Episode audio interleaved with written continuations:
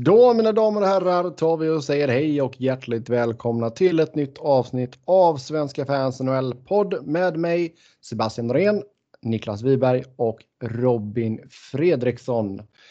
Free Agency är i full gång och vi har fått en hel drös med signingar. Det har flyttats på sig ordentligt. Så vi ska ta och gå igenom varje lag, vad de har gjort, vilka spelare som har kommit in, vilka spelare som har lämnat, vilka trader man har gjort och så lite annat smått och gott på ryktesvägen också ska vi nog kunna pilla in.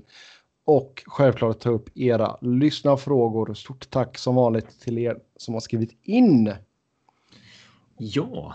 Ja. Och så får vi se här om ni kan höra när Robin äter sin sena middag här. Kyckling och ris.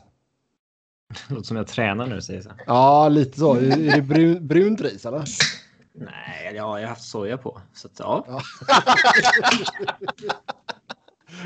ja, det är bra. Yes, vi tar och uh, betar av detta bokstavsordning. Så vi börjar i Orange County och Anaheim Ducks. Man uh, skickade ju Eric Goodbranson till Ottawa och fick ett femterumsval. Man skrev ett kontrakt med Derek Grant på tre år, 1,5 miljoner i capita och sedan landade man även Kevin Shattenkirk på ett treårskontrakt, 3,9 miljoner i capita för den nyblivna Stanley Cup-mästaren. Och bland eh, notabla UFAs så har man Ryan Miller. ja, det är väl notabelt att de inte har eh, signat honom eller en ersättare kan man väl säga. Mm. Så att, Men det blir eh, alltså, det, de väntar väl på, alltså, säger han att han kör ett år till då, de kanske ger han lite tid att ta ett beslut där. det är väldigt bussigt i så fall. Oav, alltså, även om man vill ha honom och han står högst upp på deras lista och man bara väntar in honom så... Väntar när folk bara, när målvakter bara signar överallt liksom. Nej, men jag menar de har ändå John Gibson där och väntar de så... Det är inte så att de är i skriande behov av att sätta en målvakt. De kommer alltid kunna skaka fram en, en backup. Alltså det finns ju fortfarande många namn på, på marknaden. Liksom. Ja, det finns fortfarande målvakter tillgängliga. Absolut. Sen tror jag, tror, jag kommer inte ihåg, det var, det var nog förra veckan eller var förrförra när vi pratade lite det här liksom att nästa säsong kommer bli så jävla ihoptryckt. Eh, jag tror det kan vara en faktor att man kanske behöver få lite mer klargjort för hur säsongen kommer se ut innan man kanske är redo att gå vidare med Miller också. Ja. De sätter en 53-årig målvakt om han behöver spela eh, liksom 35 matcher. Det gör man kanske inte. Nej, men alltså, samtidigt så han kanske kan lira 20 och så kan Stålats lira 15. Ja, eh, visst, men samtidigt vill man ju inte hålla på och snurra på tre målvakter och hålla på sådär. Um, men att man, att man inte har en målvakt på plats när man har Gibson där, det, det tycker inte jag är problematiskt. Nej, man ska väl inte vara competitive heller troligtvis. Eller man vill väl nog vara det. Men det är Man så vill, men man har... Nej, exakt. Ja, alltså det blir ju li lite intressant också med tanke på att Ryan Getzlaff nu går in på sitt sista år på kontraktet. Sitter ju med en no movement-klausul i och för sig, men Det känns ju som att det ska ändå förmodligen en del till för att de ska vara i ett slutspelsrace i, framåt trade deadline när det nu än må bli. ja. Det skulle bli jävla fascinerande att se där då. För jag tror eh, liksom retaina 50% på honom och få honom för drygt 4 miljoner som rental. Det tror jag kan vara en jävla boost. Ja, där kan nog Anaheim få en del assets också, liksom om man vill stärka upp lite draftval och sådär. Eh, eller något hyggligt prospect. Backsidan nu med... Ja, Vill hellre, han har redan vunnit sin cup. Han kanske bara vill chilla in i slutet med Anaheim liksom. ja, kanske.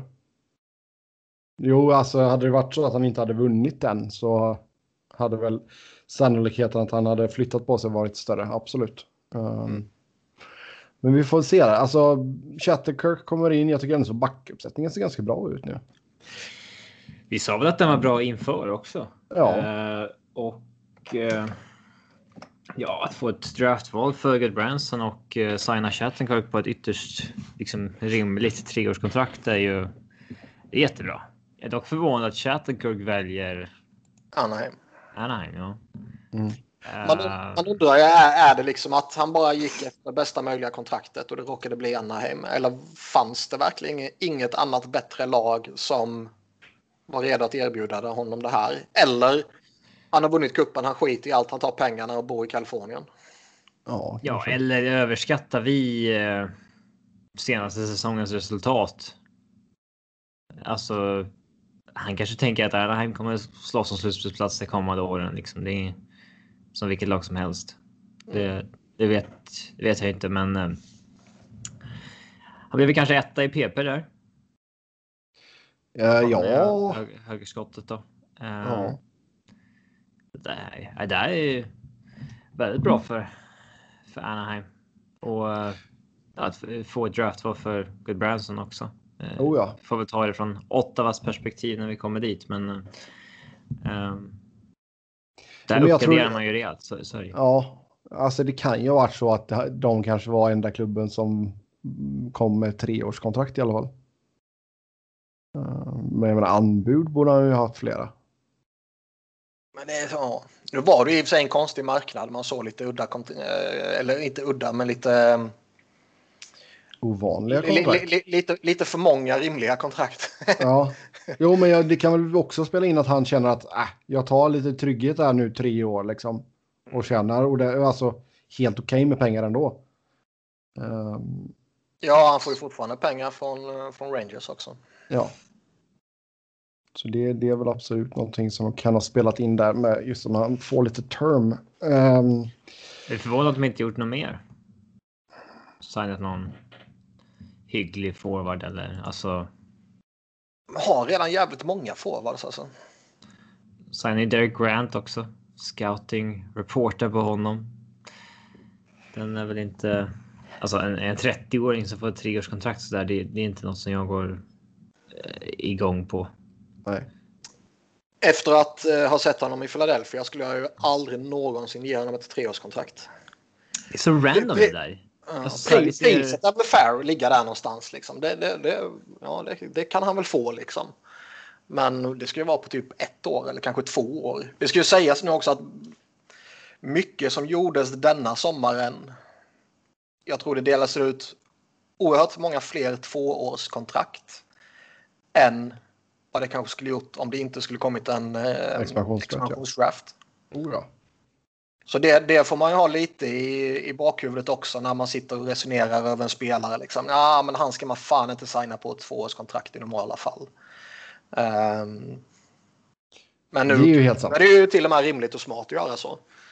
Ehm, men tre år fyller ju ingen funktion ur den aspekten. Nej, det gör det ju inte. man signat honom på två år, ja det skulle ha varit fair då under just den här sommaren. Liksom. Ja. Men jag, ja, nej, märkligt. Nu var han ju i och för sig bättre i Anaheim än vad han var efter traden till Flyers. Mm. Ehm, Men eh, ja, nej. Skeptisk att signa term på honom, helt klart. Ja. Så random vilka som får term och inte. Jag Mm. menar så här. Matt Nieto har varit en av Avs bästa bottom six spelare som ja, tvingas ta 700k på ett år i San Jose liksom. Då ser man Derek Grant få det dubbla på tre år i. ja, exakt. Det, det verkar jävligt random alltså. Ja, eller så är det bara connections. Att, men eh, han kommer ju tillbaka till Anaheim. Eh, han har ju gått bra där i ett par år och då Ja, väl Nieto enkelt att sälja tappade in ju av San Jose till också en gång i tiden. Men eh, Ja. Ja. Men eh, det lär väl hända lite mer kring eh, Anaheim under säsongens de får ju ändå ett eh, gott betyg här tycker jag. För att de uppgraderar Good Branson till Shattenkirk. Oh ja. Absolut, absolut. Vidare till Arizona och just tvåårskontrakt då. Det här är Johan Larsson, två år, 1,4 mille. Tyler Pitlick, två år, 1,75. Sen signar man ett ettårskontrakt med John Hayden, 750 000. UFAs, där försvann ju Taylor Hall. Man köpte ut Mikael Grabner, Brad Richardson försvann och Carl Söderberg försvann. Sedan ser det ut som att både Oliver Ekman Larsson och Darcy Kemper kommer att stanna i öknen. Ja. Blir, blir det någon, någon form av mellanting nu när man liksom bara knackar vidare? Det blir ingen satsning och det blir ingen rebuild. Nej, alltså de kör väl på ett år till här. Alltså jag har inte... För jag menar, Ja. ta- tappa, tappa Taylor Hall även om han var... Det var ju inte MVP Taylor Hall direkt. Nej, det var det inte. Men man tappar honom. Ehm, Richardson Grabner har ju ändå över tid varit relativt betydelsefulla. Liksom. Carl Söderberg har varit okej för dem. Ehm, Ja, han har till och med varit bra skulle jag säga. Ja. Eh, Och de man tar in är ju liksom, det, det, är ju- det är ju, alltså Johan Larsson och Tyler Pitlick framförallt är ju solida spelare liksom. Men, men det är inga spelare som lyfter ditt lag. Återigen alltså är det ju det- defensiv, defensiva spelare också. Alltså det Ja, är inte riktigt vad de behöver kanske. Även om det är bra. Bra djupspelare liksom. jo, alltså det är jättebra djupspelare och kan lira PK och sådana grejer liksom. Men det är ju, de behöver ju offensiv trollgubbe liksom. Ehm, och gärna Ja, jag, jag, jag gillar Pitlick. Vi behöver alla en Pitlicker i våra liv. Men han är ingen Ja. offensiv trollgubbe. Nej, exakt. Ehm, så det är ju det, är liksom det man saknar. Man saknar en... Man har ju inte fått ehm, vad man har förväntat sig av Phil Kessel heller. Liksom. Alltså det är ju... Conor Garland ska ju inte leda det här, den interna skytteligan. Liksom. Nej, eh, alltså lite både och med Kessel så det är uppenbarligen så att Arizona är inte ett lag där offensiv hockey. Eh, alltså alla, alla som går dit gör ju mindre poäng än vad de gjorde innan. Exakt. Och det har ju, Eh, alltså, det har ju Stefan varit... från, alltså från Derek Stefan till Kessel till liksom. Ja. Eh, spelare Jo, de men har det, haft det har ju varit prov... Alltså visst, Dave Tippett hade ju ett defensivt system och allt sånt där. Ehm, Det var ett tag sedan nu. Och, och Tocket har ju också varit väldigt fokuserad på det defensiva. Eh, Ja, men, Men han borde ändå jag- kunna skjuta in en del puckar, Kessel. Alltså PP Ja. och 14 ska inte vara... det ska inte 14 vara... förväntade sig nog inte. Nej, absolut inte. Men det, är- det är också, jag har inte koll på exakt hur långt kontrakt Tocket har. Men Han har aldrig gjort under 20, Kessel förut. Nej. Eller aldrig under 23 om vi ska vara noga. Ja, det var ju det Garland hade förra säsongen, eller den gångna säsongen nu. Han, han var väl enda spelaren i laget tror jag som hade över 20. Ehm, det är ju inte tillräckligt bra om man ska slåss med slutspelsplats. Ehm, om man nu inte får ja, åtta spelare som gör 15 baljor. Liksom. Ehm, Ja, men de hade ändå en, eh, en, två, tre, fyra, fem, sex, sju, åtta, nio, tio spelare på tvåsiffrigt. ja. Det kan ju kompensera om man för, för avsaknad av den extrema spetsen. ja, Men, det eh, är klart. Man hade ändå två spelare i truppen som ska vara eh, potentiellt den där spetsen som inte var det. Ja, blir lite upp till bevis också. Clayton Keller nu. Stora kontraktet kickar in. Ehm, Ja, han behöver lyfta. ja, Men det, det intressanta är ju Ekman Larsson. Det verkar ju som, i alla fall var det ju, det verkar inte som att det var 100% dött bara för att fredagen passerade. Men, eh, för då, där hade han satt sin interna deadline, eller sin egna deadline eftersom han har no movement-klausul. Men eh, det snackades ju lite som att ja, det verkar som att både Boston och, och Vancouver kanske fortfarande hoppas trots det här. Typ. Men sen börjar de ju signa lite annat och trada till sig lite annat och så här. Så då, frågan är ju om det är kanske helt dött nu då. ja, alltså. Det tar väl, alltså jag tror väl ändå så att den eh, deadlinen som han kommer där genom agenten, liksom att de vill inte ha just den här ryktessurret liksom hela offseason. Uh, och som sagt, han har ju en full New movement-klausul så han får göra vad fan han vill. Um, och som sagt, vi ska ju säga det igen, alltså det var ju, det var ju Arizona och Armstrong som kom till Ekman Larsson och bad om vad han kunde tänka sig några lag liksom. Då gav han två lag och det löste sig inte. Nej, och det behöver inte vara så kontroversiellt heller egentligen. Alltså... Nej, men det verkar vara oförskämt många som inte fattar det. Är det någon som pratar om det här menar du? Ja. Ja, Robin. Alltså eh, Arizona fans eller vadå? Ja, dels Arizona-fans, men även typ alltså Vancouver och Boston-fans som jag sett på Twitter liksom, som inte verkar ha helt pejl på läget liksom. Alltså, nej, jag, menar, jag menar väl inte just detta syftet, för det har jag eh, ingen större koll på sådär liksom. Utan jag menar väl mer i största allmänhet sådär att be, en spelare att fylla i en, eh, en lista, i synnerhet om det är liksom i eh, i kontraktet att det är liksom du ska skicka in en lista på tio lag som du accepterar trade till eller som du inte accepterar trade till eller vad det nu kan vara.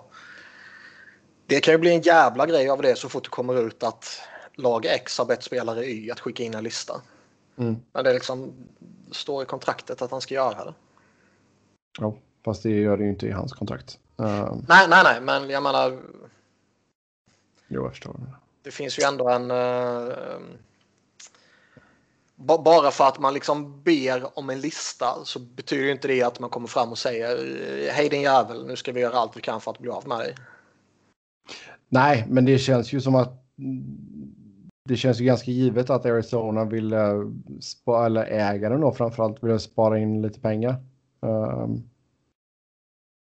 Men som sagt, alltså jag, jag, grejen är att de hade ju varit tvungna att ta tillbaka grejer, alltså från Vancouver. Det har ju, nu tror inte jag att Louis Eriksson kanske var på tapeten, men det var ju säkert andra spelare som ändå kanske hade två eller tre år på sina kontrakt liksom. Ehm, Jo, men jag menar om du ska planera, alltså det är inte bara den här krisen som sätter sig nu. Det är inte bara att planera för dagen utan det handlar om att planera långsiktigt också i väldigt många fall. ja.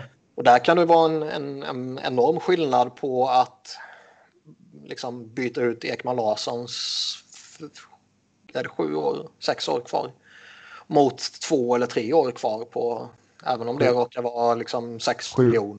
Sju år kvar. Ä- Även om det liksom är en stor summa på det så Mm.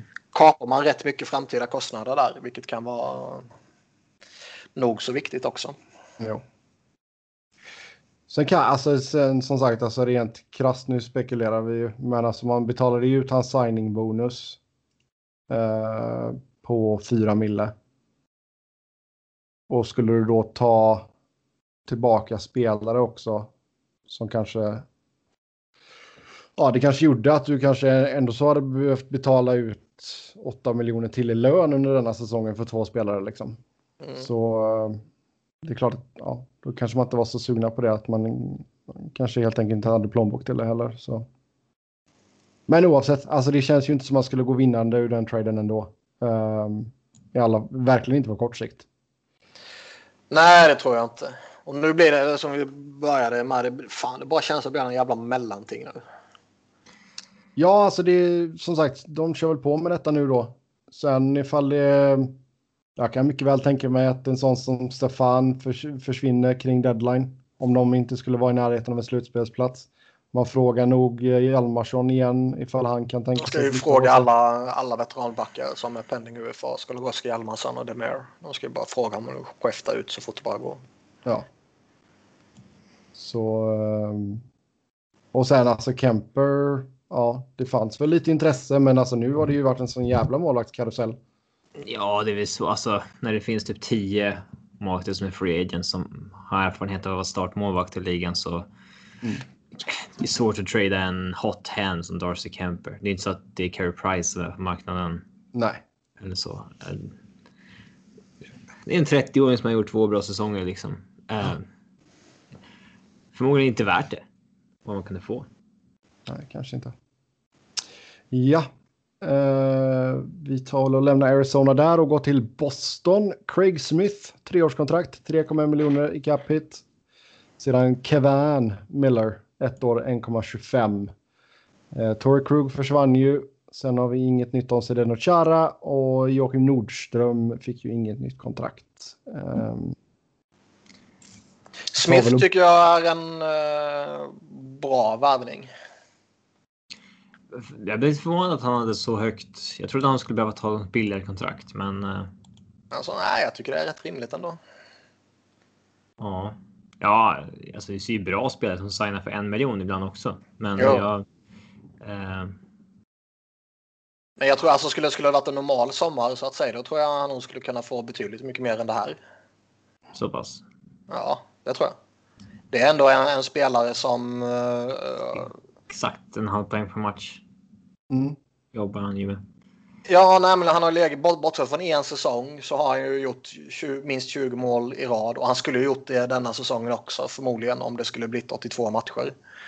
Eh, jag tror den, den liksom långsiktigheten och den tryggheten på att han är en 20-målsskytt tror jag skulle gett honom betalt i normala fall. Ja. Oh. Och Ja, nu, är jag, jag, säger, jag säger inte att det här är något fynd eller sådär, men jag tycker det är liksom... Nej, men en, solid värvning är det som secondary scoring. Och det, är- det är de i behov av liksom. De bommade ju lite med André Kashe. Det blev väl inte riktigt det lyftet de eh, hoppades på. Nej. Man signar ett år till så vi får se om han lyfter, Ja. lyfter då. Men det är, ju, det är ju försvaret som är det intressanta. Ja, alltså där har du ju... Krug lämnar ju ett hål efter sig och sen ovissheten då i Chara även fast... Ja, vi, har, vi sa väl det förra veckan alltså. Du kan ju hitta någon i, liksom, som bidrar med samma grej på isen som Chara. Men just Helheten är nog omöjlig. helheten är svår. Ja. Det finns inte så många andra två meters jättar. eh, med, den, eh, med 50 års erfarenhet liksom. Eh, Han är ju tämligen unik faktiskt. mm. Men det är ju liksom, man, man tappar Torrey Krug, man eh, riskerar tappa Zdeno Chara. Eh, och det, liksom, det, det blev ingen ersättare under Free Agency, inte än så i alla fall. Och det blev ingen Ekman Larsson i någon trade heller. Det känns ju, alltså gå in i säsongen med det de har nu. Mm. Det tror jag absolut inte de gör. Nej, alltså, där, alltså man kan väl förstå ifall de fortfarande vill luska lite på Ekman Larsson. Ehm, det är väl fullt förståeligt, men annars kommer man ju få ta någon av de backarna som blir över så att säga. Vad, gör, vad har vi kvar? Sami Vatanen? Vatanen, Cody Ceesay, Travis Hamonic är väl de... eh, Ja, det är ingen leftare med den. Det de verkar vilja ha. Eh, Liksom, Direkt. ska, nej, ska man ta det då är det ju Andy Green. Då hade ju Erik Gustafsson varit ett bra alternativ, liksom kortsiktig. Men nu försvann ju han till en annan klubb. Luleå. Ja, Eh, ben Hutton kanske kan vara någonting. ja det. Han okej, eh, nej, Boston han är okej lite längre ner. Men de behöver Ja. ju en, en stor spelare som går in känns det som. Liksom. I synnerhet om man tappar både Krug och Chara. Eh, Hade inte Boston kunnat liksom tycka att Andy Green håller ett år? Ja, alltså det är klart att de kan stärka upp med lite djup sådär, men de behöver ju någon som kan gö- göra lite poäng alltså. Ja, men han hade ju förmodligen fått spela topp fyra minuter då tror jag. Ja, men han har inte gjort några poäng. Nej, men alltså. Han, han, var, han var ju förvånansvärt framträdande i slutspelet. Kanske inte alltid i, i poäng. Där kanske det bara var några enstaka matcher där han gjorde avtryck. Så. Men, men i det stora hela var han ju överraskande i slutspelet. Så. Ja. Han tror jag, han har ju förmodligen spelat till sig ett nytt jobb i ligan utan någon tvekan sådär liksom. Och Ja. ehm, jag tror Uncle Lou har väl till och med varit ute och snackat om att det är mycket, mycket väl aktuellt med comeback i Boston. Eh, eller eh, Islanders. Ja, Men, men visst, det, det jo, alltså det är en solid veteran är det, absolut. Men du behöver ju lite spetsegenskaper här nu. Alltså man, just nu så sitter man ju bara och försöker fundera hur, hur, hur mycket ska McAvoy behöva dra detta skeppet? Jävligt hårt om det inte kommer någon annan. Mm. Han behöver spela Förstår inte varför de inte bara signade Krug. Det var ju det var, det var något konstigt där. Jag, jag minns inte exakt allt som sades nu för det har varit så jävla mycket som har sagts. eh, Ja, men han sa ju, han sa Men- väl att de, de la ett bud tidigare Och sen drog de tillbaka Och det. sen typ. drog de tillbaka det och sen hände ingenting eh, när det väl tickade ut liksom. Ja, något sånt var det. Och Spelare det- blir, blir ju kränkta snabbt sådär. När det är... eh, Ja, Alltså, de känner att klubben inte vill ha dem så hårt liksom. nej. Nej, och jag menar, har du... Snacket gick var ju att Boston hade erbjudit eh, 6,5 gånger 6. Då fick han ju 7 i, i Blues. Eh, sju år Det var, sedan. det var det som hade dragits tillbaks då. Det var det som hade dragits tillbaka i så fall. Ehm, Ja, alltså inga bud är ju liksom öppna när det gäller sådana pengar. Utan du måste ju säga ja eller nej. Eh, Så det ja, här får du, du får över natten på dig att fundera typ liksom. Ja, det är inget, vad, är, vad, är, vad är det att fundera på egentligen? Det är ju... Du vet ju vad Boston är. Ja, Ja, man, Men- får ju lite, man får ju lite känslan att han kanske, lite som du var inne på, han kan ha blivit lite, lite kränkt och han kan ha blivit... Eh, han kanske redan lutade åt att han ville testa något nytt och det blev liksom sista pushen ut. ja. Ja. ja har det nämnt jag några tror väl han hoppades siffror? på mer när han väl ha- hamnade någonstans. Men Mm. Har det, har det nämnt några siffror på vad Boston, er- Boston erbjöd? Ja, det sa jag ju för två minuter sedan. exakt samma ett år kortare. Jaha, sorry. sorry.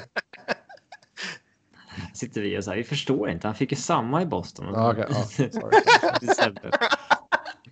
Siffror. Ja, men exakt samma ett år kortare. Jag var tvungen att muta en Facebook-chatt här så jag inte har massa pling i örat när vi spelar in. Ehm, Är det en gruppchatt eller? ja. Är det så här grannsämja eller är det Nej, det någon är, gammal eh, Göteborgschatt? nej, det är dat datagrejer. Datachatt. Fy fan vad trist. Eh, men i vilket fall som helst. Eh, vi har fått in en lyssnarfråga kring Boston. Eh, kan inte diskutera Sweeneys drafthistorik. Årets draft var ju återigen ett riktigt skämt. Där TSN inte ens hade videoklipp på killen de tog i andra rundan då han ansågs gå i femte. Ni får även gärna gå in på hur Bruins, Bruins vänstersida ser ut på backsidan. Okay, ja. Ser för tillfället ruggigt svagt ut. Går den fortfarande att fixa via free agency eller kan vi vänta oss trades offer sheets? Ja, som sagt, det blir, det blir en trade där i så fall.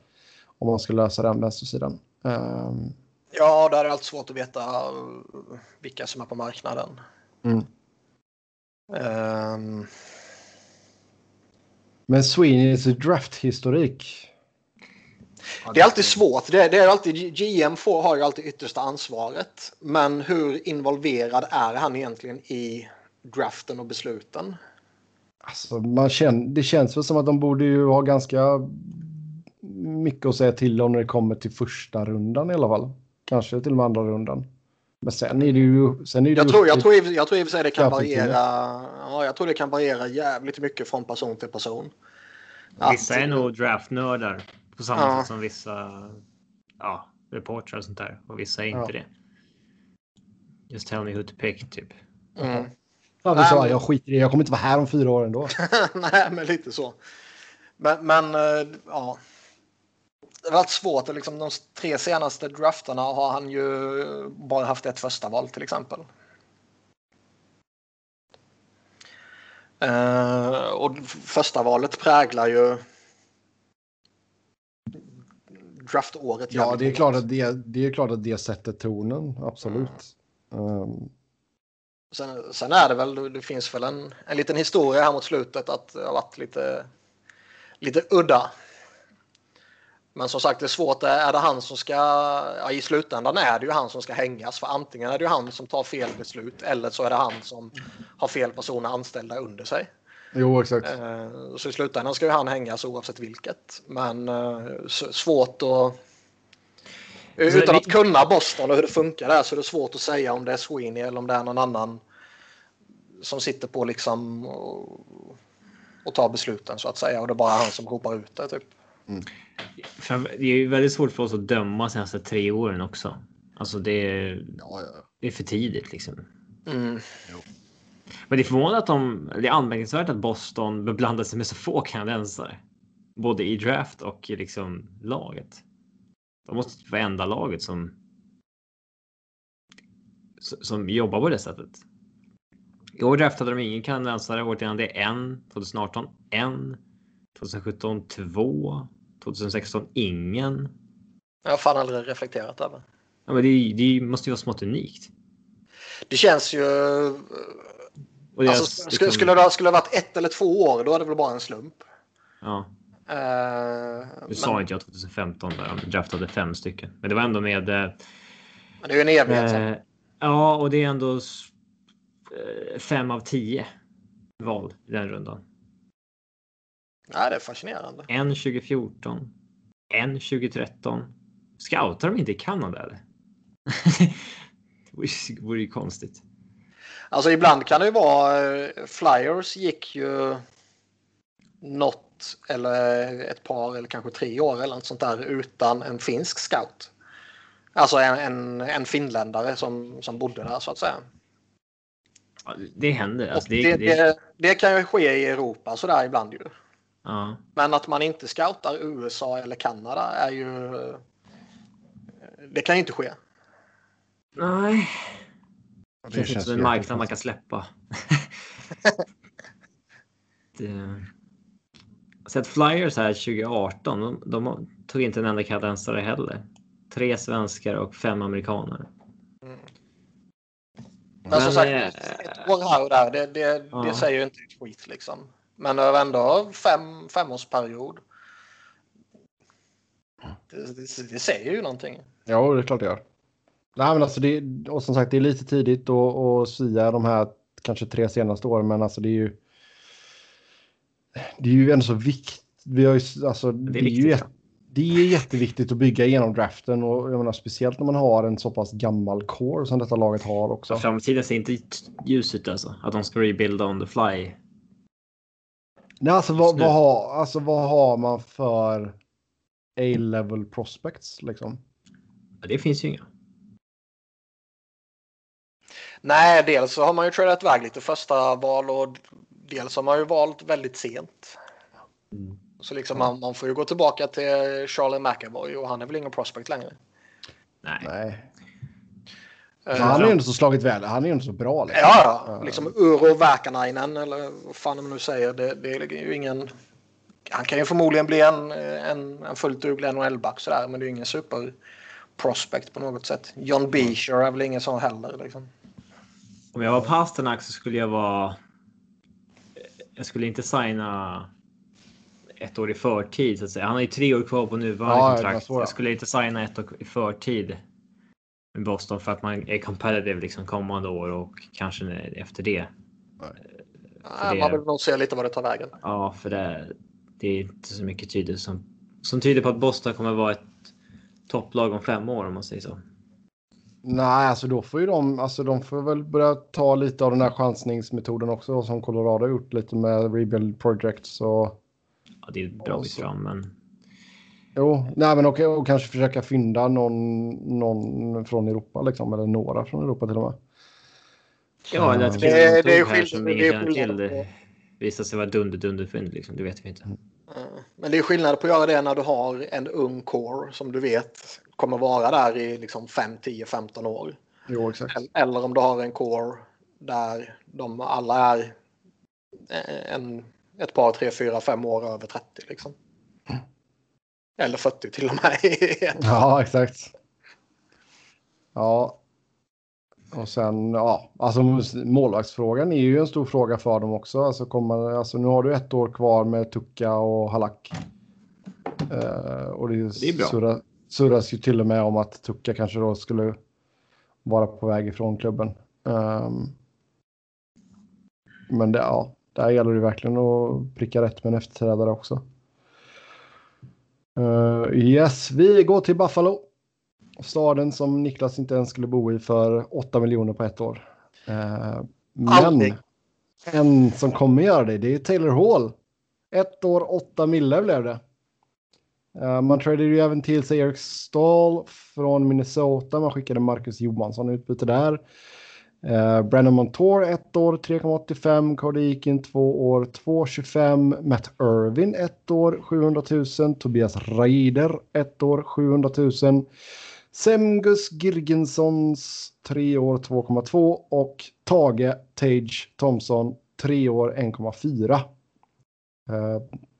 Och sen en handfull med UFA så här. Mikael Frolik, Dominik Kahun, Johan Larsson, Wayne Simmons, Vladimir Sobotka och Jimmy Vesey.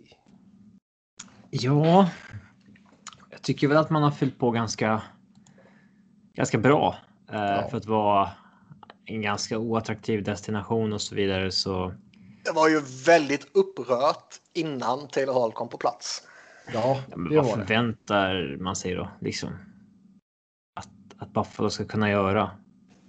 Men det, alltså, ja, det... man, man såg väl rätt mycket att de var inte jättetaggade på att de slänger ut det där kontraktet till Semgus. Trots att han är en all-star. ja.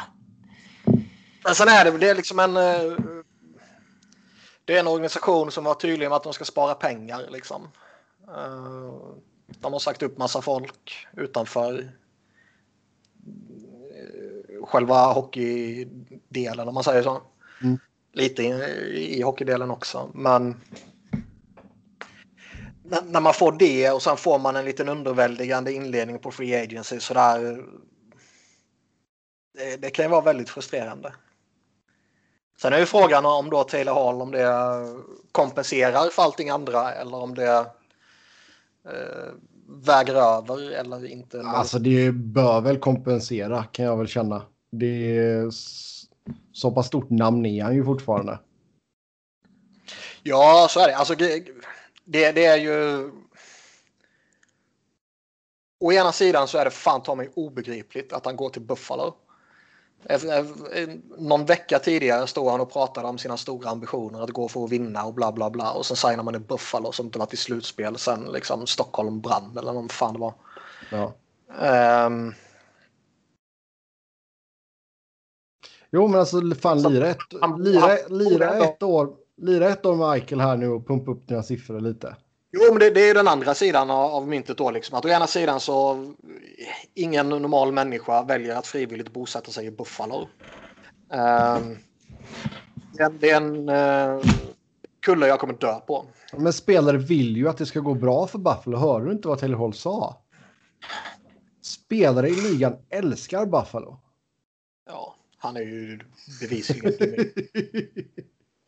Nej, men liksom lite, lite det, det, det är ju alltid sagt med glimten i ögat, men det är ändå 100% sanning.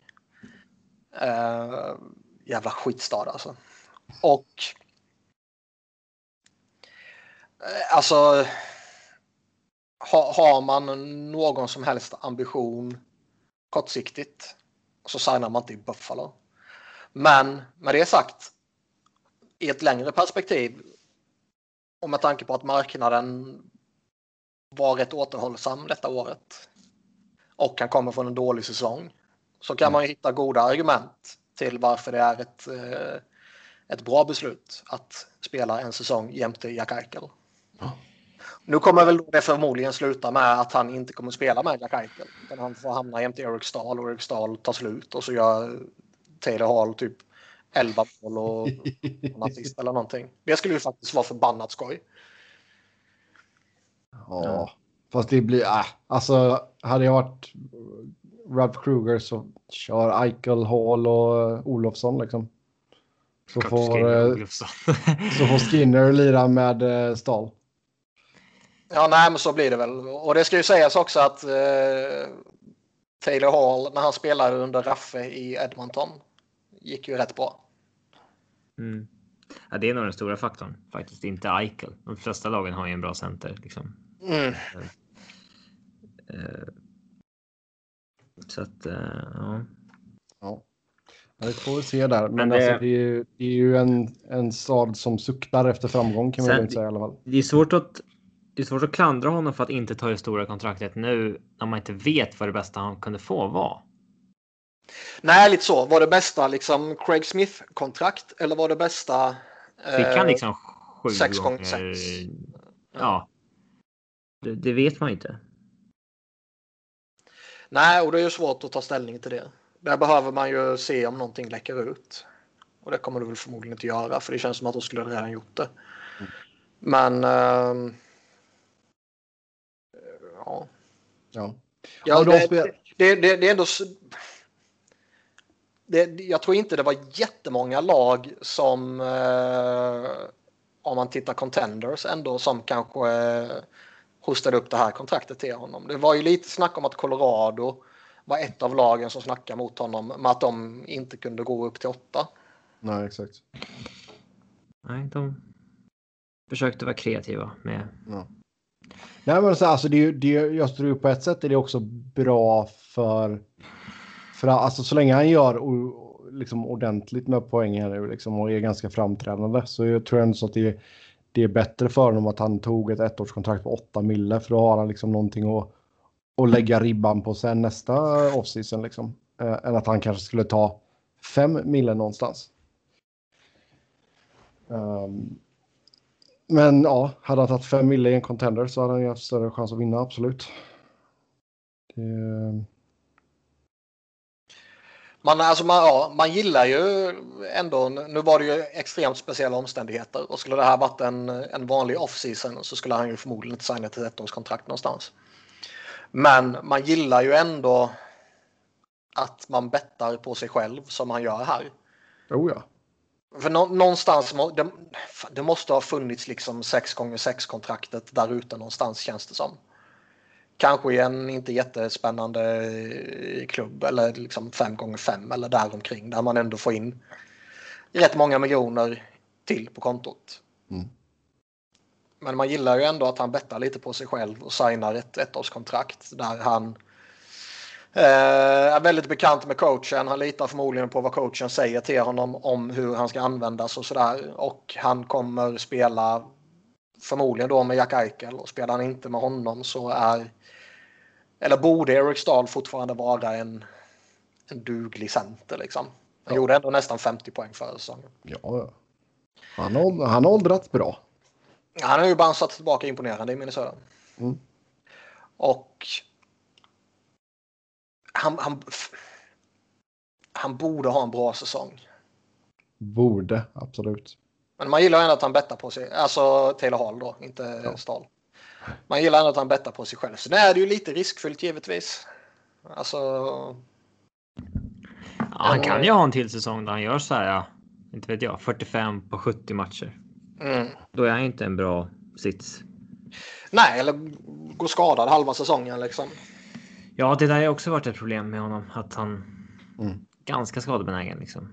Mm. Eh, då. Det, det kan ju skrämma bort en del. Han är ändå 29 nästa offseason, ingen kid längre. Mm. Nej, exakt. Ja. Eh, ja, och så lite djupspelare och sådär. Så det, ja, det ser väl helt okej ut. Buff, Buff, Buffalo får väl godkänt. Ja, det här Alltså- djupet finns det ju fan ingenting att säga om. Det, det är ju ointressanta spelare i det stora hela. Men alltså för att vara Buffalo så är det ju, det är väl hyggligt bra att få in killar som Cody Aiken och okej kontrakt för Brandon Montour. Eh, jag förvånar mig att Tobias Reiters marknadsvärde aldrig är mer än ett minimumkontrakt. men- Nej, nej, nej. Det är forever minimum. Ja, Men, så men. är det väl.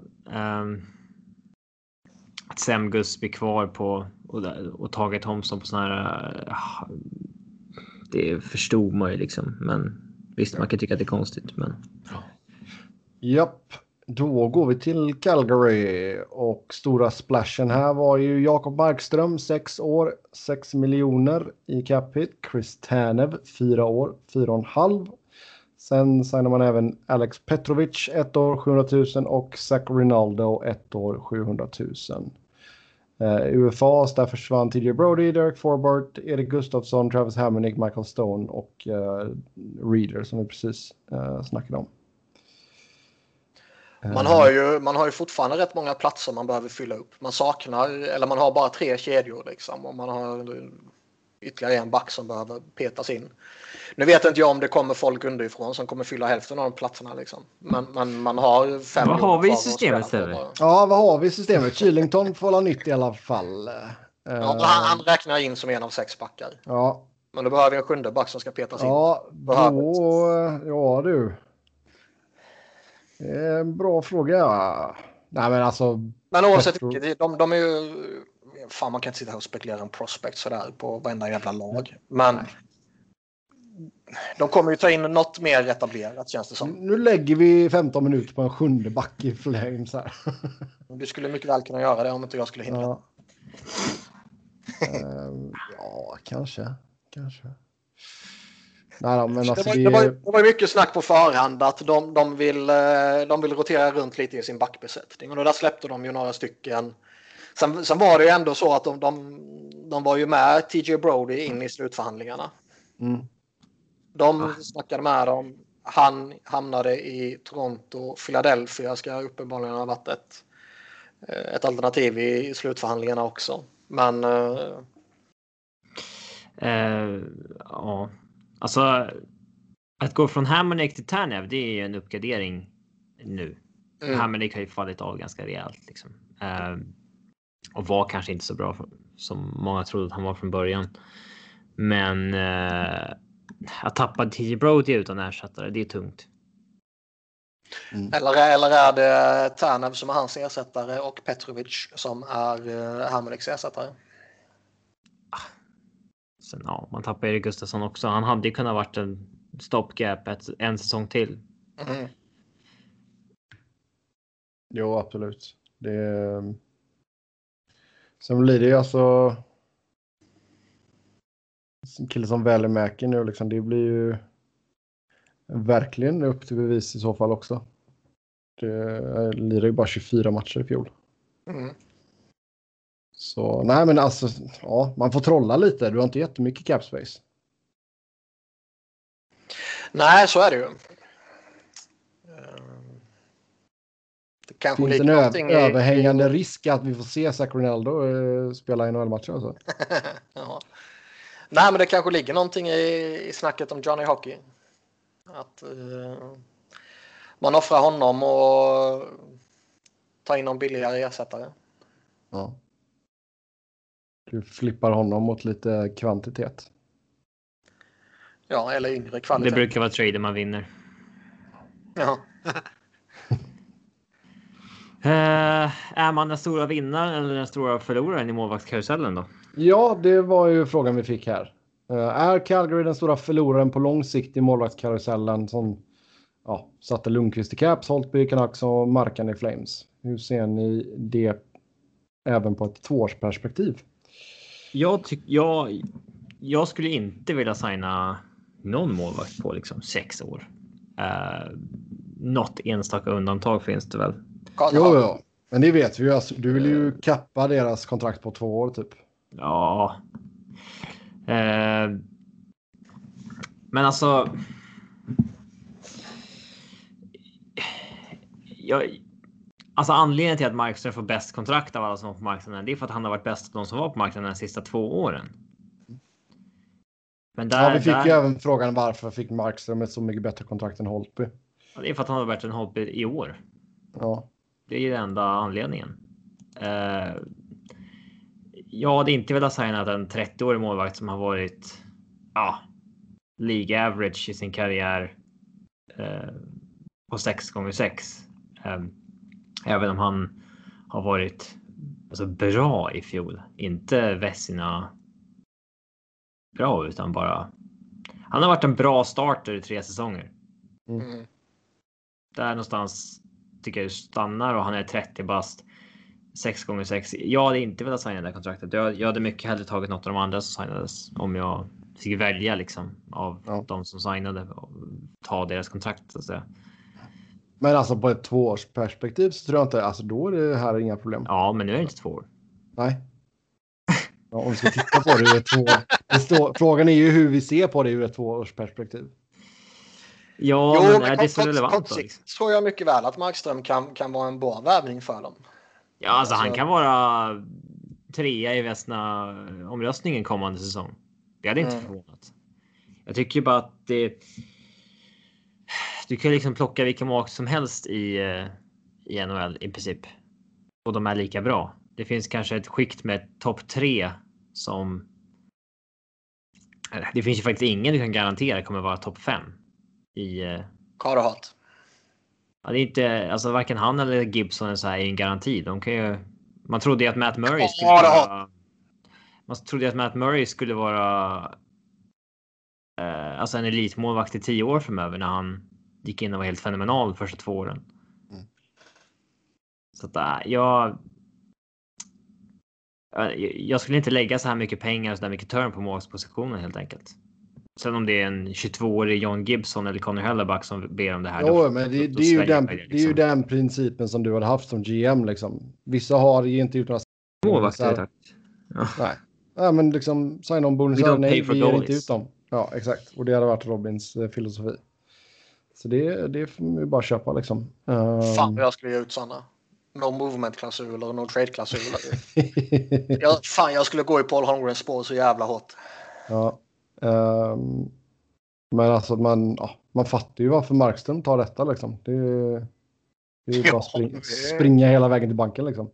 Man, man var ju rädd, eller man bryr sig inte så mycket om honom, men man var ju rädd att han höll på att kräva för mycket där. Det snackades ju om att Edmonton vill ge sex och han krävde sju år. Mm. När liksom andra Holtby nyss nämnt får signa två år i ett. Ja. Eh, ja, då trodde man att han höll på att pricea ut sig själv. Eh, men Sju, eh, år, sju år i Edmonton. han fick ju kontraktet. Till slut. Mhm. Hur ligger Edmonton i relation till Buffalo, Niklas, på din eh, lista över städer du inte gillar? Jag har inte varit i Edmonton. Nej, får du ta och åka dit helt enkelt. Inte nu. Inte nu, men Får se vad som händer med JVM. De fick ju två JVM här i... Det ska ju vara i... eh, De ska ju bygga upp bubblan igen när Mm. det blir JVM. Och så ska de spela där i Edmonton. Och sen nästa år igen så att säga så får de det eh, igen och då ska det vara i Edmonton och Red Deer som det var planerat till detta året. ja. Och så senare la de ju då JVM i Sverige med två år. Eh, Det här JVM kommer man ju, eh, även om det kommer fram något mirakelvaccin i november så finns det inte en chans att man ens tänker tanken att åka på JVM nu. Men eh, Sitta i karantän på ett hotell, hotellrum i två veckor först. ja, fy fan. Kommer till bronsmatchen. Yes. Men, men alltså, för, det är ju kallt utav helvete. Det är ju, alltså fan, vet, jag tittade när den, under den här perioden när det kan vara JVM där, det kan vara du vet, minus 35-40 grader. Mm. Jag tror att det inte är så blåsigt där. Så att det inte är den här... Uh, Jag vet inte, det ligger ju inte vid kusten i alla fall. nej, exakt. Så det är inte samma typ av kyla liksom. Men minus 35 är fan Ja, kallt jag, där. jag tänkte säga det oavsett om det är vindstilla eller inte så minus 35. Det, Ja, ja. men så här, minus 15 och blåst är ju värre Ja, än det minus suger 30 och eh, eh, ingen vind. Det är liksom det, det är som Göteborg, två plusgrader, spöregn och så en jävla orkanvind liksom. Det är bland det värsta som finns. Däremot säger ju många som har varit där att det är en liksom, fin stad att besöka. Ja, det kan det vara. Kanske i, kanske i synnerhet om man ska...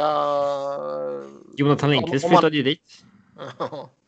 Men kanske i synnerhet om man åker dit för liksom, hockeyupplevelsen. Flyttade han till Edmonton? Nej, Calgary. Ja, tack. Trodde jag blev galen där. Men eh, ja, det, det kanske som alltså åka dit en vecka och gå på tre hockeymatcher. Då kanske det är ett bra eh, ställe att bo på. Mm. Men eh, bosätta sig där, eh, alltså det är ju. Det finns ju en anledning till att många spelare vägrar signa där eller alltid har Edmonton på sin no trade-lista. Och det är ju inte bara för att det har varit en misskött organisation i så många år. Nej. Nej, alltså det är klart att alltså, det, menar, det, det är väl grejer som vi försöker påpeka ibland också. Att just själva, alltså allt runt omkring spelar väldigt stor roll. Det gör det ju. Speciellt då för spelare som skriver de här långa kontrakten. Ehm, så ja, Calgary, där kan det också bli kallt. Kan vi säga. Ja, men kan, Tänk, eh, tänker bara på cool runnings. ja, vad säger vi om Calgary då? Alltså Vad- det, vad- vad- de, de har Tycker ni att de floppar med Markström? Att det är...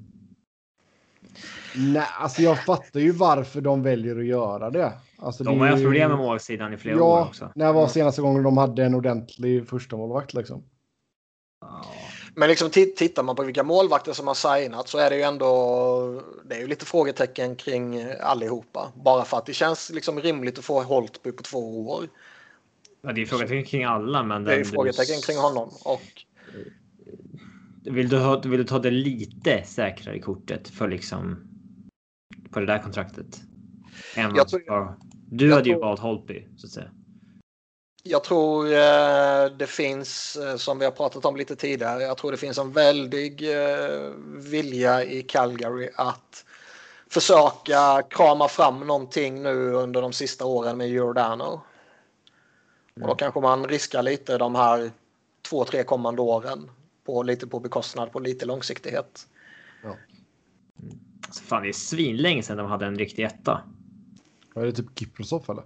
Ja, faktiskt. Alltså, de hade ju Hill, Jonas Hiller en säsong som var liksom stabil. Ja. Men annars hade ju Kiprosov som stod 70 matcher säsongen 11-12. Annars har det varit eh, delat på tre målvakter eller sådär. Karriäräme och alltså Brian Elliott och... Mm. Ja. Nej, så man kan ju förstå lite där varför de gör det också. Vi går till lite varmare breddgrader och Carolina. Uh, Jesper Fast, tre år, två miljoner i capita. Jo, Joakim, Joakim Ryan, ett år, 700 000. Jocke! Jocke Ryan. Ehm, Justin Williams slutar. Teverin Reemstike, Sami Vatanen försvann och sen så ryktas man fortfarande vara på målvaktsjakt. Det är ju... Det är ju som vi sa lite i förra podden. Det är, det är lite svårbegripligt hur fan de ska lösa målvaktspositionen. De har ju två. Så att det är... Alltså det är... Jo, men jag menar om man ska ta in någon. Liksom, vem av de två skakar du loss och vem fan får du till att ta dem? Kan man skicka en av dem till Anaheim till exempel? Ja, alltså du kan ju skicka. Du kan ju säkert Och vad, skicka får, Mrazek får, man, någonstans. ja, men liksom, får man någonting för honom eller Nej, måste man betala för att honom. bli av med honom? Alltså, jag, det är rätt svårt att läsa av båda två. Jo. Det finns, Alltså- ju ändå, det finns ju ändå någon form av potential i Mrazek. Sen, Ja. kommer han, sen kommer han sannolikt inte leva upp till den. Men potentialen finns där ju. Ja. Han har väl gått och blivit vad han är. Han är 28 bast liksom. Jo, jo. men eh, jag menar, han, han kan ju ändå. Han har höga toppar, liksom. absolut. Men även väldigt djupa dalar. Uh, Reimer är väl typ, alltså.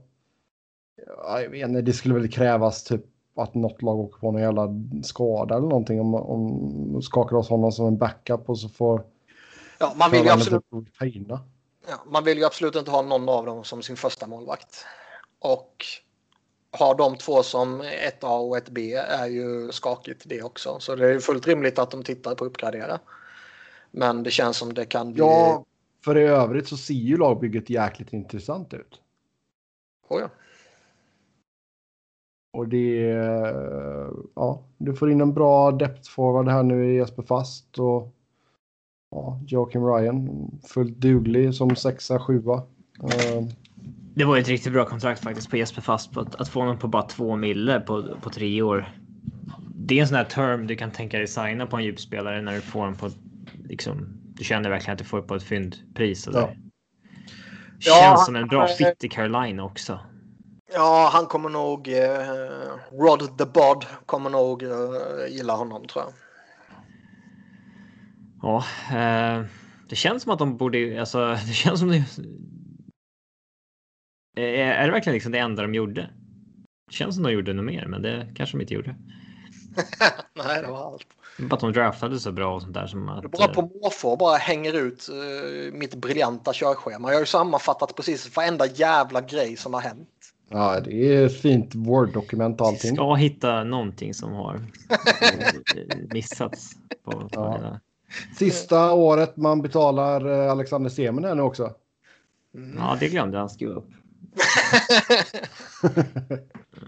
Nej, men det har ju faktiskt Vad- varit en cap hit som liksom påverkar. Det var ingen amnesty Ja. ett. Mm. Så, Jag har, jag har, alltså, ehm, Nu, nu kan ju Keynes kan ju mycket väl vara ett lag, jag har inte sett något om det, men det skulle mycket väl kunna vara ett lag som, eh, som får en eh, intern cap nu liksom. De har ju 5 miljoner i cap space och eh, Fleury kvar att signa och Warren Fogel. Mm. Det ska ju inte bli jättedyrt kontrakt. Så. Och då kanske eh, that's it. Ja, Sen- får man kolla i systemet. Sidan, de, Nej, men då är ju ett av lagen som sägs ha varit i diskussioner med Winnipeg om Patrik Laine. Det hade ju varit intressant. Eh, frågan är ju vad som hade gått andra vägen där då. För nu fick ju Winnipeg. De fick ju in Paul Stastny här nu. Så nu har du ju en uh, Det är en ordentlig. det är en back i så fall. Alltså, Slaven kanske eller något sånt där. Bygger Ja. Percy. Någon av dem. Nej, men det är klart, tittar man på Winnipeg och Carolina och Patrik Laine ska gå ena vägen. Det var ju rätt rimligt att man tittar på backsidan i Carolina. Kan Dogge Hamilton ligga pyrt till då?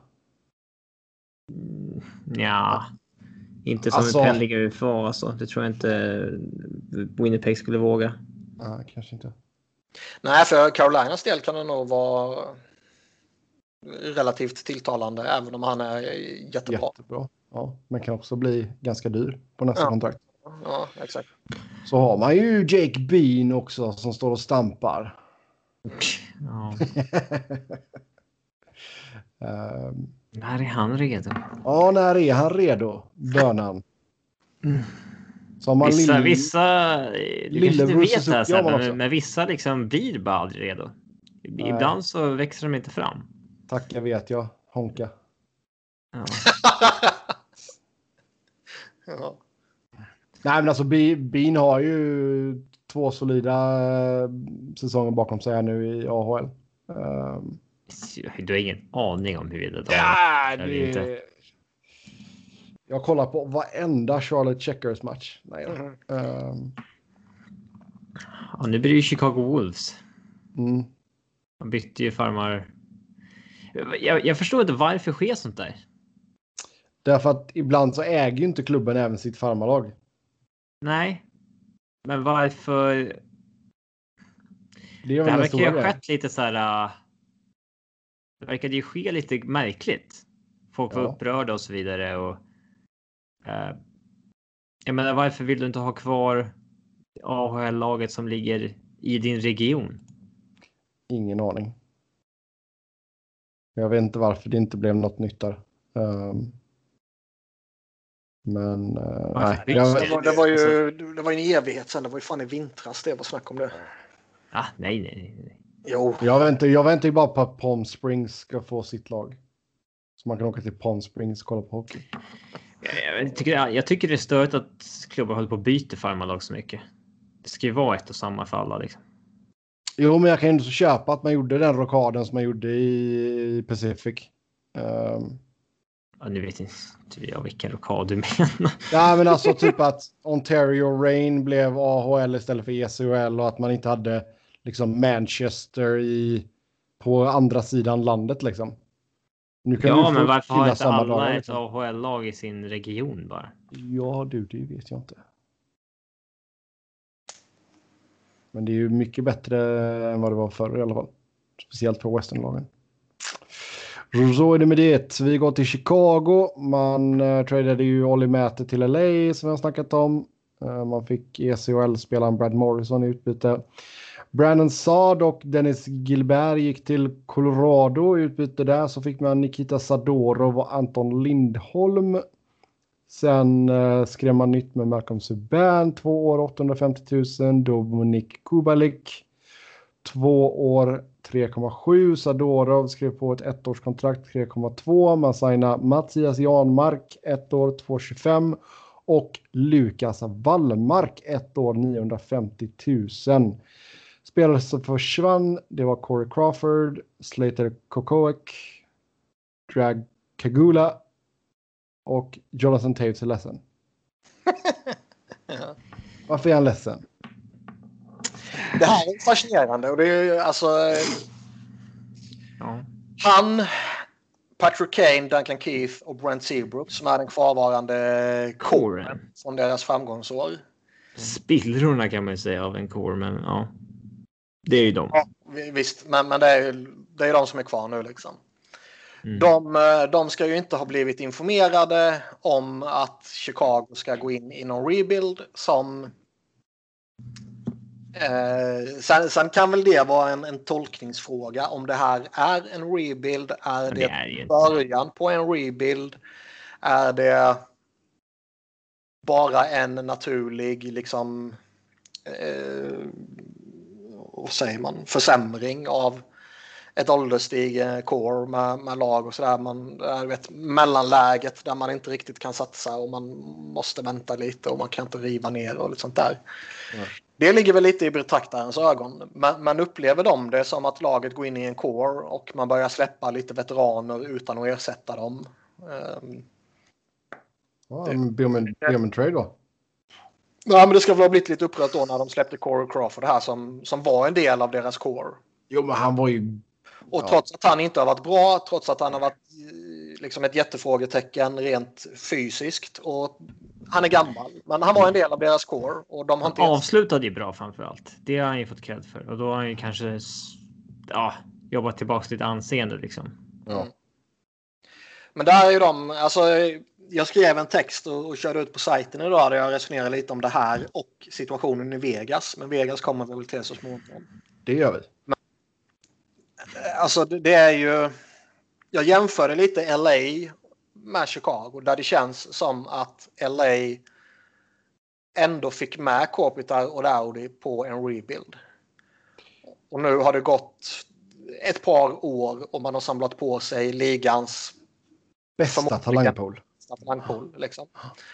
Och det känns som att ger man det ytterligare ett år eller två så uh, börjar slås in alla de här talangerna jämte Kopitar och Daudi bör ju vara liksom uh, Mumma. Ja, eller liksom inte skadligt i alla fall. Absolut inte.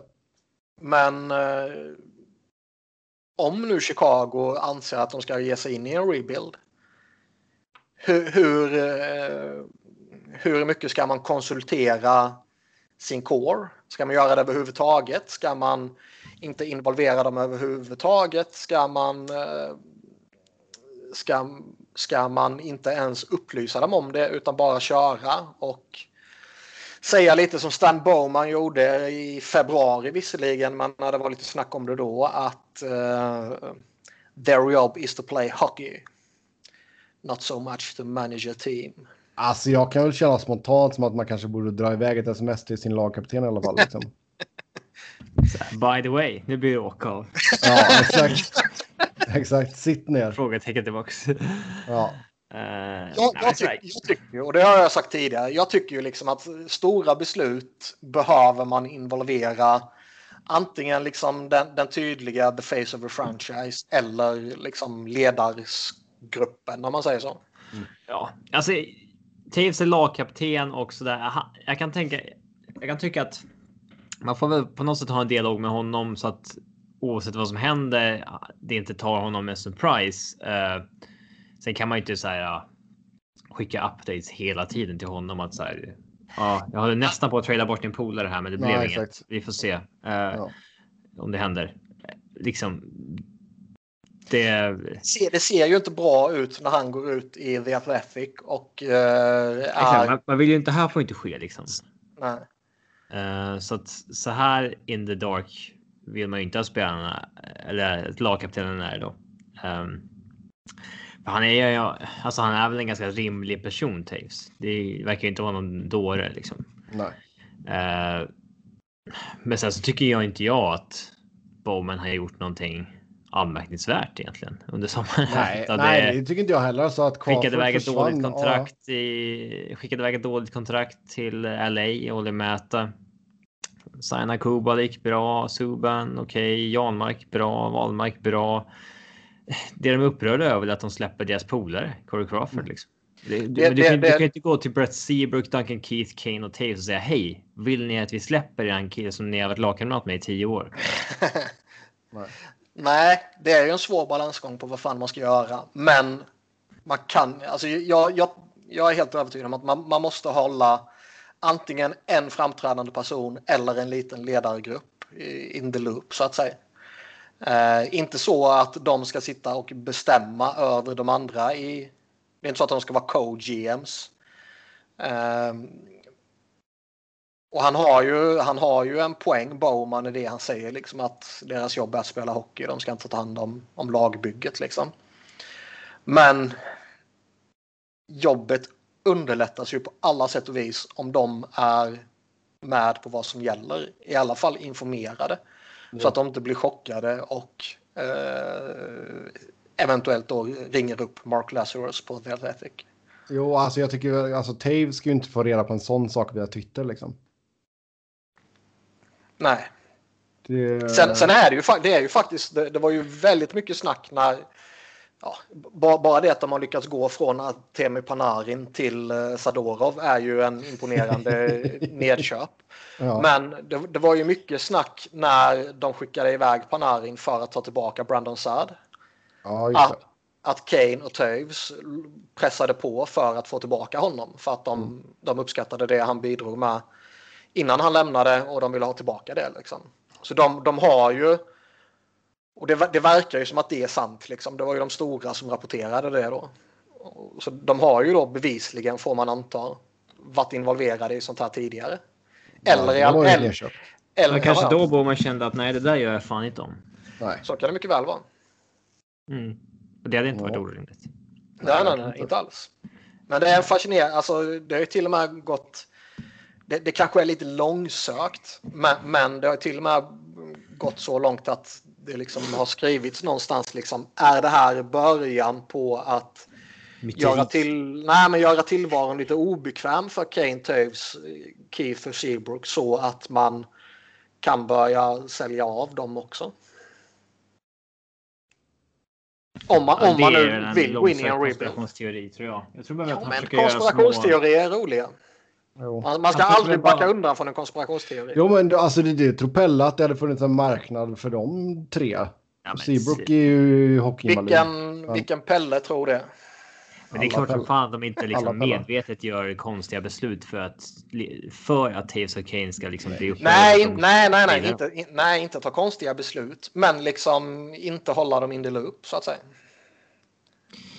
Nej, jag vet inte vad alltså.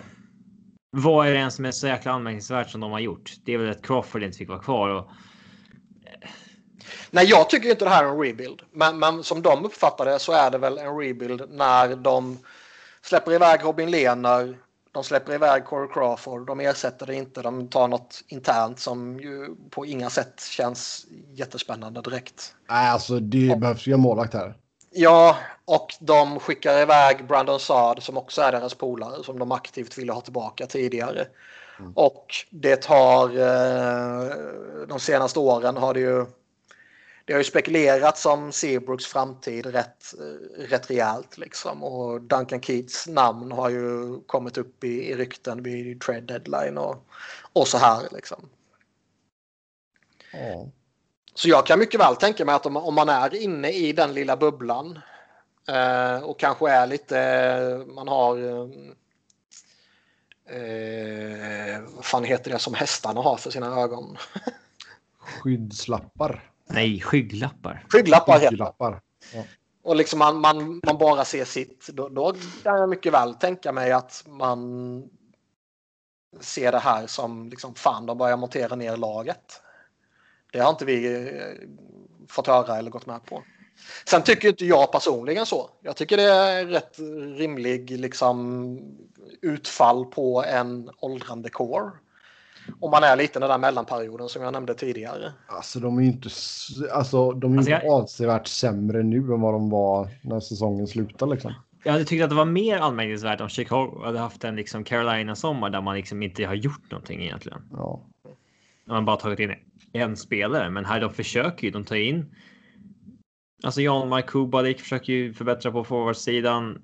Sen kan man ju diskutera hockeytraden man gör i, i Sad Sadorov. Mm. Uh, den ska vi väl ta också från. Uh, det ska vi göra. Chicagos perspektiv också. det, för det har vi inte, har vi inte riktigt gjort så att säga. Men. Uh, Sen var det ju i, i, uh, i våras, tror jag det var. Eller om det var under sommaren, skitsamma. Det, i, I närtid i alla fall. Så fick ju högsta hönset sparken. Och ersattes av, jag tror det var typ någon son eller vad fan det var till den gamla ägaren som var genuint avskydd av allt och alla liksom. Mm. Ja. Eh, vad fan heter han? Works var det va? Okay. Ja. Och det, det, det ska ju då eh, ha skakat om lite internt också, verkar det som, vad man kan läsa sig till. Um, så det är ju. Det kan ju eventuellt vara lite, lite skakigt i hela organisationen. Mm. Ja, ja. Så är det. Vad tycker ni om hockeytraden man gör från eh, Chicagos perspektiv?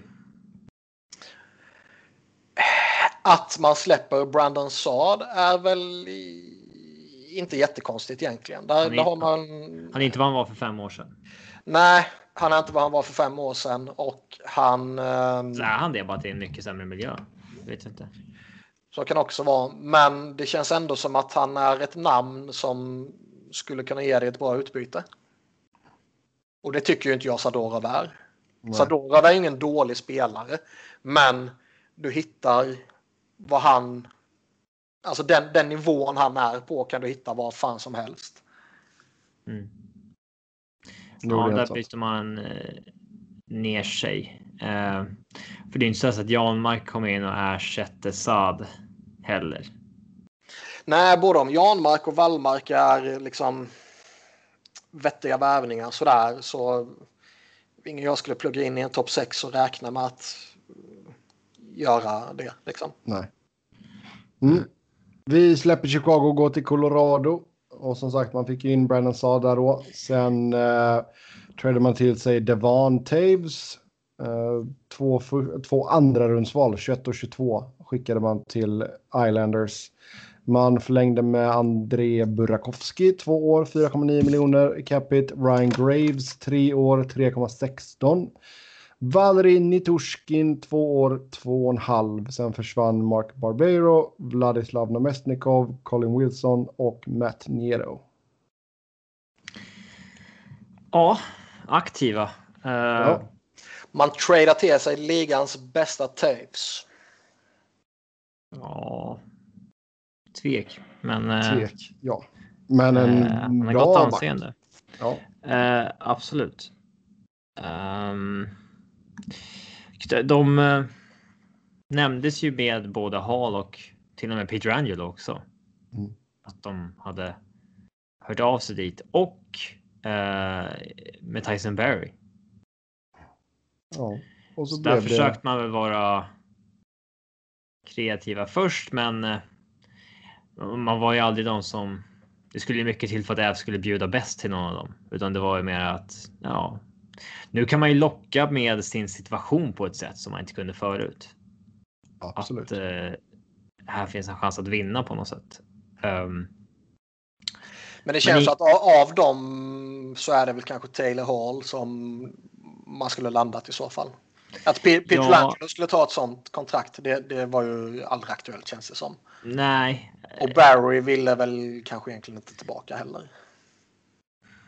Jag vet inte. Han verkar ju valt mellan Vancouver, Avs och Edmonton.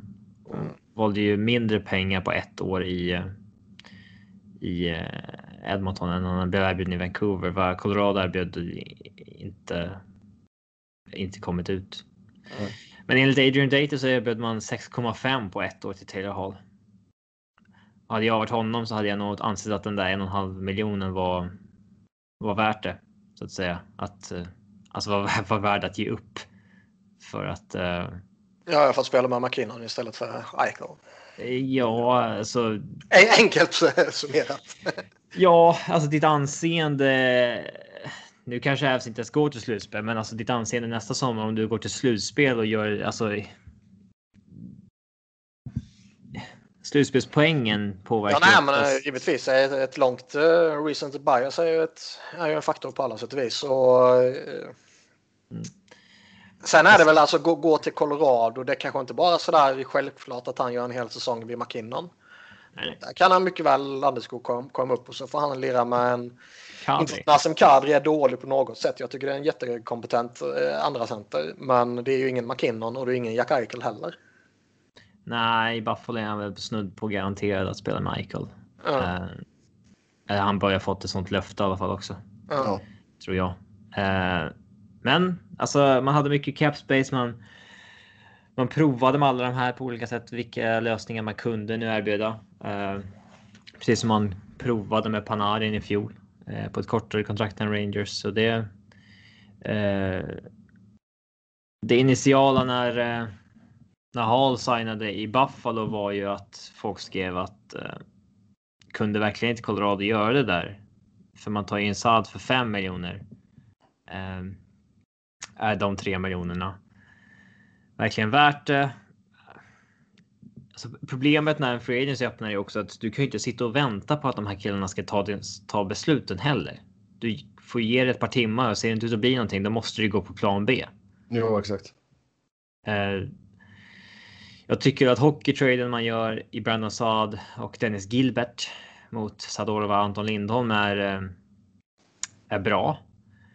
Saad är väl fått, man kan fortfarande anse att han är en bra andra line spelare med bra tvåvägsegenskaper. Han känns ju känns han inte rätt Kadri-kompatibel. Jo, eh, det är han väl. Och sen. Eh, eh, alltså Sadorov. Det är sjukt lätt att älska Sadorov eftersom han tror, eh, liksom kastar big hits och runt omkring sig verkar vara en jävligt eh, omtyckt personlighet. Big goofy guy sådär. Eh, men han är ju den här backen som hade alla tools men liksom inte fått ihop det på något sätt. Mm. Kollar man liksom rent statistiskt så är han ju enligt vissa en sjunde back. Det kommer han ju aldrig spela i och med att han har stor och stark och kan åka skridskor liksom. Mm. Men han. Jag har aldrig sett en back som är så stor, så stark som förlorar så mycket dueller framför mål. Och det är för att man inte har hjärnan helt enkelt. Mm. Förutse vart pucken ska hamna vart och alltså sånt där. Ja, exakt. Men alltså där är väl Devon Taves en, eh, en klar uppgradering ändå. Um, Eh, ja, det är han väl. Alltså, först gör man den här traden och då, då är det väl rätt uppenbart att det ska in en back också. I och med att man försökte. I och med att det kommit ut att man ville ha en back. Sen tradade man bort Sadorov mot Saad. Och då räknar man väl med att okej, okay, de hade väl ändå planerat att trada bort Sadorov. När de skulle gå efter en back. Eh, så ska vi säga att alltså, man får ju Brandon Saad retainad också. mm. Mm. Ett och eh, en miljon mindre. Eh, det är lite anmärkningsvärt tycker jag faktiskt. Ja, så du får in honom på fem mille liksom. Det är ju bra. Hur det ens kommer upp i liksom, diskussionen vete fan. Ja. Eh, sen får man ju Dennis Gilbert i traden och det är ju en. Eh, han kan ju vara sjunde back på ett sätt som Anton Lindholm inte kunde längre. Dennis Gilbert är yngre och har spelat ändå 20-tal matcher i Chicago. För, förra året så där så att. Ja. Nej, men, eh, värdemässigt och så där så tycker jag att det där är en jäkligt, jäkligt bra trade. Eh, det, det är inget snack om. Hur blir det med Bowen Byram? Ingen aning. Ge mig svar. Ja, Säkert sa att det inte var bråttom alls och hans namn är ute på marknaden i Sverige och så där. Och, men sen så har han ju ett kontrakt i juniorligan och då får man ju inte bara dra liksom. Ah, gotcha. Sen vet jag, jag vet inte vad som händer om han säger ja, skit väl jag i, bara drar. Alltså, ja. Kan han hamna i rättegång då eller vad då? Liksom, det är ingen aning. Eh, Kanske kan bli avstängd för kontraktsbrott eller någonting. ja, de kanske har den makten. Alltså junior, de har ju ett avtal med NHL liksom om, kring de här grejerna. Ja. Eh, så att. Ja, men när det hållet eh, öppnades upp, då tar man in Devon Taves. Eh, han har ju gått lite som en raket sista två åren. I, i sitt i anseende liksom. Han är faktiskt 26 bast och har ändå bara spelat runt 100 NHL-matcher. Men eh, Men det är ändå en okej back att ha i liksom Fyran, bak, ja. bakom dina bättre. jag skulle väl tippa på att han får spela med Cale Makar. Eh, som liksom komplementspelaren. Eh, två andrarumsval. Eh, så här, det är aldrig kul att ge upp två andrarumsval egentligen, för det är. Man kan få rätt mycket för andrarumsvalen. Men tittar man bara rent värdemässigt vad andrarumsval bör vara värda sett till likelihood på att det blir en NHL-spelare och så vidare och hur Devon Taves ser ut rent statistiskt och så tycker landar ju de flesta i att det är en ganska bra win för Colorado här och att Islanders mer, mer tvingas göra det för att de inte har någon cap space. De kan inte signa Devon Taves och de räknade inte med att han skulle bli så här bra så att säga. Mm. Så där. Alltså, man byter egentligen Sadorov och två andrahandsval mot Sad och Taves och det, det tycker jag är bra. Liksom. Uh, ja, det är väl det med dem. Ja, uh, Tyson Jost och Vladislav Kamerev från RFAs. Ja, Kamerev har just gått till KL, men man har ju qualifierat honom för att behålla hans rätti rättigheter. Ja. Uh, om han blommar ut där borta. Han, har, han var ju väldigt skadebenägen så där, så att det. Men att Tyson Joe ska signa det är väl mest en formalitet. Det vill säga huruvida han ska signa för 1,1 eller 1,3 liksom. Det, det. Men ja, Ryan Graves var ett kontrakt som man var orolig för i och med att han är en plus minus gud. Uh, men uh, han var ju plus 40 år för helvete liksom. Det är bra. Ja, men Det där är man ju ut. rädd för. Det påverkar Ja. Ja. Ja. Eh, jag ser väl honom som en femma kanske i backbesättningen. Eh, ja, det är väl. Och då, då är väl 3 år 3,16 rätt okej. Alltså det är väl om man har en bra femma som ska ha de pengarna, tänker jag. Eh, det är ju inte topp 4 pengar längre. Som Alltså, det var du, har ju, du har väl en sexa som kommer tjäna mer? Erik Jansson. Ja, eller Ian Cole. Ja, det kommer man väl göra. Men. Eh, ja, Erik, eh, Erik Johnson håller jag väl fortfarande som topp fyra. Ja, jag hade väl eh, föredragit att signa Ryan Grace på ett år. Men eh, då riskerar man väl att han gör till sån här säsong där han har flyt och så. Mm. Men de känns rätt vettiga Colorado. Jag, jag tror inte att de skulle signa ett dumt kontrakt med honom på grund av det. Eh, Det ska väl lyftas upp någon mer forward också kanske? Även fall Jost signar. jag, jag tror inte man är klara. Jag tror att man kommer signa någon djup forward och någon djup försvarare också för att det, det är för tunt. Eh, man är liksom en eller två skador ifrån att signa, alltså behöva spela AHL-spelare och, Mm. och det, det tror inte jag man, man vill. Eh, ja, så resignar man ju André Burakovsky. Eh, det är väl också ett kontrakt man var rädd för, men. Eh, ja, jag vill. Jag vill inte gå. Jag vill inte gå långt med honom för att jag. Eh, jag, jag Du vill se lite mer först såklart. Ja, han är inte en drivande spelare i mina ögon. Det är en komplementspelare som en bra skytt i en toppkedja liksom. Det, det Bra skytt som borde skjuta mer. Ja, verkligen. Mhm. Han går ju fortfarande inte att tro att han är playmaker. Sjukt irriterande. Ja. Eh, Eh, ja. men alltså Ja. 2 år 4,9. Det är väl okej. Och jag tycker väl att. Även om Evolving Hockey hade ju två år på 3,3 på Burakovsky. Men det tar ju in hans senaste säsonger i Washington i beräkning också och sådär. Eh, jag vet inte. Det, jag tycker väl att det är ett okej eh, kontrakt, men jag, jag skulle Ja. ha svårt att tro att han spelar mer än två år till i Colorado. Jag tror inte att han kommer signa för fem eller sex efter det här. Det, det skulle. Det skulle Alltså, förvåna han mig. blir ju UFA sen och vill säkert signa stort. Så det är väl inte så konstigt. Ja. Speciellt Ja, han om man blir, fortsätter I och med att han kom in i ligan så tidigt så blir han ju UFA efter det här kontraktet. Mm. Eh, men överlag så får väl sommaren ett väldigt eh, sommaren. Men alltså, det Ja, får väl ett precis. väldigt gott betyg. Det är många som tycker att man borde signat en målvakt, men. Eh, Det kan ju fortfarande hända via trade nej, det, ja, Kan- alltså, man har ju två målvakter signade, så därför tycker jag att det är konstigt. Det, Bara för att båda känner- råkade vara skadade i slutspel så tycker folk plötsligt att Avs behöver en målvakt. Ja, men kan du få någon som är lite bättre och så skickar du Grubauer åt andra hållet så det är väl inga problem. Ja, fast nej. Det går att lösa på något sätt. Men det är som sagt, det är, det är ju Jag inget det akut finns, jag tror inte att det finns något intresse för en målvakt. För de man har är bra. Om man har, ser man till vad de har eh, levererat och vad de kostar för peng så är det potentiellt är fynd liksom. Ja, det är klart att det är bra att ha Så de då- två på kombinerat på 5,3333. Ja, så det, det tycker jag bara är bra. Så där tror inte jag att de kommer eh, göra någonting. Jag vet inte, men Okej. Sommar får ju gott betyg av mig i alla fall. Ja, vi går till Columbus. Man trädde ju till sig Max Domi i utbyte mot Josh Anderson från Montreal. Man skickade Marcus Nuttivaara till Florida och fick tillbaka Cliff Pooh. Man skickade Ryan Murray till New Jersey och fick ett femte rundsval tillbaka. Sen så skrev man ett tvåårskontrakt med Domi på eh, 5,3 capita. Och sen tog man in eh, veteranen Mikko Koivu på ett ettårskontrakt, 1,5 miljoner och man köpte ut Alexander Wemberg.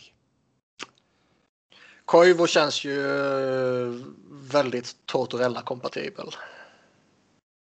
Ja, det kan man väl lugnt säga. I, I alla fall i liksom attityd och, och spelartyp som han har varit. Sen om man Ja. får håller, det är väl en annan fråga och det får man ju vänta och se typ. Ja, och han kan ju säkert fylla någon form av mentorfunktion också till en kille som Pierre-Luc Dubois. Ehm, Lite sent vill jag va? Ja, det Ja, vet det man väl. är vuxen. Eh, Fan, det fanns snarare Dubois som ska lyfta Koivu. ja. Typ. Nej, men alltså, det är väl en helt, ok- helt okej off-season som de har gjort. Ehm, Det, det som är intressant här är ju skakade de loss den här lönen som de skakade loss inför Free Agency för att gå efter Taylor Hall typ som det ryktades om och misslyckades? Eller gjorde man det för att man behöver spara pengar? Alltså jag har inte läst någonting om att man är i utsatt läge så att man måste spara pengar. Ja, Nej, det kan man ju räkna ut. det kan man räkna ut och Kanske. framförallt så laget tjänar ju ingenting på att kommunicera ut det heller. Nej. Nej. Alltså Dubois lär väl käka upp en bra bit av denna kakan som man har nu. Alltså. Man har ju att man ger bort Nuttivaara som man var. Det är killar man ansett vara ett fynd då till till till Florida. Mm. Sen så. Det här är ytterligare en aspekt i Sadorov Saad-traden att, att Sadorov ger Brandon Saad utbyte när Ryan Murray ger ett femte rundsval. Mm. det ger ju också säkert extra cred så att säga. Eh, visst, han blev inte vad han spåddes bli, Ryan Murray, och är väl kanske ett par hundratusen överbetald, men att bara få Jo. ett femterumsval för en så kompetent back. Alltid skadad. Så. ja. Nej, det. Det är alltså man får ju verkligen ge bort honom och eh, sen snackades det ju om att man försökte dumpa Savard också i någon liknande trade, men inte hitta någon partner vad det verkar som. Nej. Så att. Eh, Det är ju en del Flyers-fans som vill ha Savard. ja. Behöver man en writer eller? Ja, vi kan ta det när vi kommer till Flyers. Kan vi göra. Ja. Nej, men det, det är väl anmärkningsvärt om man försöker dumpa så mycket lön. Alltså det är Mm. Ehm, traden George Anderson Max Domi tror jag nog att jag ställer mig på Columbus sida. Jag skulle nog hellre haft uh, Max Domi än George Anderson. Och framförallt om vi ser vilka kontrakt de Framförallt kontrakten. Ja, ja. exakt. Ja. Ja. Oh, ja. Oh, ja. Ja. Eh, vi får se där ifall eh, Jarmo är klar eller inte. Eh, finns ju Men- faktiskt eh, relativt många spelare tillgängliga på marknaden fortfarande. Backarna börjar ju tunnas ut. Där som vi sa tidigare, där finns det kanske två, tre som är på riktigt. Mm. Men det finns ju faktiskt rätt många forwards. Ska jag lata och säga då att man kanske går efter Vatanen då? Eh, men visst. Det, ja, någonting kan man nog hitta på. Det tror jag. Han ska ha en chans. Eller ja, i och för sig. Galchenyak känns väl inte jättetortorella-kompatibel i och för sig. Uh, Nej. No brainer att köpa ut Wemberg med tanke på att man kunde göra det till en billigt. tredjedel. Ja, Ja, den här absolut. sommaren. Och det, Ja. Eh, fascinerande utveckling på hans karriär faktiskt. Mm. Ja, vi får väl se om han kan få en nytändning här i Florida. Uh, men det kommer vi till sen. Dallas. Gott betyg ändå till Columbus tycker jag. Ja. Och då förmodar vi att de var tvungna att dumpa lön då så att säga. Ja, exakt. Dallas då, där förlängde man med Andrei Sekara, två år, en och en halv mille. Anton Korobin, tre år, 3,33 i capita där. Radek Faxa, fem år, 3,25 och Mark Pysyk på ett ettårskontrakt, 750 000. Ut försvann då Mattias Janmark och Corey Perry. Det är väl eh, Khorobin som är det fascinerande här. Eller fascinerande, men det mest intressanta. Ja, men hans, alltså. Det är ju... Ja, men han, han, han var ju... Han var ju. Jo, men han var ju liksom ändå väldigt tydlig med att han ville gå ut på marknaden och kolla marknaden för det var länge sedan han var på marknaden. Och sen så... Ja, men det sa Sådär. han. Den där var ju- Simpson... Jo, men jag tänker bara på den här Simpson-memen, du vet när far, farfan eller vad det nu är, går, bara går in innanför Hänger av sig hatten och tar hatten går- Ja, Nej, och, och, ehm, och sen vände han tillbaka till Dallas. Så det här kanske var, alltså vi såg ju Ja. ändå, det var ju inte, det var ju inte alltid superkontrakt som delades ut på, på free agency till målvakter. nej, och det här var väl kanske det bästa han kunde få. Och att, och att kunna efter hans karriär kunna avsluta, vilket det ju förmodligen är, med ett sånt här kontrakt. Det är nog eh, välkommet för hans del. I ett Ja, det är skitkontrakt. alltså- Vad sa du? I ett skitkontrakt verkligen. Ja, inte Att ge han. ett treårskontrakt till en 35-årig målvakt. jo, Eh, Jo, jo, men nu pratar jag ur, ur hans perspektiv. Det är ju Ja, han ska vara nöjd som fan. Han har ju lurat Ja, alltså, hela han har ju inte, han har ju inte alltså, liksom. relativa termer här nu så har ju inte han tjänat ihop jätte, jättemycket pengar under sin karriär. Nej, tre- 13 miljoner. Eh, ja, 13 miljoner career earnings. Mm. Så det är klart att det här 10 mille som trillar in här nu på tre år, det är ju säkert välkommet. Mm. Så ja, annars så ja. Men det är inte. Det är inte bra alltså. Nej, det är klart att det kanske inte är bra. Och jag menar, du har en skadebenägen Du kan inte bara svälja att det är dåliga kontrakt för målvakter och säga nej, det är klart att det inte är, men nu är det så. Nu är det så. Nu har de kritat på pappret här och nu, är man, nu har man Bishop och eh, Kudobin här. så här. Bishop och Kodobin kombinerat på 8,5. Det kan jag absolut tycka är okej. Eh, men. eh, kanske inte om två år. Nej. Nej, det är ju ett... eh, Det är konstigt att säga det när de precis kommer från Stanley Cup-final där Khorobin var jättebra nästan hela slutspelet. Liksom. Men det är ju ett opålitligt målvaktspar av lite olika faktorer. Mm. Det är lite åldersteget, det är lite fysiska frågetecken när man blickar tillbaka sådär. Och, eh, är Khorobin på riktigt liksom? Ja. Yes. Han har ehm, visat sig på riktigt nästa år när han fyller 35. Ja. Eh, Man har ju kvar att signa Rope Hintz och Dennis Gurianov och de lär väl käka upp det mesta av de 6,6 miljoner man har kvar i capita. Um, Ja, eh, vad tycker ni om att man signar Radek Faxa på fem år på 3,25? Är det en sån här djup grej som är bra eller en djup grej som är dålig? Jag tycker han är bra. Det är en sån där spelare som jag, jag skulle jättegärna kunna peta in han i mitt lag så liksom. Om man bara tittar på vilken spelaren är. men fem år Men, känns men om, om kontrakt, alltså. Är någon jävla mellanting kanske, varken bra eller dåligt. Mellanmjölk. Nej men alltså det känns som något år. Alltså hade detta varit ett treårskontrakt så hade jag ju inte höjt något ögonbryn. Men fem år känns lite långt kanske. Trots, trots att det är så pass billigt. Ja. Jag tror, ja, jag vet fan, jag, jag tror inte, jag, jag tycker inte det är några jätteproblem med det så. Men jag skulle inte peka ut det som något fynd liksom. Nej. Men någon, eh, någon till forward ska in i detta bygget i alla fall. Jag vet inte om de är... Eh, om de cirkulerar tillbaka till Corey Perry så att säga. Om det är uteslutet eller... Jag vet inte vad som har sagts där, men det kanske Nej. man kan eh, tänka sig. Däremot, däremot behöver de ju förmodligen lösa Hintz och Gurianov innan de vet vad de kan gå vidare med. Ja, exakt.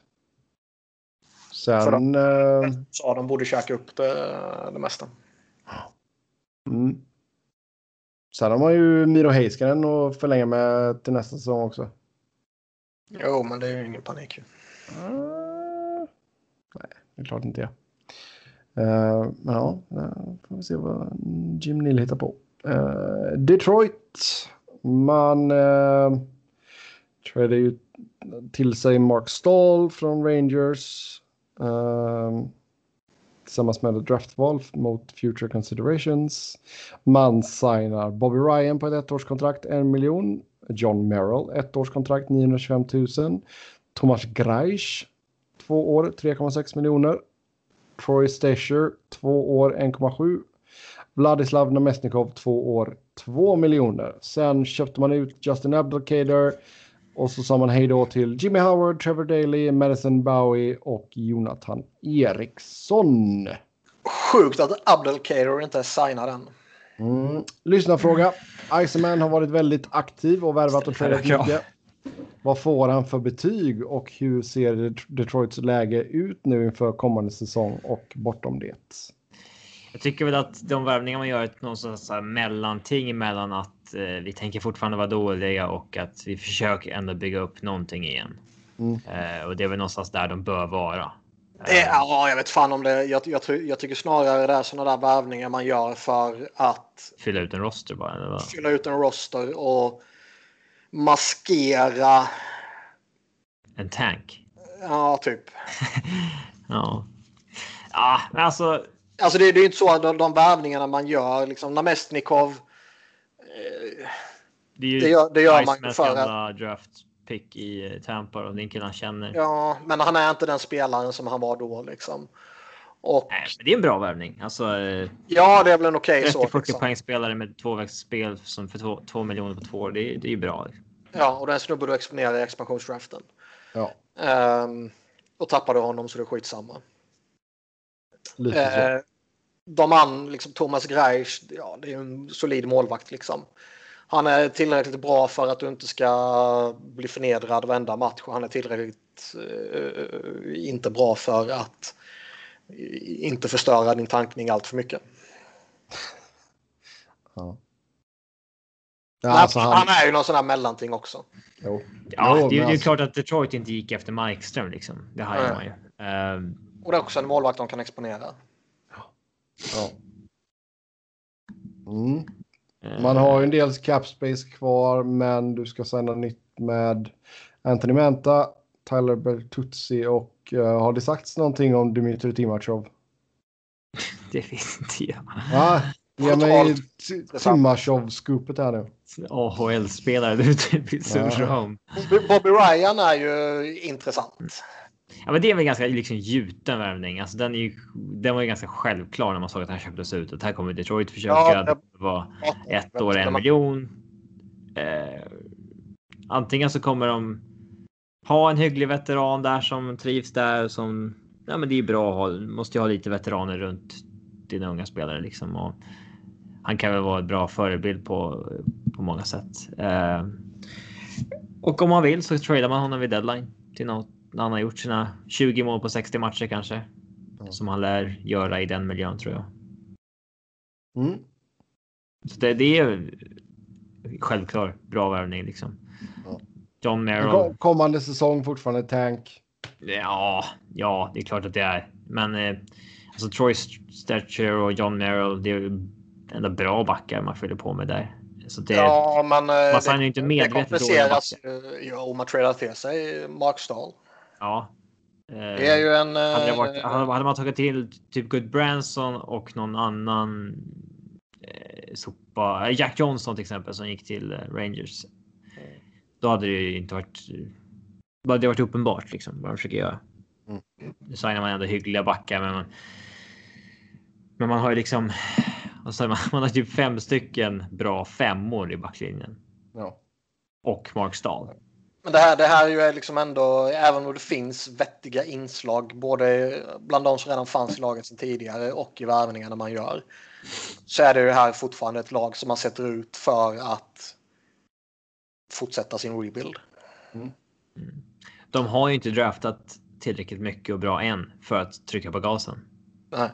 Alltså de behöver ju den här offensiva draftvalet som alltså topp 5 i draften. Nej, men de behöver ju vänta in Raymond och de behöver vänta in Moritz Seider och de behöver vänta in. Men det, det räcker inte med Seider och Raymond för att vända franchisen. Du behöver kanske två höga draftval till. Ja, eller att Sadina och Velena och ja. ta en jävla fart liksom. Mm. Och sen ytterligare någon sån här ung de har. Sadina känns ju lite flopp där kanske, men det är lite tidigt. Men det, det känns Lite- ju svårt att tro att det skulle vara ett dunderfynd. Mm. Ja. Mm. Eh, men han får väl godkänt ändå, Iceman. Ja, det är Eh, klart. ja. Det är Icer Plan. ja, det är Icer Plan, exakt. Han är, han är ju fortfarande i ett lite hopplöst läge där han fortfarande som sagt är något år bort från att kunna göra någonting. Ja, så han ärvde ju massa... Jag tänka när han kom till Detroit. Första dagen på kontoret, öppna laptopen, cap friendly snedstreck Red Wings och så bara. liksom. Ja, Jo, men lite så faktiskt. Ja, då går vi till Edmonton. Jesse Puljujärvi, två år. Dry, ja, 1,2 säger jag i capit. Uh, Tyler Ennis, ett år, en mille. Kyle Turris, två år, 1,65. Mike Smith, ett år, en och en halv. Tyson Berry, ett år, 3,75. Och UFAs blev Andreas Anastasio och Matthew Benning. Uh, lyssna fråga. Edmonton gjorde en del fynd, förutom Smith. Hur långt kan nuvarande trupp ta sig nästa år? Alltså jag tycker inte- Jag vet inte om de gör så mycket fynd faktiskt. Det, fynd gör de kanske inte, men, men det finns ju inslag av fynd. inslag av Alltså, fyndpotential. Alltså jag tycker Kyle, Kyle Alltså, ta in- ta in- på 1,65. Ta Kyle Turris på två år 1,65. Det, det tror jag eh, mycket väl kan falla väl ut. Hans Det siffror säger ju att han är för dålig även för det de senaste åren, men eh, jag kan ju mycket väl tro att han får någon form av bounce back. Ja. Där. Jo, men alltså det är ju antingen fynd eller så är det ju en spelare som mycket Kostar väl kan 1,65. plockas. Ja, Plockas? ja i en expansionsdraft. Nej, Nej. Vem hade du det valt? finns inte en chans i helvetet Nej, okej. att Seattle skulle plocka Kyle Turris från Edmonton. Fin, alltså, du, eh, jag vet fan om det finns så jävla mycket eh, annat. Någonting. Ja, den får vi ta när vi tar våran... eh, Ja, Ta inte den åldrande veteranen som är på decline. Alltså som redan har. Men, men jag, jag, jag tror ändå det finns... eh, det, det kan falla väl ut. Sen vad väl ut, det, där har inte jag så stora krav på honom. Liksom. Kompetent Nej. tredje center kanske. Alltså det är väl det. Nå, något sånt liksom. Tyson Barry tycker jag också är, eh, är bra av Edmonton. Liksom. Man behöver då få in en, en back redan innan eh, Klefbom gick under kniven. Liksom. Mm. Och i synnerhet efter det. Och Mm. Tyson Barry står på blålinjen där med sin högerfattning med McDavid. Han, Han är ju back, eh, han är backarnas Taylor Hall den här sommaren. ja. Han, han väljer att gå ett år till Edmonton för att spela PP med Dreisaitl och McDavid. Ja. Och sen hitta marknaden igen. ja. Eh, och Den- han väljer ju den- den här situationen. Han fick ju, blev erbjuden, jag tror två miljoner mer eller någonting av Vancouver. Mm. Har jag för mig att jag läst. Eh, Men väljer ändå den här situationen. Mm. Och det, han kommer ju från Vancouver ska sägas. Barry också. Här, men här, eh, Men den värvningen är ju briljant tycker jag. ja, ja, Och absolut. Cal Turris eh, är förmodligen okej. liksom. eh, däremot måste det vara sjukt jävla knäckande att sitta och titta på hur det såg ut i slutspelet och sen läsa att man signar upp Smith igen. ja. de förlorar ju the game of musical shares of goalies. Det, det, går ju snack om att de var typ överens med Thomas Greisch och sen så dyker uh, Stevie Y in och slänger upp några hundra K till. Och så signar han i Detroit istället. Mm. Ja, det är inte omöjligt. Och jag menar, jag väljer ju Grice före Smith alla dagar i veckan. Ja, du väljer ju Grice före Koskinen också. Jo, jo, men om, eh, han var ju redan där liksom. Men ja. om man bara tar de två. Uh. Nej, det är verkligen... Uh... Det är ju akilleshälen så det är ju sjunger om det såklart. Skammen också att behöva återgå till honom. Alltså att inte landa i någon av de andra som var lediga som ändå är lika dålig så att säga. Eller det, det fanns ju ingen som var lika dålig, men. Eh, alltså, han borde ju varit sist på listan.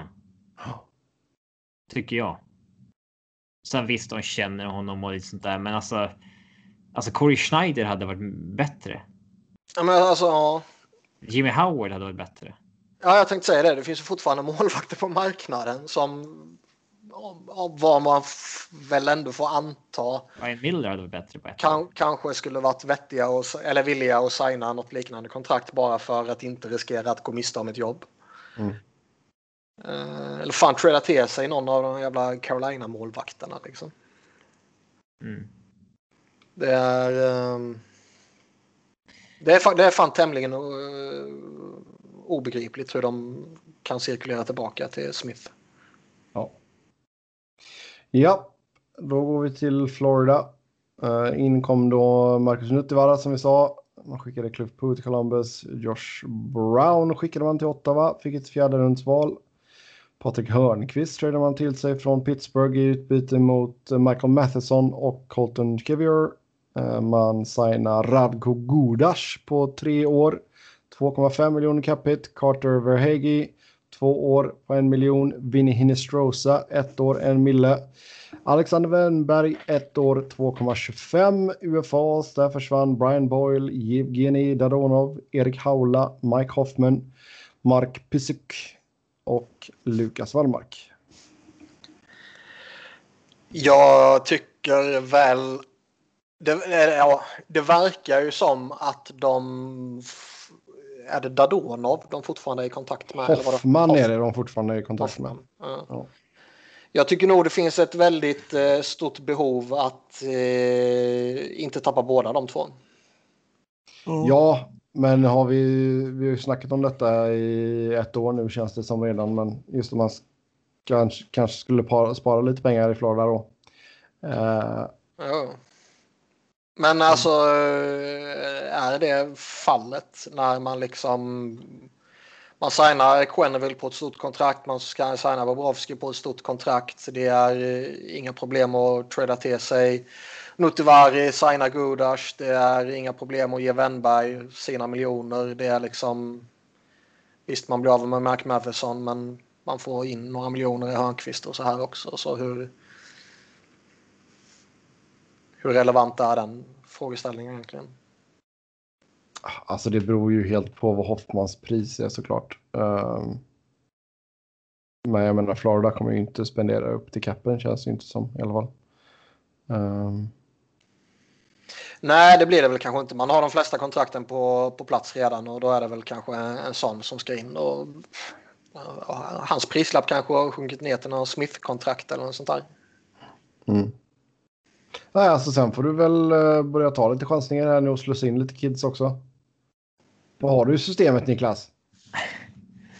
Ja. Epponemi. Owen Tippet. Ja, nej, men de har givetvis lite små intressant där nere, men det är ingen man slänger in som ger dem ett lyft. Grigori Denisenko tror jag kan bli spännande på sikt, men han är väl fortfarande borta, eller en bit bort liksom. Mm. Spencer och Knight ska väl peta Bobrovski om några år. Ja. Den blir jobbig när du har en backup som tjänar 10 mille. Mm. Eller, eller så blir han ingenting. Det, fan, det vet man ju aldrig med målvakter. Men visst, de har några där. Men, men det är inte så. Ja. Uh, men jag tycker väl att man har en, eh, en hygglig sommar. Nuttivar är en bra back. Uh, Jag tar ju hellre Ja, alltså. Hörnqvist än Matheson. Alltså, det är en bra chansning med Wennberg tycker jag. Eh, Ja, jag tycker både deras- Wennberg och deras- Hinestrosa, det är ju inga pengar liksom. Deras GM känner ju Wennberg sedan tidigare också. Jag tror att det är bra för Wennberg att ha Hörnqvist där. Eh, Chris, eh, Carter Verhege tycker jag är en sån där spelare som ytterligare Tampa-fynd att de får fram liksom. Eh, inte blommat helt än såklart, men eh, alltså en bra djupspelare. Och sen är ju Radko Gudas, det är bra på två och en halv. Mm. Mm. Så att jag tycker inte de har gjort någonting dåligt egentligen. Ja, då går vi till LA. Där har det inte hänt så jättemycket. Man eh, tradade till sig Olli Mäter då och sen eh, Elias Andersson i utbyte mot ett eh, andra rundsval från Rangers. Och sen försvann Ben Hutton, Joe, Joakim, jag vill inte säga Joakim, Joakim Ryan, Kyle Clifford, what? Clifford gick inte från LA. Eh, och Trevor Lewis. Nej, Kyle Clifford står uppskriven på LA här i körschemat. Nej, det tror jag inte. Jo. IG, Niklas. Ehm, nej, så Hutton, Ryan och Lewis försvinner. Fan, han gick till Toronto, va? Just det, Ja. tradades dit. Han kanske står på eh, Toronto. Han står på Toronto också. Oj, oj, Ja. oj. Då var det bara en sån där... eh, Kurvboll. Alla, alla jävla sketna gubbspelare LA har samlat på sig genom åren. Så. Ja. på. Här lär det inte hända mycket eh, mer. Tror jag inte. Kanske någon djup Ja. forward liksom. Mm. Man är väl... Eh, vi pratade att Detroit var en bit bort från att trampa på gasen. LA kan ju snart vara där. Ja, jo ja. Ja, alltså jag tror man kommer rotera ganska många av kidsen och ge dem en look liksom. Mm. Ehm, Men det är liksom... Så- Alltså, det, det, är, man behör, det är inte så att man ska köta in alla nu och bara blåsa på. Men för att undvika om ett år eller två och bara behöva lassa in hur många som helst samtidigt så behöver Mm. man nog slussa in någon eller några nu. ja, Så att det blir absolut. några stycken varje säsong istället för en jävla klump helt plötsligt. Jo, men jag tror väl vi kommer att se runt en handfull kanske av dem. Vilka är det som är mest aktuella? Gavelardi såklart. Uh, Michael Anderson. Uh, sen alltså Björnfot kommer få sina matcher. Uh, Sean Dursey kommer få matcher. Cale Clegg kommer få matcher. Eh, Jag blir besviken med Björnfot alltså. Han spelar i Djurgården just nu. mm, Ja, i och med att han spelade några matcher i NHL i fjol och så, där, så hade man ju förväntningar som är kanske lite skeva. För han hade ju bara gjort typ sju matcher i SHL när han stack över och spelade i NHL. Men eh, han sticker inte ut i mängden i laget överhuvudtaget i SHL. Liksom. det, på sikt kommer han nog bli jätte, jättenyttig tror jag. Eh, Grundström kommer få sina matcher. Luff kommer få sina matcher. Ehm, och då, finns ändå, då finns det ändå typ sju jävla fina talanger kvar. Ja, ja, ja. Jo, exakt. Alltså sen Kupari kanske får matcher. Jag vet inte. Man kanske är ja. Man kan ju ta det lite långsamt med några av dem liksom. Men liksom av, av dem har du inte nämnt Fagemo, Arthur Kaliev. Du har inte nämnt dem som de plockade här, här förra veckan liksom. Nej, Turkott kan nog få någon match. Det tror jag. Mm. Uh, Kaljev, eh, alltså. Han verkar ju vara jävla, eh, ja. Galen målskytt liksom. En lite oslipad diamant liksom. Jo, jo, Är han nära att spela NHL? Det vet jag inte. Det är svårt att säga. Men, Men det liksom- är väl också en kille som skulle kunna få några matcher liksom. Mm. Men vad vi- vi har droppat typ 10-12 namn nu bara liksom. Mm. Och eh, de behöver du ju pö om pö. ja, Jarrett Anderson, Dolan ska vi nämna också. Ska Byfield in i NHL på direkten? Eller? Nej.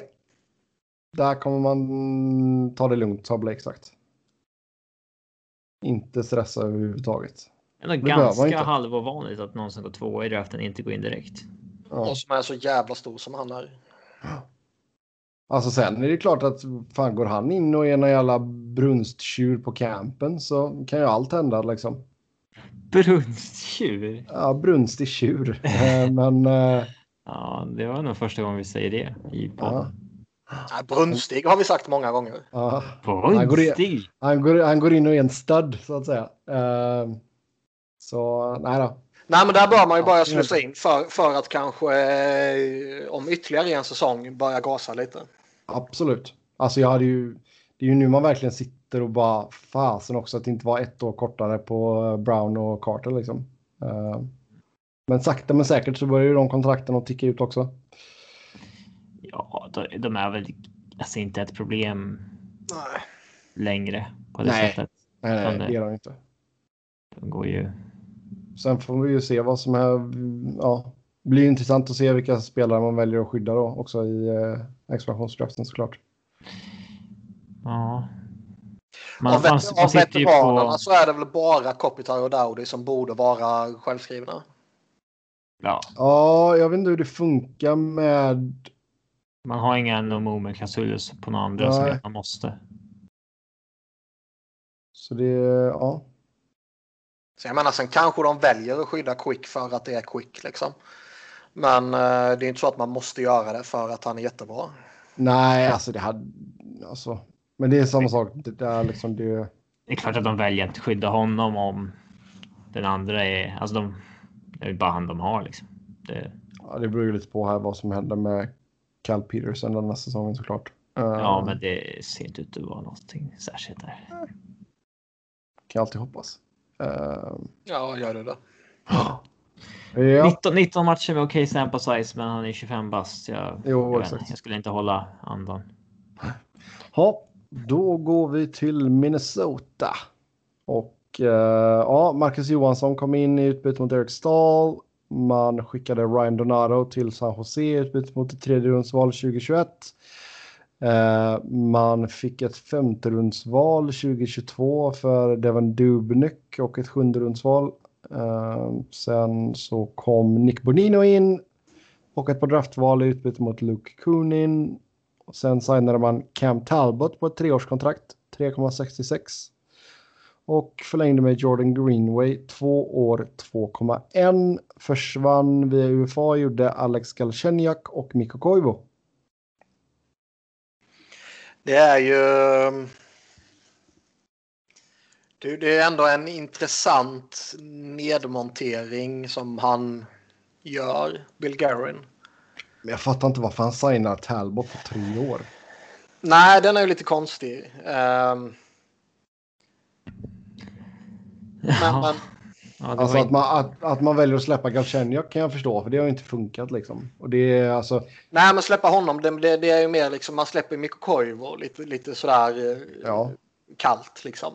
Det är ändå en ikon i Minnesota. Mm. Och Eric Stahl skickar iväg honom. Devan Dubnyk som visserligen har fejdat iväg lite liksom. Men ändå är en, eh, han har varit en del av deras core de senaste åren. Mm. Det är ändå tre, tre. eh, Det skickar rätt tydliga signaler när man skickar bort dem tror jag. Ja, alltså det är ju tre ganska tunga namn så att säga i Ja. Minnesota mått mätt. Eh, men sen alltså en bridge deal för Greenway känns helt okej. Ehm, Ja. Nej, men det är ju Talbot som är det intressanta av värvningarna känns det som. ja, men där gillar jag ju inte termen. Nej, det känns som att ska han, han ska ju få ett år på det typ liksom. Typ. Eh, och Talbot, Stay, Staylock, ja. eh, Det är ju inte jättesexigt liksom. Stalock var ju bra denna säsongen i och för sig. Jo, Men, men eh, alltså det är ju fan ingen du vill bygga ditt lag på om du har några ambitioner. Och Cam Talbot har varit lite... eh, han har inte varit bra sen han var i Rangers. Nej, typ. En okej okej, säsong ja. i Edmonton. Så. Ja, han var väl okej i Calgary under perioder också. Men... eh, nej, Svårt att se att han vid 33 års ålder skulle vara en bra start de kommande tre åren helt plötsligt. Nej, det är ju ingen målvaktspar man jublar över. Jag är inte avis på direkt. Mm. Ehm, Sen är ju frågan om de är klara eller inte. Det har vi pratat om tidigare, den här situationen inför expansionsdraften med de fyra backarna. Spurgeon, Suter, Dumba och Brodin. just det. Nu... Eh, alltså det är Minnesota. De har typ en intressant forward. Så det, de kanske väljer 4 plus 4 vägen och skyddar alla fyra backarna. Annars liksom. Vilken forward förutom Kevin Fiala skyddar du? Uh, alltså, Zach Parisio och Zuccarello måste du eftersom de har no movement. Men, ja. Alltså. Alltså du har inte så många som är under kontrakt heller. nej, men man, man kanske kan anta att några av dem flänger liksom. Ja. Och sen är det ju. Det finns ju givetvis andra intressanta men som då inte som skyddas automatiskt liksom. Ja. När man tittar Nej. på deras jävla forwardsbesättning så har de ens fyra spelare som är värda att skydda. Liksom. Jag vet fan. Nej. Ja, alltså det hade de, varit kan, ett... de kanske väljer 4 plus 4. Ja, alltså det hade ju varit ett mycket större tapp att bli av med Dumba gratis. Ja, nej, men då måste man ju trada eller, eller ja. måste man ju betala Seattle för att uh, välja en specifik spelare. Jo, exakt. Uh, nej. Ha, vad tror vi? Kan det bli någonting av Kirill Kaprizov eller? De har ju en uh, potentiellt jävligt spännande framtida första kedja i Fiala, Rossi och Kaprizov. Nu är ju inte det nästa säsong, utan Rossi är väl en, en bit bort rimligtvis. Mm. Men på, på sikt kan ju den bli väldigt underhållande. Kaprizov tror jag en hel del på. Han har gjort sådana jävla siffror i KHL så det, han borde vara han borde vara på en god NHL-nivå också. Ja. Sen om han är det med Viktor Rask och Nick Bonino och Marcus Johansson som sina centrar. Det... Ja. Det kan man ju ställa sig frågande till. Jo, det kan man göra. Det kan man ju lätt göra. Eriksson Ek ska man väl klumpa in där också. Men det är liksom, ja. Ja. Centerbesättningen är ju halvdan om vi är snälla. Mm. Ja, fem år kvar på uh, Parisio och Sutter. Nej, men det är ju bara att... Alltså, vilka jävla kontrakt alltså. Ja, fatta då att Philadelphia erbjöd ännu mer pengar. Ja, usch. Finns det något lag som har flera what ifs senaste tio åren än Philadelphia? Alltså, Nej. De, alltså har ju försökt på varenda big player liksom och jag börjar ju på en artikelserie med olika what ifs de senaste, om det var 20 eller 25, jag vet inte vad jag satte. Och har gjort, har gjort fyra stycken tror jag. Och det är liksom fortfarande hur många som helst. Jättestora what ifs kvar. Ja.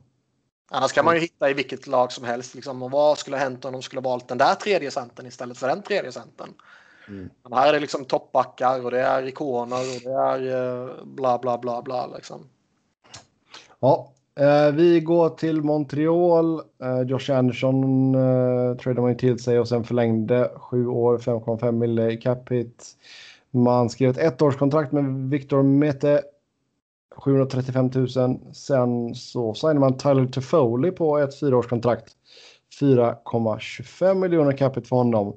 Man köpte ut Carl Alsner och sen försvann Christian. Christian Folin och Dale Weezy. Weezy? Weez. Dale försvann. Weise. Weise, exakt.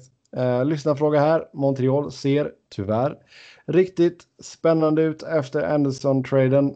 Sen ett fin, fint kontrakt för Toffoli. Hur hade ni formerat deras forwardkedjor?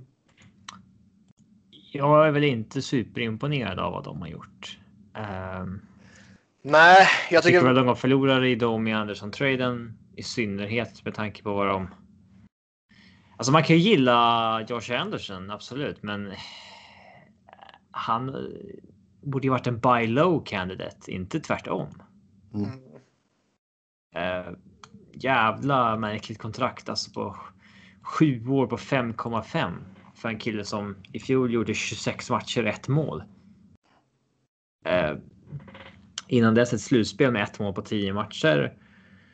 Och sen grundserien av det som är det han får betalt för och det är att han gjorde 27 mål på 82 matcher. Men det var fortfarande bara 47 poäng. Mm. Och en 26-åring som har peakat på 47 poäng och inte varit nära det någon annan gång. Som nu får 5,5 på sju år. Samtidigt pratas det om att liksom förhandlingarna med Brandon Gallagher har stannat av. Ja, just det. Eh, men visst, Toffoli på fyra år på 4,25. Det är ett, det är ett högst rimligt kontrakt. Ja, det är väl till och med ett bra kontrakt. Ja, det är bra, men jag förstår inte riktigt den här Josh Anderson fadäsen. Nej, jag förstår inte heller hypen. Liksom. De har slösat bort jävla massa pengar, eller slösat bort ska man inte säga, men de har spenderat jävla massa pengar på liksom, Josh Anderson som ja, du drog precis allting. Och vi har tidigare pratat om både Joel Edmondson och eh, Jake Allen. Mm. Liksom jättemycket pengar man slänger iväg. Ja. Det är som att man har bestämt sig för att så här, den här killen ska vi ha och sen så är det så här, kosta vad det kostar vill. Vi har bestämt oss för att han ska vi ha. Han tror vi på. Mm. Och är istället för att det är så här. Ja, den. Det är inte så att man hugger på. Hugg på något som är tillgängligt istället eller något som är. Eh, något som är billigare än vad du trodde eller så där. Alltså. Eh, det här hamnen ska vi ha och sen så får det kosta vad det kostar. Det är en jävligt konstig strategi tycker jag. Ja. Man är fortfarande inget center och alltså. Eh, det var ju lite snack om Toffoli att uh, de har frågat om, om han är villig att spela left-winger typ. Ja. Och det har han sagt att ja, men det har jag gjort lite tidigare. Det kan jag väl göra typ. Mm. Men det är också. Visst, nu, nu liksom inte man, det var inte sådär att oh, nu ska vi göra Jonathan Durant till center. Liksom. Så det är inte så att man plockar det out of the blue typ. Men det är också konstigt att liksom värva in en spelare och sen så liksom, ah, man kan du spela en annan position. Jo, exakt. Men alltså, hur skulle vi formera detta nu? Alltså just nu så, jag kan ju bara rabbla upp vad man har på Daily Face-Off. Uh, eh, du har den första kedjan med Dano, Tatar, Gallagher. Andra kedjan med Suzuki, Toffoli, Anderson. Tredje med Kotkaniemi, Drouin och Armia. Och sen en fjärde med Poling, Byron och Lehtonen. Jag minns inte ett skit från slutspelet. Hur eh, deras kedjor var formerade. Jag minns inte om det är dem eller om det är några nykonstruerade. Um, men liksom Dano är ju en duglig center. Men det är ju Suzuki och Kotkaniemi som du ska bygga din offensiv kring. Mm. När det är de tre du har tillgängliga. Ja. Men jag vet liksom inte om jag föredrar Gallagher eller Anderson med den ena eller den andra. Uh, Alltså jag tror alltså Toffoli, Suzuki, Anderson alltså på pappret ser väl det hyfsat spännande ut liksom. Um... Ja, men sätt in Kotkaniemi istället eller Gallagher istället för Anderson. Så... Ja. Jag tycker inte det är någonting som förändras. Jag, jag tycker väl fortfarande att det är liksom lite så här att de i brist på spets satsar de rätt mycket på bredd. De kommer ju ha världens bästa fjäderskedspelare i Artur Lehtonen. Nej. Nej, men liksom, de har ju okej okay djup, det har de ju. De har ju en, en, bra utfylld roster på det sättet. Sen har de ju ingen... Eh, alltså den, den här offensiva stjärnan som kan leda till ett lag, det har de ju inte. Nej, alltså det, Duran blev väl inte... Han blev aldrig den spelaren. Nej. Um, sen kan väl...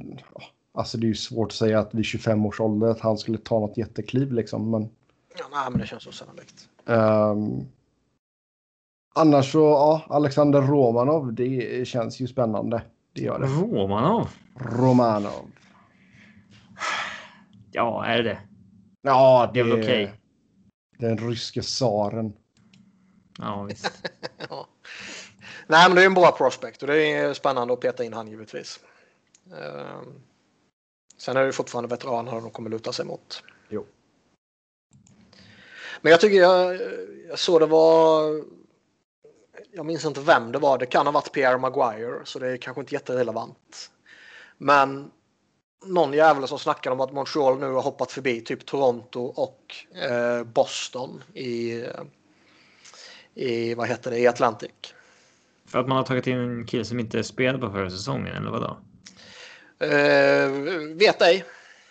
Jag bara såg att det, det snacket svepte förbi i flödet. Och jag tyckte det var så orimligt så jag fastnade inte vid det. Nej, det känns lite konstigt kanske. Hopp. Jag tycker Eh, efter att de, de har inte haft en bra offseason, Montreal. Nej. Om vi ska betygsätta. Nej, det och det ska vi göra. Vi vågar sticka ut hakan och säga det. Du, ja, akta dig för Bergevins biceps bara. Jävlar. Vi går till Nashville och eh, där så eh, kom ju Luke Kunin in då för Nick Bonino. Ehm, man skickade Austin Watson till Ottawa mot ett fjärderumsval 2021.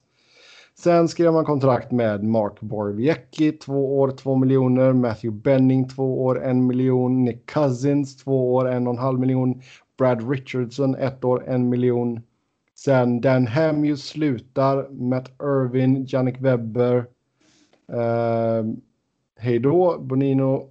Eh, som sagt då också borta. Granlund borta, Craig Smith borta. Eh, lyssnarfråga. Hur tänker Nashville och hur tänker vi angående Borowiecki-kontraktet? Eh, varför släppa Ottawa honom? Jag trodde de älskade honom. Man, eh, man ska aldrig släppa the face of the franchise som UFA. Då har man, eh, Ja, misslyckats. då har man misslyckats. Något kopiöst. Men eh, Eugene Melnick är ju upptagen med att typ dra en journalist inför rätta. Så eh, då släpper han väl the face of the franchise. Han är upprörd. Eh, en snubbe i Ottawa Sun som det var ju snack om att de hade eller han eller om det var Ottawa eller vad det var hade hade typ blåst eller plockat pengar från någon välgörenhetsförening eller något sånt där eller hur, hur fan det nu var. Och då, då, det hade de rapporterat om i tidningen typ och det tyckte han att eh, nej nu drar du skam över mig så nu stämmer jag dig typ. eh, Tyler, eller Kyle Turris köpte man ut också. Ska jag säga. Eh, Det är ju alltså. Att man. Vi har gjort oss lustiga över Mark Borviecki, men med rätta i och för sig. Men eh, nog kommer han alltid ha möjligheter till att få ett NHL-jobb liksom. ja. Ja, alltså det, den resumén har jag byggt upp. eh, Han skulle ju inte få det i Colorado till exempel eller något lag som använder mycket dataanalys.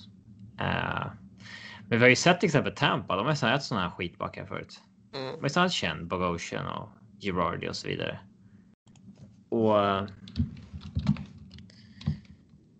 eh, ja, så att han skulle få ett jobb. Det var, jag, jag förstår bara inte varför Ottawa släpper honom. För där är han ju älskad liksom. Ja, nej, det, och det var ju. Det var ju en grej på TSNs eh, Free Agency-bevakning.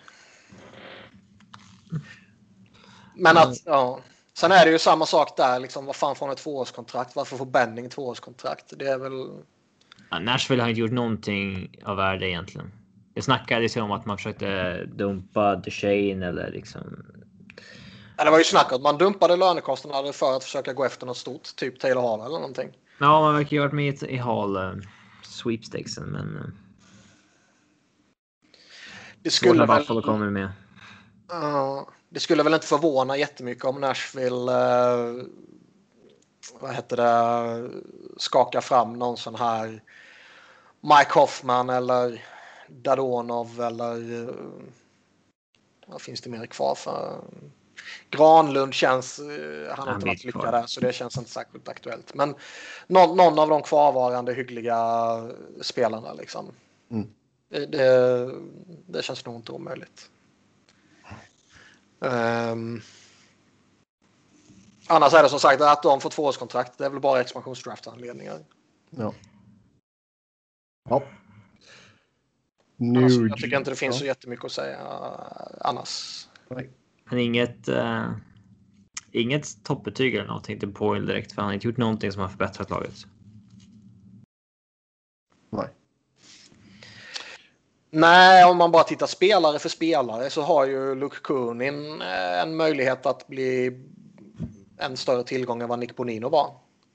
Men Eh, det kostade lite också. Ja. Ja, New Jersey Devils då.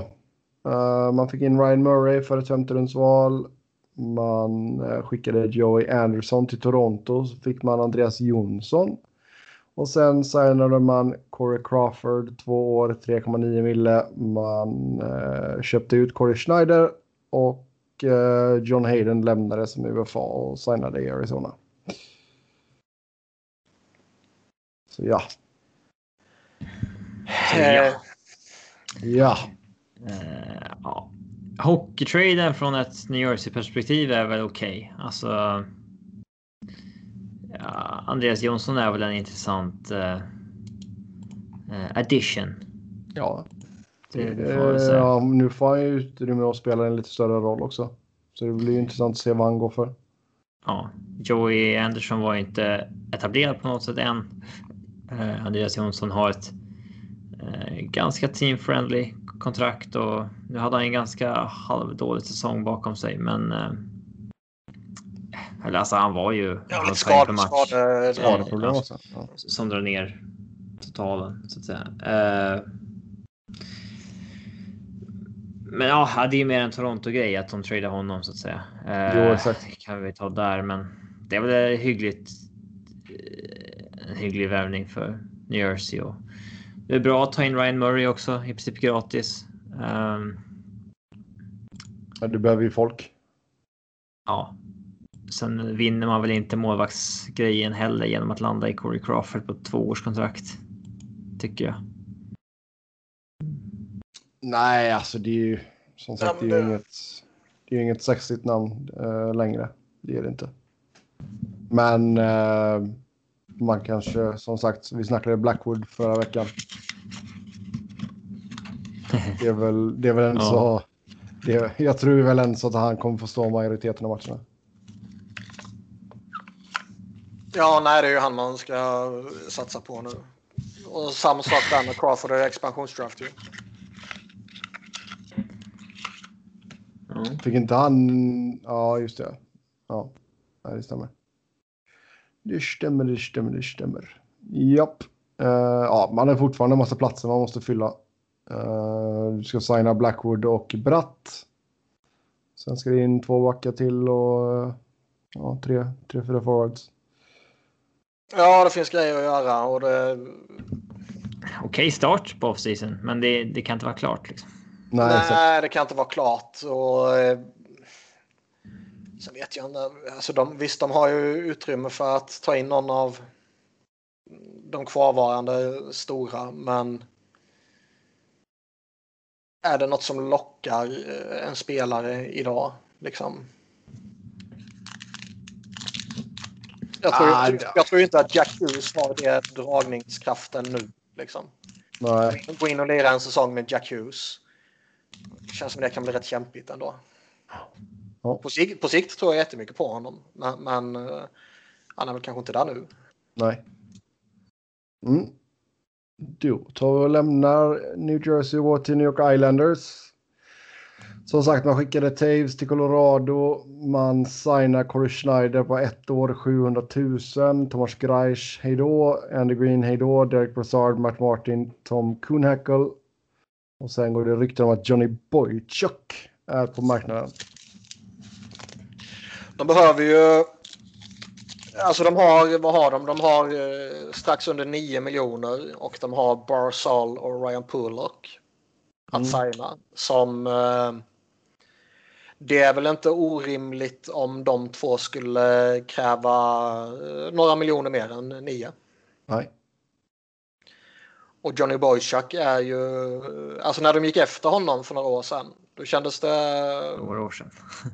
Ja, det var rätt många år sedan. ja. Det kändes som det var typ fyra år sedan, men det var 2014. Det var längre än jag trodde. Men då, då var det ju en bra värvning och han har ju varit bra för dem i, i rätt många år. Liksom. Men nu börjar han ju droppa av. Det ser man ju ja. tydligt. Och eh, med två år kvar på kontraktet till 6 miljoner.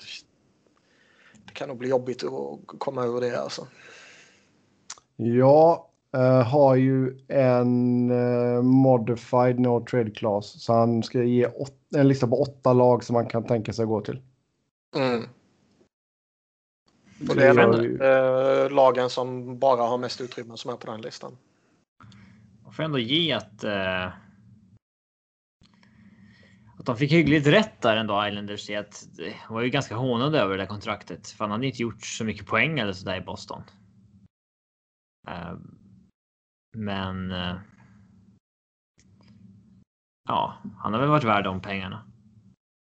Han har hållit. Han, ja, han har väl varit det fram till nu typ. Mm, han har hållit bra. Eh, Nej, men annars så det blir ju ganska, alltså, säg att du skakar loss lite pengar och du signar Barzal och Pullock. Sen får du fylla på med någon billig back och sen är det klart liksom. Ja. Eh, det verkar ju inte vara klart med Corey Schneider. nej, det Men- var LeBron klart. Jag vet inte. Ja, något sånt. Ingen Och där, där, var det, nej, där var det ju snack om att eh, de ville ha någon, någon veteran bakom Varlamov och Sorokin. Och Uncle Lou känner, känner honom väl sedan tidigare. Liksom. Ja, den var given. Ja. Annars är det ju som sagt det är de två man behöver förlänga med och det, det kanske innebär att de måste splittra the best fourth line in hockey. Alltså, Oh, no. Slä, släppa Matt Martin då alltså. Ja, Men det är klart man släpper Matt Martin för att ha möjlighet att signa Barzal. jo det är klart. Ehm, skulle de lyckas skaka bort Johnny Boychuk eller eh, någon annan. Fan vet vem det skulle vara dock. Men någon här liksom lite dyrare forwardsen. Då kanske man vänder tillbaka till Matt Martin. Ja, Men Ehm. ja, nej. Nå någonting bör ju förmodligen ske för att 9 miljoner borde inte räcka till de två. borde inte. Borde inte. Ja, Rangers då. Eh, Mark Stahl eh, ja, skickade man till Detroit, Les Andersson till LA. Sen signar man Kevin Rooney, två år, 750 000. Jack Johnson kommer in på ett ettårskontrakt, 1,15 miljoner. Och så köpte man ut Henrik Lundqvist då och sen så sa man hej då till Jesper Fast. Ja, ni. Jack Johnson. Eh, ja. Det, det, det är ju tråkigt att det bara blev ett relativt billigt ettårskontrakt. Man hoppats på tre gånger tre eller någonting. annat. Ja. Nej, men alltså visst att han får ett kontrakt. Ja, ett ettårs. Men det är ju inte... Men, men alltså, ja, ja, det här är ju en skit off-season för dem om man bara tittar på oh, ja. liksom eh, dra draften är ju jävla lyckoträff såklart. Men om man bara tittar på liksom den här delen av off-season. Mm. Att Ja. ja. man Mark Stahl, det, det är givetvis välkommet. Men sen ersätter man honom med Jack Johnson. ja. Så det blir ju liksom ingen, det blir ingen uppgradering in på isen. Nej. Eh, men man sparar väl pengar i alla fall. jo. Ehm, Men du signar... Alltså att, att man tappar Henke Lundqvist. Det är, om man bara tittar på faktiska prestationer på isen så är det en jävla skitsak liksom. Eh, Jesper Fast är eh, duktig och nyttig men eh, det är absolut ingen som din organisation står och faller med. Elias Andersson är ju en jävla flopp så att man bara blir av med honom löser nog lite huvudvärk kan jag tänka mig. Mm. Ja, det verkar inte ha varit den bästa av relationer såklart. Så det kanske var lika bra, att bara riva av det plåstret. Ehm, Men sen så kommer ju Alexis Lafreniere in då och det kompenserar ju för väldigt mycket. Jo, det är klart. De har ju en sån hel del eh, kids här nu i line-upen som det ser ut. Uh, Lafreniere och Kapkaku och Schüttel får fortfarande ses som en kid kanske. Mm. Men sen annars har du RFAs, du har Ryan Strom, Brendan Lemieux och eh, Tony D. Och så Ge- Georgiev då också. Um, ska vi förvänta oss något mer av Rangers? Um, alltså trots att de lägger 13 jävla miljoner på utköpta spelare. Mm. Så har de ju fortfarande en jävla massa capspace eh, tillgänglig. Bo bonus cushion eh, penalty också. Mm. Så de har ju, eh, även om de signar upp de här tre eh, eller fyra RFAs som de har kvar, Georgiev, D'Angelo, Lemieux och Strome, så har de nog utrymme för att göra ytterligare grejer. Um,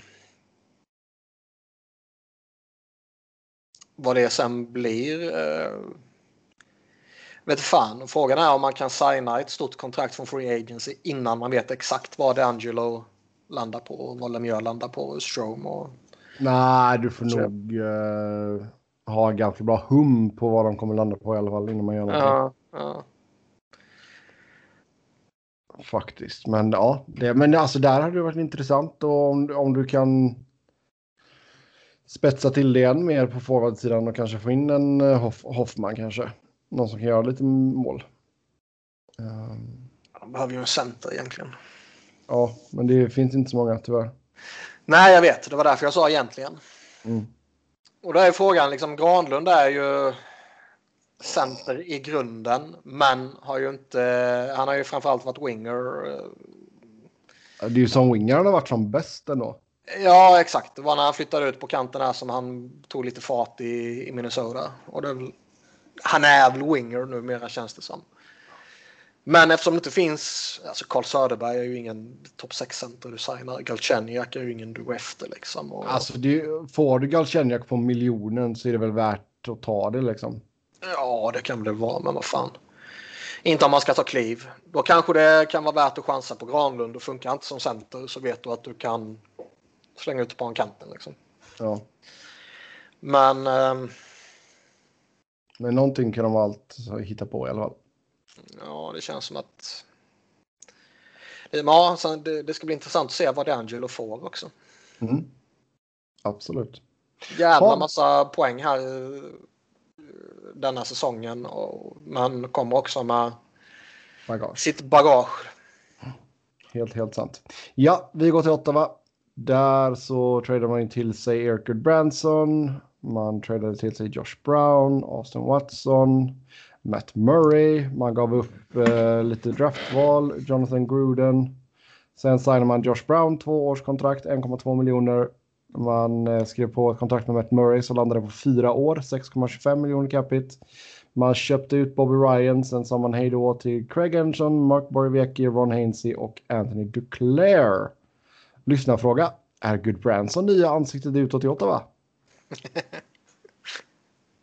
ja, han kommer nog med lite glimten i ögat där, uh, vilket vi uppskattar. Alltså det, jag tycker att det är märkligt att betala. Betala ett femte rundsval för Good Branson, betala ett fjärde för Brown, betala ett fjärde för Watson. Det här är ju killar vars kvalitet du kan hitta gratis på marknaden. Du är i en rebuild mode och varför håller du på att skicka iväg tre draftval för liksom för djupspelare? Men det är precis som liksom, de, de har ju ändå. De har ju haft rätt många draftval de senaste åren och de har. Eh, de har fortfarande tre i andra rundan nästa år liksom. Ja, just det. Är, är det typ liksom, nu har vi draftat jävligt mycket, nu skickar vi iväg lite, det gör ingenting. Det måste ju vara så de resonerar. ja, Ja, men det är ju dumt. Och det är, ja, ja, ja, jag sitter absolut inte och försvarar dem. Jag bara tänker att det är så de resonerar. Mm.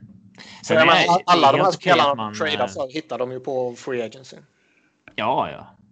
Billigt. Eh, jag förstår inte. Jag tycker väl att det är okej att. Eh, när du hade fyra val i andra rundan eller vad det var. Att skicka ett av dem mot Matt Murray. Det är absolut okej tycker jag. Mm. Bra till och med. Eh, sen signar han ett kontrakt som jag inte skulle vilja ha honom på. Eh, men man kommer ändå inte vara kompetitiv och man behöver ju en målvakt liksom. ja. Eh, Och du behöver spendera pengar också. Ja, men samtidigt vet jag att du kommer inte få spendera mer än golvet. Så att överbetala för en målvakt då, det innebär att du kommer ha otroligt lite pengar sen till till, till resten av rostern. Mm. Eh, men. Ah, målvaktsgrejen var väl okej, okay, men. Uh, ja. Jag förstår ja. inte varför man fortsätter hiva draftval för att fylla ut med djupspelare. Det... Nej. Nej, det ska väl, eh, alltså backsidan känns väl satt. Uh, vi antar ju att Brännström tar plats där också såklart. Uh, Forwardsidan, du har fyra RFAs fortfarande. I uh, Connor Brown, Chris Tierney, Rudolfs Balcher och Niklas Paul. Och så, ja, någon, uh, ett par till forwards ska väl in i alla fall. Om man inte väljer att lyfta upp underifrån. Ja, så är det ju. Och alltså. Det är så jävla, det går ju inte. De kan ju signa vem fan som helst för free agents och de kan trada till sig vem fan som helst. Det, är ju. Det går inte att säga någonting om Ottawa. Nej. Alltså, må, må, må, många andra lag, så, många andra lag kan man ändå resonera sig fram till någonting utan att ha några rykten att gå på. Typ, liksom. Men Ottawa är det ju, det är ju svårt. Ja. Melnick som sagt, han är upptagen i rättssalen. ja. Men vi, Nej, kanske men alltså... får, vi kanske får eh, passa oss för att snacka skit om honom. Ja, vi, vi lämnar Så han inte... kan, kan han stämma någon i Sverige eller är det dig han kommer stämma? Då är det nog mig han kommer stämma. Om det ens... Ja, vet, kan man stämma från Kanada till USA? Det vet jag inte. Det borde vara inte. enklare att göra det till Sverige. Liksom. Ja, det kan det nog vara. Nej, men jag, tycker, alltså, jag tycker det är lite konstigt att man inte förlängde med Declare. Liksom. Jag är i alla fall inte ansvarig utgivare. Det har jag sagt upp Sebbe som. Du spelar in en sån här ljudslinga som vi drar i början. Ansvarig ja, utgivare Sebastian. Som de har på ja. Expressens poddar. Ja, exakt. Eh, vi går till eh, Philadelphia. Och eh, till eh, allas glädje så signar man Erik Gustafsson på ett ettårskontrakt, 3 miljoner. Justin Braun förlänger två år, 1,8. Och sen Matt Niskanen tackar för sig och slutar i förtid. Derek Grant, Tyler Pitlick, Nate Thompson försvann alla som UFA. Ska man inte ehm, ersätta alla de här gubbarna eller vad håller man på med? Uh, först ut, lyssna frågan. Gustavsson i Flyers, innebär det att Ghost Bears dagar är räknade? Dun, dun, dun. Alltså jag tycker Erik Gustafsson på ett år för uh, relativt billig penning. Det tycker jag det är bra liksom. Och han är... Kanske till och med kan spela, alltså han kanske till och med kan tradas mot deadline om han liksom har spelat i uh, en stor offensiv roll sådär. Um. Jag räknar med att Flyers är ett topplag vid deadline. Ja, okej. Gör det du. Mm. Så här 25, procent, 25 poäng försprång till President's Trophy. Ja, typ. Nej, men alltså att man släpper Grant, Pitlick och Thompson utan att ta in någon ersättare, det, det rör mig inte i ryggen. För där har vi bra spelare som, som redan finns på plats eller som eh, har börjat komma underifrån eller som kan börja lyftas upp underifrån så att säga. Mm, vad har vi i systemet? Vi har väl Tanner Lasinski, vi har Wade Allison och vi har ju Linus Sandin som är tre namn som väldigt många då har pekat ut som eh, alternativ för att liksom ja, ta en plats som 12 forward, 13 forward, whatever. Mm. Morgan Frost, eh, det är väl eh, hög tid för honom att börja visa upp sig liksom. Morgan, ja. Så att ersätta spelare liksom i fjärde kedjan det är jag inte dugg orolig över. Det, det kommer lösa sig. Liksom. Morgan Frost som ryktas till SHL. Mm. Hur... Eh, vi får väl ta och be om en uppdatering av Nolan Patrick också. Ja, de, de säger väl Flyers att de, eh, de hoppas och tror att han kan spela nästa säsong. det var, det var bra. Det säger Djurgården Fotboll med Erik Berg också. Mm. Jag tror... Eh, jag tror han spelade någon välgörenhetsjippomatch Ja, det är inte samma sak. Är... Nej, absolut. Men, men eh, att han kan göra det är ju inte negativt. Ja, det betyder att han inte ligger i koma i alla fall. ja, lite så. Det är väl typ det. Nej, men alltså rapporterna är väl att han är på rätt väg och vi hoppas han kan spela. Men det kommer man väl inte veta förrän eh, när kampen då förhoppningsvis drar igång i typ mitten på december eller vad det kan bli. Ja, exakt. Sen är det inte eh. så crucial som Sebbe vill få det till. Han har inte varit bra heller. Så det är inte att man står och faller med om han. Nej, man står väl inte faller med honom så. Det, det skapar väl lite osäkerhetsfaktor just vem fan fyller tredje centerpositionen. Scott Lafton är en okej okay spelare att slänga in där, men han är fan bättre på vingen liksom. Mm. Um, det är ju försvaret som är frågan. Matt Niskanen var ju... Jag kommer inte ihåg, men visst han vi få med det här i förra veckan? Ja. Han slutade ju då i förtid. Han var... Eh, ja, han tyckte det var skit i bubblan och han eh, tycker det är för mycket osäkerhet kring corona inför nästa säsong och allt vad det innebär. Så han slängde in handduken och eh, han var ju under majoriteten av grundserien en uh, jättebra spelare jämte Provorov. Sen var han ju skit i slutspelet, men har han då, som vi sa förra veckan, hade han redan bestämt sig för att sluta så blev väl det förståeligt. Men jag har, jag har svårt att se att Erik Gustafsson är liksom en ersättare för honom. Alltså, Erik Gustafsson är ju vänsterback. Han kan ju spela till höger. Han sa själv i någon jävla intervju att... Eh, jävla intervju. Ja, men du vet en jävla Zoom-intervju typ. Att han, eh, nej, men han typ föredrar att spela till höger numera. Men, men jag har liksom svårt... Om, om de inte... Gustavsson och Provorov. Ja, det känns inte som ett första par. Liksom. Mm. Utan, utan då får man kanske sätta... För du vet, Gustavsson är, han är ju som Ghost. Det, är ju liksom, det finns offensiv potential. Det finns ingen defensiv. Eh, och de förlitar sig jävligt hårt på att Ivan Provorov, liksom det paret, tar de defensivt tuffa grejerna. Liksom. Och det gör ju att man blir skeptisk till att de kommer återförena Provorov och Ghost. Även om det paret var jättebra för några år sedan. Eh, det gör ju också till att man är skeptisk att de kommer spela Provorov Gustavsson. Utan då kommer de kanske snarare spela Provorov Myers. Och så spelar du Ghost Gustavsson. Nej, men Provorov eh, Myers tror jag i och för sig finns potential för att bli ett bra första par. Eh, men spelar man då liksom Sunheim med Ghost eller Sunheim med Gustavsson, det känns också lite felvinklat liksom man vill inte ha upp Justin Braun i din topp 4 och liksom, du, kan inte, du spelar inte Ghost och Gustavsson tillsammans. Alltså det känns... Det är ju väldigt många som förväntar sig att något mer kommer ske. Mm. Och det är svårt att pussla ihop. Sen blir det kanske en...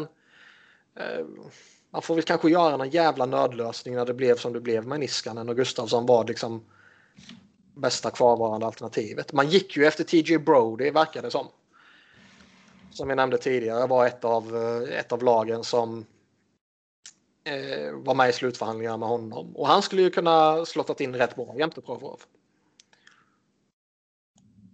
Ge mig någon sån här chock-trade nu mellan Philly och Pittsburgh typ. Letang mot Ghost. Men det är ju rätt många, alltså, för, alltså Ghost har ju, det har ju varit väldigt tydligt nu under offseason här att han är på marknaden. Och det är väl rätt många som vill få Gustavsson värvningen till att det blir ännu tydligare liksom. Mm. Um,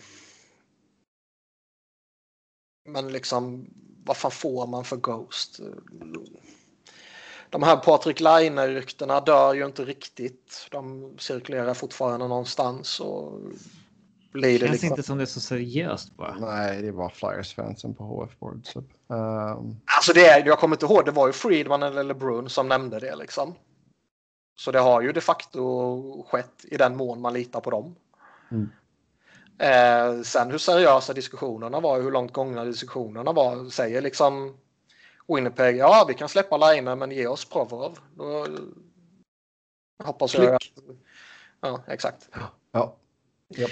Men det, ja, jag skulle inte bli förvånad om liksom Ghost försvinner och, och det kommer in ytterligare någon, någon back som kanske kan antingen gå in jämte Provorov eller gå in jämte uh, Sandheim. Liksom. Det, det känns... Uh, backbesättningen känns felkonstruerat så som den ser ut nu.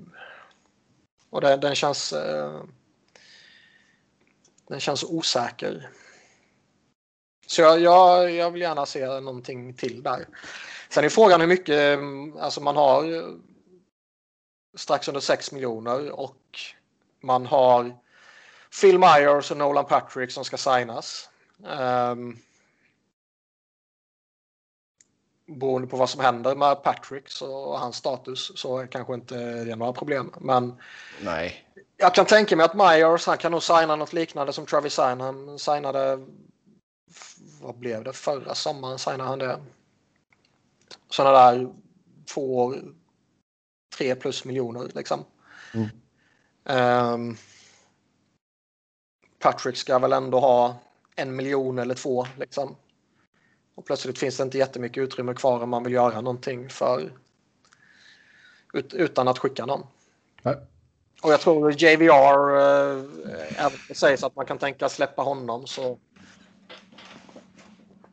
ska nog mycket till. Där får man nog eh, hoppas på en expansionsdraft eller något sånt i bästa fallet. Liksom. Mm. Men jag skulle, jag skulle inte bli förvånad om någonting ytterligare händer. Okej, okay. Då går vi till Pittsburgh. Man... Ja. Eh, nej. Vad? Det var någonting vi sa, det kan vi ta när vi kommer till Flyers. Har vi redan avhandlat det? Var det TJ Brody eller var det Nolan Nej, det var Gustafsson tror jag. Gustafsson. Ja. Det var Gustafsson. Då går vi till Pittsburgh. Uh, som sagt, Michael Matheson och Cotton Skivor kom in i utbyte mot Hörnqvist. Uh, man skickade Matt Murray då och valde att satsa på Tristan Jari. Skrev ett treårskontrakt med honom. Capita på 3,5 miljoner. Sen ett årskontrakt för Evan Rodriguez, 700 000 och ett ettårskontrakt för Fredrik Gaudreau, 700 000. Köpte ut Jack Johnson, sen hej då till Justin Schultz, Patrick Marleux, Connor Cherry och Dominic Simon. Det var ju mycket snack om att de inte skulle kunna spendera upp till kappen utan de var tvungna att lägga sig en, en, en bit längre ner. Men de är ju bara ett par miljoner ifrån. Nu. Ja, bara två och en halv. Det... Ja. det kanske var det de menade. Ja, exakt. Åter liksom, ja, det är ju knappt värt att rapportera om. Ja. Nej, men satt lag här nu. Det lär väl inte hända något mer va? Nej, det gör det väl inte. Uh... Kanske alltså, saker kan alltid hända såklart. Ja, alltså- saker alltså... kan hända och om man tittar på deras billigaste forward så är väl kanske inte alla sådana där supersäkra kort. Så där kanske man kan hitta någon fynd på free agency om det är mm. sådär. Men det känns som att mycket är nog uh, satt där. Och vi har redan pratat om Everson för något avsnitt sen och det kan man ju bara skratta åt. Synd vi inte får ett par med honom och Judge Johnson. Ja. Jag har ju breaking news också som vi kan lägga till på Toronto i körschemat. Ja. Man har signat Aaron Dell skulle, skulle han gått till St. Louis så skulle vi fått den perfekta målvaktskarusellen. Då skulle det varit typ åtta eller nio gubbar som skulle hoppat i, i en cirkel så att säga. Ja. Ja. Eh, till San Jose går vi. Man tradade till sig Ryan Donato. Man tradade till sig Devon Dubnik. Sen skrev man ett ettårskontrakt med St Stefan Nåsen, 925 000. Fyraårskontrakt för Kevin LeBanc. Uh, han tog det där billiga ettårskontraktet. Uh, nu landar hans capita på 4,7 drygt. Sen uh, kommer Patrick Möller tillbaka ett år 700 000 och Matt Nieto ett år 700 000. UFAs Melker Karlsson och just nu även Joe Thornton. Men det löser sig väl med Joe, antar jag. Känns så va? Och så Möller tillbaka på det också. De här eh, standard Toronto-ryktena har ju dykt upp igen. Kring Thornton. Kan de väl få göra. Men ja, jag tycker Ryan Donato är en eh, bra värvning för tredjedelsval. Eh, Kevin Bank, det är väl ett bra kontrakt. Fyra år på under 5 miljoner på honom. Det tycker jag är, är bra. Jag tycker väl att netto på 700 000 är, är bra också. Eh, jag tycker att det är kul med Marlowe. Han är bara 40 matcher ifrån att bli den mest är- spelaren genom tiderna. Va? 44 matcher ifrån. Mm. För att passera Gordie Howe. Mm. Och Eh. alltså. Eh, ska de dra igång säsongen i januari och de kapar säsongen. Kan det vara på håret menar du? Ja, De måste spela nästa år också. vad sa du? De måste ha spelat nästa år också sen. Ja. För liksom. Visst var det 45 matcher de spelade. Eh, fan, Det var det kommer inte 48 jag. matcher? Jag kommer inte ihåg. Säsongen 12-13. Ja. Mm. Men det var ju där det var 40-ish i alla fall. Och säg att det kanske blir något liknande nu. Och, och liksom en, eh, en 57-årig forward eller vad fan han nu är. 41. 41 bara. Ung. Ja. Nej men Ja. alltså det, han kan ju mycket väl missa någon match här och där eller behöva vila någon match om det blir 20 back-to-backs liksom. Jo. Ehm. för det känns ju som att det, det som driver honom utöver en kupp då liksom. Det är ju Gordie Howe. Jo, det kan man ju absolut köpa. Fan. Ehm, Han var sur ut och liksom bara två, två matcher ifrån när grundserien är slut. Så, så vägrar lag signa honom nästan. Ja. Ingen går med på det. Nej. Nej tack. Nej, men alltså 700 000 det är ju, det är ju inga pengar i det stora hela så att säga. Ehm, Nej, det är väl okej. Sen är ju... Sen... Det är väl en relevant fråga att ställa sig om man ska ha två sådana. Både han och Thornton. Klart de ska. klart man ska. Där. Nej, det, Ja. Ur coolhetsfaktor visst, men Ja, men, alltså de, är- de funkar bra att ha lägre ner som vilken annan 28, 29, 30-åring liksom. ja. Ehm, förmodligen. Men eh, två så gamla och nu har väl inte Morlö haft jättemånga skadeproblem och slutet va? Men Thornton kommer ju ändå från två sargade knän. Liksom. Mm. jo. Amalö har ju typ missat så här 12 matcher i hela karriären. Eller något sånt där. Det är helt stört. Mm. Därför Men kommer annars bli- alltså San Jose alltså måste ju varit någon form av fluk att de var så jäkla dåliga förra säsongen. Eller? Ja. Shit, Eller alltså målvaktsspelet är ju det problematiska. Vi hoppade över den för den kan vi ta separat. Alltså att, att ha Martin Jones och Devon Dubnik som par baserat på vad de två har gjort senaste åren i NHL. Det är ju. Ja. Det är Intressant. Intressant. Men så här, alltså Dubnik hade ett katastrofår den här säsongen, men innan dess så var han ju faktiskt stabil i fyra, fem raka säsonger i Minnesota. Mm. Så det går väl att studsa tillbaka. Sen är det som jag sagt tidigare, han hade, han hade ju jätteproblem utanför rinken denna säsongen med frugan var allvarligt sjuk och sådär. Så det kanske är det som gör att han, han kraschar denna säsongen, vilket ju är fullt förståeligt såklart. Ehm, jag vet inte om det har ordnat upp sig, men det känns som att det borde ha stabiliserats lite. Annars är det ju fan lite dick move av Minnesota att bara skicka iväg honom. Jo. Ehm, Så man Ja, men, jo, men ibland tar man ju hänsyn till sådana saker. ja. Eh, eller så kanske det var jättevälkommet för att det finns ett... Eh, det är i den regionen som hon behandlas. Vad Fan Ja. vet Nej, exakt. jag. Eh, Mm. Men det finns ju ändå... Eh, jag, jag skulle ju... Skulle jag vara San Jose-supporter så skulle jag ju hellre liksom hoppas på Dubnik än på Jones. Ja, ja, herregud. Absolut. Jones tror jag är ju ett hopplöst fall. Det är ju bara, fan, det är ju bara... eh, Hoppas han, hoppas han skadar sig på eh, en mörk gränd en lördagkväll. Liksom. Ja. Mm. Eh, ja, det ska väl in en back till. Sen är det väl eh, ja, Joe Thorntons vara eller icke vara då. Och sen är det väl ganska satt. finns ju inte jättemycket spelutrymme. De har drygt eh, 2 miljoner och ehm, nu ska det i och för sig kapas bort någon forward från det också för att få ner Mm. truppen sen. Liksom. Men eh, Thornton ska väl ha en miljon eller två. Han får också ta typ 700 000 nu. Tror du det? Han, har- han Ja. hade inte två förra året va? Ja, ja, nu är det dags. Alltså max en mille. Det är Ja, jag vet fan. ja, mer än en mille ska han inte ha. Jag kan mycket väl tänka mig att liksom hamnar han någon annanstans. Då kanske han får nöja sig med något mindre.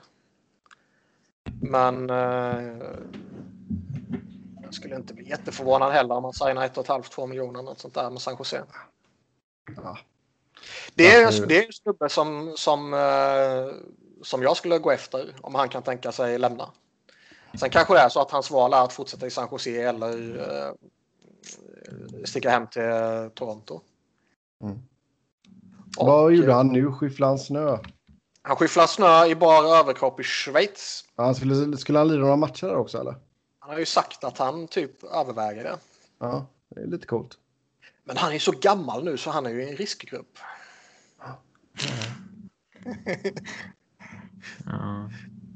Frugan är ju därifrån. De träffades väl där under lockout år. Ja, okej, okej. Ehm, Coolt. Men liksom det är ju. Ska de nu börja i januari. Så har ju inte han spelat hockey på tio månader. Och Ja, men då är det bra att ta några matcher där då. Nej, det är det jag tänkte säga. Då kan det vara bra att få. eh, Och jag, jag tror att Schweiz tillåter korttidskontrakt, va? Annars borde de göra ett undantag. Ja, Faktiskt. vi ändrar regelboken, gör ett undantag för Ja. Det tycker jag det är värt. Ja, vi släpper San Jose och går till St. Louis. Eh, där signar man Tory Krug på ett sjuårskontrakt, 6,5 miljoner capita. Kyle Clifford på ett tvåårskontrakt på en miljon i capita. Sedan så sa man eh, hej då till Jay Bowmeister och Alex Peterangelo. Så ut med Peterangelo, in med Tory Krug. Lite krasst sådär. Det är ju ett nedköp. Ja, Men Torrey Krug är ju en, en bra back. ja. Han ska tydligen själv ha sagt att han och Justin Falk spelade jävligt bra tillsammans under ett VM tidigare. Så det, Du ser, det är upplagt för succé. Ja. Och hur mycket man vill värdera det, det är väl upp till Ja. varje person. Eh, jag, jag kommer inte ens ihåg det. Nej, men alltså det är väl klart att Krug är snäppet under Peter Angelo, men alltså det är ju, det är ju fortfarande en stabil backsida man har. Ehm, Jo, men det är det ju. Liksom, det, det var ju lite fel, felbalanserat att ha Pietrangelo, Falk och Pareko som alla högerfattade på högersidan. Liksom. Mm. Eh, det, är- det är inte så att man släpper Pietrangelo för att balansera upp det med en vänsterback istället. Men eh, ska man hitta någonting positivt så, så kan väl det bli en effekt. Liksom. Och Torrey Krug är ju det är en bra back. Eh, Han, har, han är, det är en av ligans bästa PP-backar. Liksom. Så det är klart att han kommer vara en tillgång för dem. Han har ju lite mean streak också, även fast han är liksom en och liten. en halv meter. Ja. Mm. Jo. Nej, men det ser ganska bra ut. Jag menar, Vince Dunn har väl utvecklats på ett ganska bra sätt också. Ehm, Han är väl okej. Ja. Så nej, jag tycker det ser ganska bra ut där ändå. Uh, fortfarande inte helt såld på Willy Husso som backup till Binnington, men det får väl framtiden utvisa ifall man gör någon förändring där. Man har ju ingen kapp. Och De har noll cap space. Annars Ja, noll cap skulle space. det nog vara relativt aktuellt att eh, uppgradera bakom Binnington. mm. Men eh, det blir väl svårt att göra nu då. Ja. Men Dan ska ju Sen kan man ju, man kan, man, alltså vill man kan man ju säkert skaka loss någon av de här som tjänar en miljon eller en och en halv miljon eller något sånt där. Jo, men det är ju det är ju där alltså Dan ska ha nytt och så ska du, då måste du väl skaka loss för honom. Mm. Ehm, Alltså, ja. Vi, vi fick ju någon fråga tidigare, liksom, ska man offersheeta honom? ja. Alltså det, det sjuka är ju att du kan offershitta honom jätte, ga- ganska lågt. Då. dessutom. Ja. Eh, sen ska ju han gå med på det också såklart. Men, eh, Jo, det beror ju på vilket lag det är. Och vilken, vilken lön man kommer med såklart. Ja. Men eh, Ja, är, är, är, alltså är det någon gång det finns en möjlighet att få igenom sådana saker så är det ju när man har noll i cap space. jo exakt. Skandella, fyra år kvar. Annars är det ju, det, ja, det var ju också en jävla konstig grej alltså. Signa det kontraktet med honom bara sådär direkt. Ja. Nej, alltså deras off-season får väl inget superbra betyg. Nej, nu ersätter man ju Peter Langelo rätt okej med Torrey Krug, men det Ja. är fan ett, eh, ett Nedköp. Det är ett det. nedköp och det är hur man än vrider och vänder på det så är det ett misslyckande att tappa. Il Capitano gratis. Ja. Mm. Framförallt Ja. att det var så här. Det kom. Det kändes ju som att det skulle lösa sig med St. Louis hela tiden. Så bara blev det inte så. Mm. Eh, Ja, Han, har, han har själv snackat att han var lite sugen på något nytt och det kanske han var eller så var det en efterkonstruktion när det faktiskt blev något nytt. Mm. Vi har pratat om det, var, det här det var en faktor att han, eh, han ville ha massa bonusar och det delade inte St. Louis ut och det fick han i Vegas. Eh, Om inte ihåg vad snacket var om St. Louis hade erbjudit honom. Jag har för mig att det inte var lika högt va? Nej, det tror jag inte att det var. Vi går till Tampa Bay. Uh, Mitchell Stevens, två år. Drygt 740 000. Luke Chen, ett år, 800 000. Pat Maroon, två år, 900 000. Sen så sa man hej då till Zach Bogosian, Kevin Shattenkirk och Carter Verhage. Och sen så wavade man ju Tyler Johnson och han passerade waivers. Den är ju... Eh, lyssna fråga. Är det inte konstigt att inget lag plockade upp Johnson när han var på waivers? Känns inte han som en rätt hyfsad spelare fortfarande ändå? Eh, jag tycker att han faktiskt är att det är lite konstigt att ingen gjorde det. nybakad Stanley Cup-vinnare. Jag tycker det är lite konstigt att liksom typ ett lag som Detroit eller något sånt där inte tar honom. Visst, det är liksom en, en ehm, det är en 30-årig forward som kommer från en svag säsong och som är signad på relativt long term och relativt hög lön. Ja, det är lönen som är... Han är 5 mille cap hit. Hur ser lönestrukturen ut här? Eh, Eh, Inte 375. så- inte så farligt ändå. 375, 475. Nej, men liksom, Ja. det känns som att, att Detroit skulle plocka honom bara för att ha, ha någon sån här... eh, han är fortfarande okej, han är lite överbetald och det är lite oro över term. Men det borde inte vara ett problem för Detroit. Liksom. Nej. Mm, Och Weissman borde känna honom, så då kanske det är talande att han inte tar in honom också. kanske. Kanske. Men, men ehm, lite att måste- man igenom sam, samtidigt som man kan hitta logiska argument till varför det inte blev så. Sen är det ju fascinerande att, eh, att de behöver sätta honom på waivers, bara det. Ja, herregud. Eh, jag tror mycket väl det kan kanske finnas en... Om han inte skulle sitta på några klausuler tror jag mycket väl det skulle kunna finnas en trademarknad för honom. Men att lagen kanske vill bli av med lön i utbyte då också. Och det kanske Tampa inte lockas eh, jättemycket av. De har ju bara ett par tre miljoner här nu i, i cap space och behöver signa tre framstående spelare. Ja, Cirelli, Sernak och Sergachev. Så också Så det- för guds skull. Ja, ja. och det, det är ju Det är, ju glädje, det är ju glädjande att se också att lagen inte bara liksom befria dem från sina problem rakt upp och ner sådär. Nej. Utan ska de bli av med Johnson så får de kanske betala för det. Det är konstigt att de ska behöva betala för det i och med att det är. Det är inte ett dåligt kontrakt. Det är ett kontrakt som han är värd liksom. Det är väl ett eh, manageable kontrakt för bottenlagen. Mm. Typ, jag, jag tycker Detroit är ett rätt bra. Att de inte tog det var, tyckte jag var jättekonstigt. Faktiskt. eh, Ja. Nej, som sagt, men här, här finns det ju potential då att lägga ett offer sheet och ställa till det ordentligt för att tempa. Ja, men det kommer inte hända.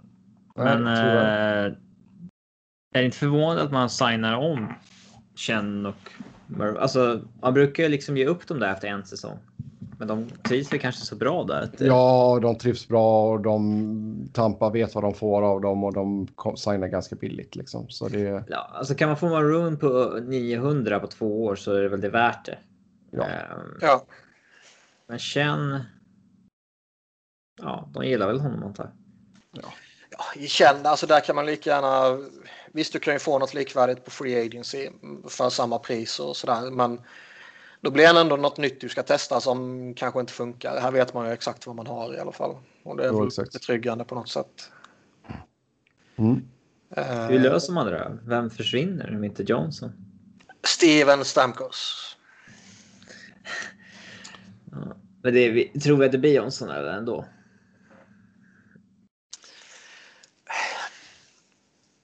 Alltså, Alltså, den, jag en, är ju- den, en, den enda som inte har klausul är ju Braden Point och han kan man ju nog avskriva. Ja, alltså sen har du ju... Alltså du har ju Alex Killorn som har en modified no trade så han ska ju ge en no trade-lista på 16 lag. Mm. Det är rätt många lag. Ja, Men det, alltså, ä- ä- även om man löser Tyler Johnson så behövs det ju mer än så. ja, du behöver ju ha bort typ Tyler Johnson och Killorn och kanske något till. Alltså Kilon Ja. 31 bast på 4,5 miljon tre år till. Är det så lockande för många alltså? Eh, Det är ju svårt att säga eh, vilka Den, lagen är, har. den är inte nog helt lätt att bara ge bort heller. Nej. Är det här den första sommaren när de faktiskt liksom kanske inte krånglar sig ur det här så jävla lätt som de brukar? Alltså Det är ser ju så... onekligen så ut. För det, det, är, Det det, är, så det är ju förr, men, många eh, lag som inte har eh, alltså, jättemycket utrymme. Men Killorn borde man ju kunna skaka loss. Det är han, han var ju så bra i fjol liksom. Mm. Men sen, sen det här kanske blir första gången där lagen ser att de är verkligen i skiten. Nu måste de jävla in med betala. Ja, men då får de ju offra lite eh, draftval då. För annars ser man ju liksom. Alltså. Var det något sånt exempel nu? Det var det kanske inte. det kommer väl det med Vegas. Jo, men, men jag menar liksom. eh, Det, det, både Stasny och, och Schmidt blev ju billiga liksom. Mm.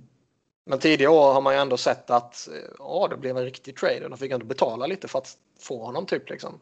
Ja. Mm. Ehm, att det inte blir något sånt kring Tampas spelare som är bra är ju ändå lite glädjande. Att de kanske måste betala för att bli av med någonting nu. Vad, vad kommer de här tre kosta då sammanlagt? Vad tror vi? Ja. ehm, Det är så här, om Cirelli ska skriva ett långt kontrakt, då kostar han ju en, en sak. Skriver han ett ettårskontrakt kostar han en annan såklart. Mm. Det vara i den här sitsen av att du typ inte har råd att skriva ett kort eller ett långt kontrakt med spelarna för att ja, du bara inte har råd. Alltså, ja, men alltså Cirelli får väl typ ett tvåårskontrakt på Killorn-pengar liksom. Han ska väl ha vad Killorn och Johnson har. Ja. Cernak. Eh, Cernak lär väl bli den billigaste av dem i alla fall. Ehm, Ja, men hade han varit på öppna eller hade han varit någon annanstans hade han signat för typ 4 gånger 4 ja. Han är ju. Jag tror vi, vi pratade om det, liksom om han är offer sheet kandidat. Som Tampa kanske bara, ja, fan, Ja. vi får acceptera det. För att offer sheeta Sergachev, om det inte är helt jävla orimligt så borde ju Tampa acceptera det. Eller, eller Ja, liksom... han, eh, han, är, han är Hedmans-arvtagare liksom. Ja. Eh, Men Cernak kanske de känner sig tvungna att släppa. Och det var ju relativt fördelaktiga nivåer denna säsongen för vad man behöver eh, vad heter det, kompensera. Ja. Det är det så fördelaktigt då i och med att eh, då matchar ju lagen om de inte får en hygglig kompensation.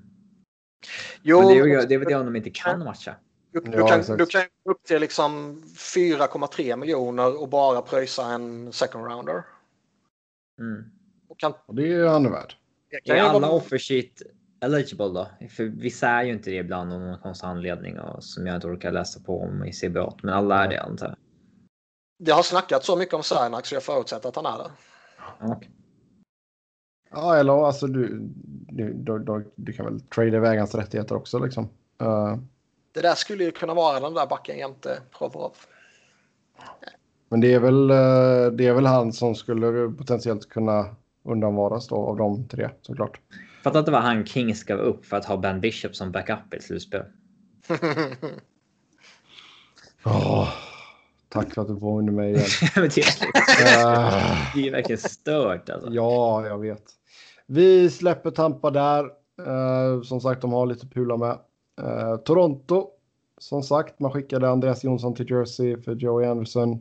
Sen skrev man ett ettårskontrakt med Jason Spezza, 700 000. Fyraårskontrakt med TJ Brody, 5 miljoner. Wayne Simmons, ett år, en och en halv mille. Zach Bogosian, ett år, en mille. Travis Boyd, ett år, 700 000. Jimmy Vesey, ett år, 900 000. Hej då, Tyson Berry, Cody Ceesay och Kyle Clifford. Det var ju... Ja, man gick ju efter Peter Langelo också, men eh, det kändes ju alltid svårlöst med tanke på hur dyr han blir. Mm. TJ Brody tycker jag är en solid spelare som eh, eh, borde passa in rätt väl där, typ liksom. Ja, Bogosian ger dem lite eh, grit, lite size. Ja, visst. Nasty streak, Ja. Lite heart, lite heart, exakt. lite great, lite mean streak. Ja, sen uh, kuppring. Ja, visst. Men alltså jag tycker väl de har gjort det bra. Jag tar in som sagt TJ Brody där. Det tycker jag är en bra värvning. Eh, jag skulle gärna sätta honom i Flyers till, till det kontraktet liksom. Sen flyttar han ju hem till Toronto och det avgör väl då. He's coming home, Mm. coming home. Eh, Simmons har väl kanske inte... Eh, jag tror fortfarande han kommer med ett väldigt fint rykte, men han är ju långt ifrån den nivån som han var för några år sedan i Flyers. Ja, absolut. Men det är också, det är också en sån här... eh, Scarborough native. Ja, han kommer hem till Toronto och signar billigt för att försöka vinna typ. Det, det kan... Det kan bli bra liksom. Han är en tillgång i, i gruppen också verkar det som. Ja, Men det är ju fortfarande samma, samma core som ska göra det. Forwardsgubbarna är kvar och det är Morgan Riley som, som måste leda försvaret. Morgan. Och det är. Fredrik Andersson i kassan som de inte... eh, De verkar inte göra sitt yttersta för att snacka upp honom direkt. Nej, verkligen inte. Den eh, skulle väl inte förvåna mig ifall han försvinner efter nästa säsong. Nej, och det kanske är rätt också. En 32 år gammal målvakt som eh, är OK, inte fantastisk. Om, om världen är tillbaka till det, om världen är tillbaka till det normala så vill man kanske inte signa ett normalt kontrakt med honom. Nej.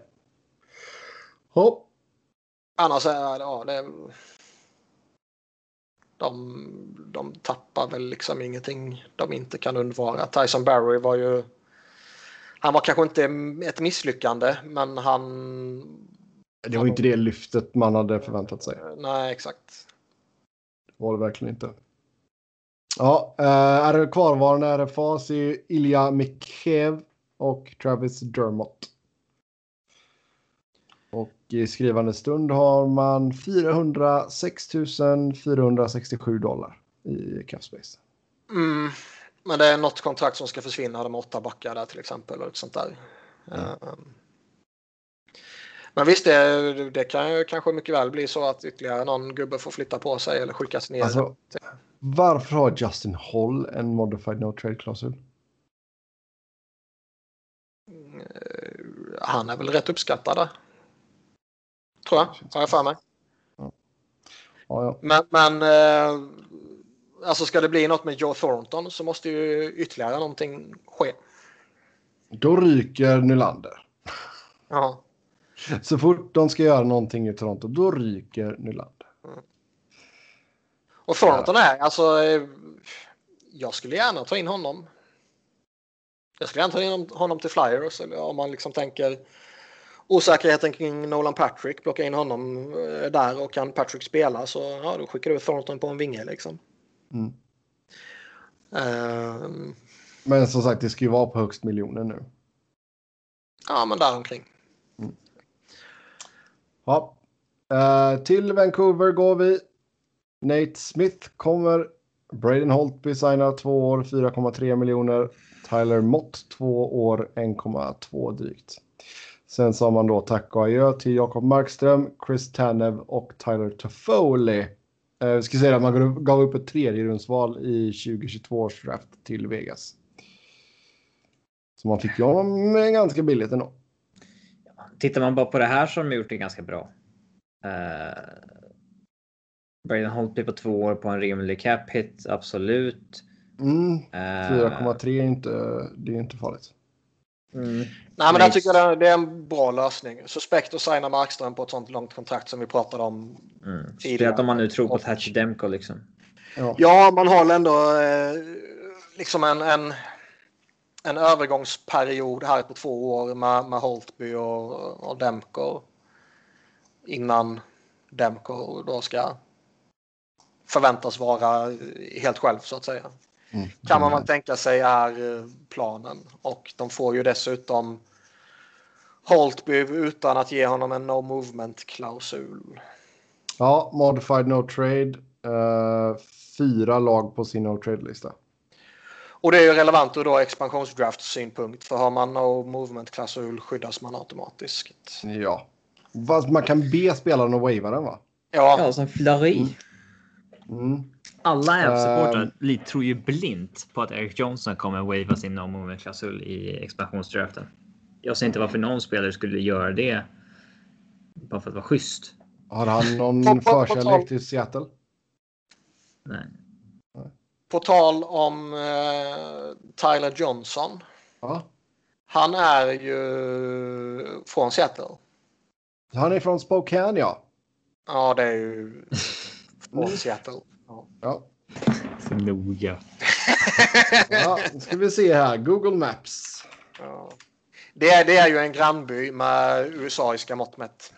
Spokane, ja. Washington, Directions, Seattle, Washington. Liksom det är uh, fyra och en halv timme med bil lite drygt. Ja, det är, det är ju nä, nästgårds med uh, USA-iska mått mätt. Ja, men, men eh, jag vet inte hur det funkar, men skulle de, eller de, vilket lag som helst egentligen, kunna plocka Tyler Johnson från Tampa nu, typ waivers eller något sånt där.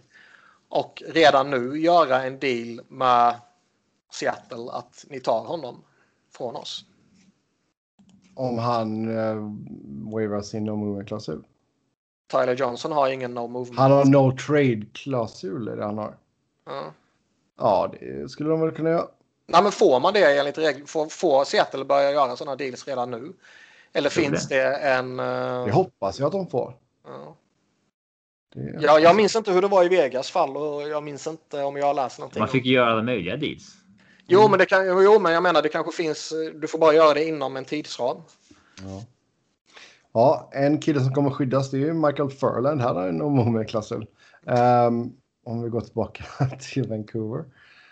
Uh, men visst, alltså på pappret så är väl laget bättre. Ja, men alltså. Jag, jag tycker man löser målvaktssituationen bra, det, det, det nämnde vi. Jag tycker man uppgraderar sig från uh, Tanev till Schmidt. Ja. Eh, Tappar lite med Toffoli gör man ju. Ja, man tappar lite med Toffoli, men sen samtidigt så det, det var en, en väldig... Han var inte där lång tid liksom. Och någonstans ska man väl kunna hoppas att den unga kåren tar steg för att kompensera för att han försvann också. Liksom. Ja. Ehm, Man sitter på typ 17 sjuka kontrakt på dåliga spelare. eh, Jack Virtanen. Arbitration date satt. Läste jag någonstans. De har ju väldigt lite att röra sig på med nu. De har under 2 miljoner. Mm. Och eh, ja, han Ja. kan nog eh, käka upp det mesta av den. Oh, ja. Ja. Men jag tycker ändå de, de löste det bra och kan de dessutom skaka loss ytterligare något kontrakt, vilket känns osannolikt. Men, men sådär så ja, då kanske det finns ytterligare grejer att göra. Yes, då har vi hamnat i Vegas. Nej, sen är man Ja. ske- skeptisk till om Vancouver liksom. De har ju har de något på gång. Det är man ju skeptisk till. Lite- flexibla. lite- Nej. Nej, de får la vänta ut några kontrakt. Mm. Ja, till Vegas då. Man skickade Nate Smith till Vancouver, det sa vi. Man skickade Paul Stastny till Winnipeg och fick Carl Dahlström tillbaka. Sedan så signade man då Alex Pietrangelo. Sju år, 8,8 miljoner capita för honom. Man förlängde med Robin Lehner, fem år, 5 mille. Thomas Nosek, ett år, 1,25. Och eh, Mark Arnold Fleury blir kvar, sa Kelly McCrimmon. Uh, sen UFAs Derek Engeland, John Merrill, Nick Cousins. Lyssna Vegas. All in 2021 eller? Frågetecken. Kommer ju sitta så mycket skiten om två, tre år. Kommer de det verkligen? Uh, och sen lyssna fråga nummer två. Blir Vegas verkligen så mycket bättre av att ta in Peter Angelo när de måste offra Schmidt för att få plats med honom? Ja. Ja, alltså Sch- Schmidt är en sån här liksom eh, analytics darling och varit lite underskattad och så vidare. Men Peter Angelo är ju next level så att säga. Ja. Det är ju en toppback. Mm. Eh, ja, uh, vart ska vi börja? Det- Ja du. Det är ju om vi ska spinna vidare på, på Jonathan Toews eh, snacket som vi drog kring Chicago, vilket jag tycker är fascinerande. Mm. Så gick det ju snack om att Vegas-spelarna, det var ju typ varenda spelare som satt på ett stort kontrakt var ju typ nästan ja, typ Mark Stone undantaget, Shea Shea Theodore undantaget var ju typ aktuell att offras liksom. Och det kom ju ut och folk ska då ha blivit upprörda hur, eh, hur många namn det var som slängdes ut. Det var liksom Ja. Fleury har varit ute offentligt. Ingen verkar vara helig där alltså. Nej, Stasny varit ute, Schmidt varit ute, Pacioretty var ute, Alec Martinez var ute på eh, publikt tillgängliga liksom. Ja. För att man ska signa Peter Angelo. Och det ska då ha rört upp känslorna, vilket ju eh, kan vara eh, rimligt. Det är business, det är ett ungt lag. Jo, men alltså. Jag kan fatta att de kanske blir griniga, men alltså samtidigt så. Det, de har saknat den här legitima toppbacken liksom. Det, menar, Jo, men vi, vi, visst liksom det. Som GM så en del av ditt jobb är ju givetvis att kan du förbättra laget så ska du försöka förbättra laget liksom. Jo, sen Men- kanske men- inte är smart att så mycket läcker ut såklart. Nej, och det blir ju ändå. Det är ju en speciell situation där det verkligen är fem, sex namn som det snackas jättemycket om. Och som alla vet är tillgängliga. Vi kan offra vem fan som helst för att få in den här gubben. Mm. Och då är frågan liksom. Är, är det så jävla vettigt att börja skicka iväg spelare som man nyss har tradat till sig eller signat till stora kontrakt liksom? Jag Man tror blir det nog kan- inte så poppis alltså. Nej, jag tror det kan skaka osämja mellan spelartrupp och, och lagledning. Man får nog svårt att.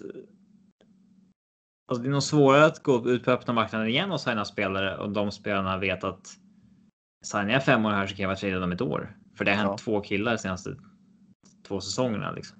Jo. Eh, Men alltså jag kan ju fatta att alltså Sta- Stasny och, och Martinez var två namnen liksom. När de båda hade bara ett år kvar liksom. Ehm, Ja, men det är klart det är ju rimliga namn om man bara tittar på Mm. liksom, situationen. Det är klart det är så. Men alltså, sen, sen är ju frågan, alltså. Det är ju en sak att alla de här namnen kommer ut i rykten. Men när man så på ett väldigt tydligt och aktivt sätt som det var i Fleuris fall. Där man Ja. aktivt verkligen gör allt man kan för att bli av med honom. Och sen misslyckas med det och måste liksom, ja ja, vi får väl behålla den jävlen då. Mm. Det är liksom ändå från dag ett var han the face of, ja, från dag minus 50. Eftersom Jo. alla visste att han skulle hamna där redan innan. Så har han varit the face of the franchise. Och allting under inledningen. All merch och all reklam och allt sånt kretsade ju kring honom. Ja, ja, herregud. Vegas. Eh, nu är han inte värd ett piss liksom. Ja, det Nej. är, det är s- sättet Så är det i. Vegas. Så är det i Vegas. När din show blir lång i tanden. Ja, då är det. Men jag, menar, jag, går ner jag, förr eller senare. jag, vet inte hur uppskattad han är i omklädningsrummet, men det är en sån där sak som kan ställa till skit liksom. Mm. Och är det så att allting bara glöms bort nu när det faktiskt blev så att det inte var du som offrades och du får spela med Peter Langelo i en contender. Försvinner allting när de börjar vinna matcher nästa säsong? Ja, det tror jag. Kanske, Så pass, så pass kort minne tror jag så att de har. kanske, Ehm, kanske inte. Men Crimman lät ju nästan liksom lack över att folk inte ville ta Flurry. När Mhm. han eh, sa att när Ja. Flurry och Lener blir kvar liksom. Det, eh, jo, men jag kan fatta att ingen vill ta sju mille. vem fan skulle vilja ta det när det fan har funnits så här många målvakter tillgängliga? Alltså det, om jag var Detroit hade jag väl kunnat tänka mig ta Flurry, men då ska det liksom. Det ska kosta. eh, Ja, exakt. Jo, Eller men något annat pisslag då.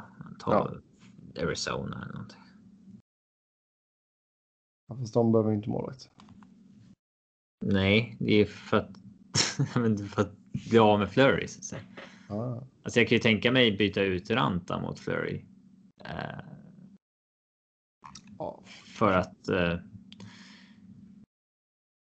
ja, alltså om du får någonting för det. Jo, om du får någonting för det, absolut. Är ju Ranta, Ja. då får man ju retaina på honom också. Då. Ja. kan man få någonting än, ännu mer för.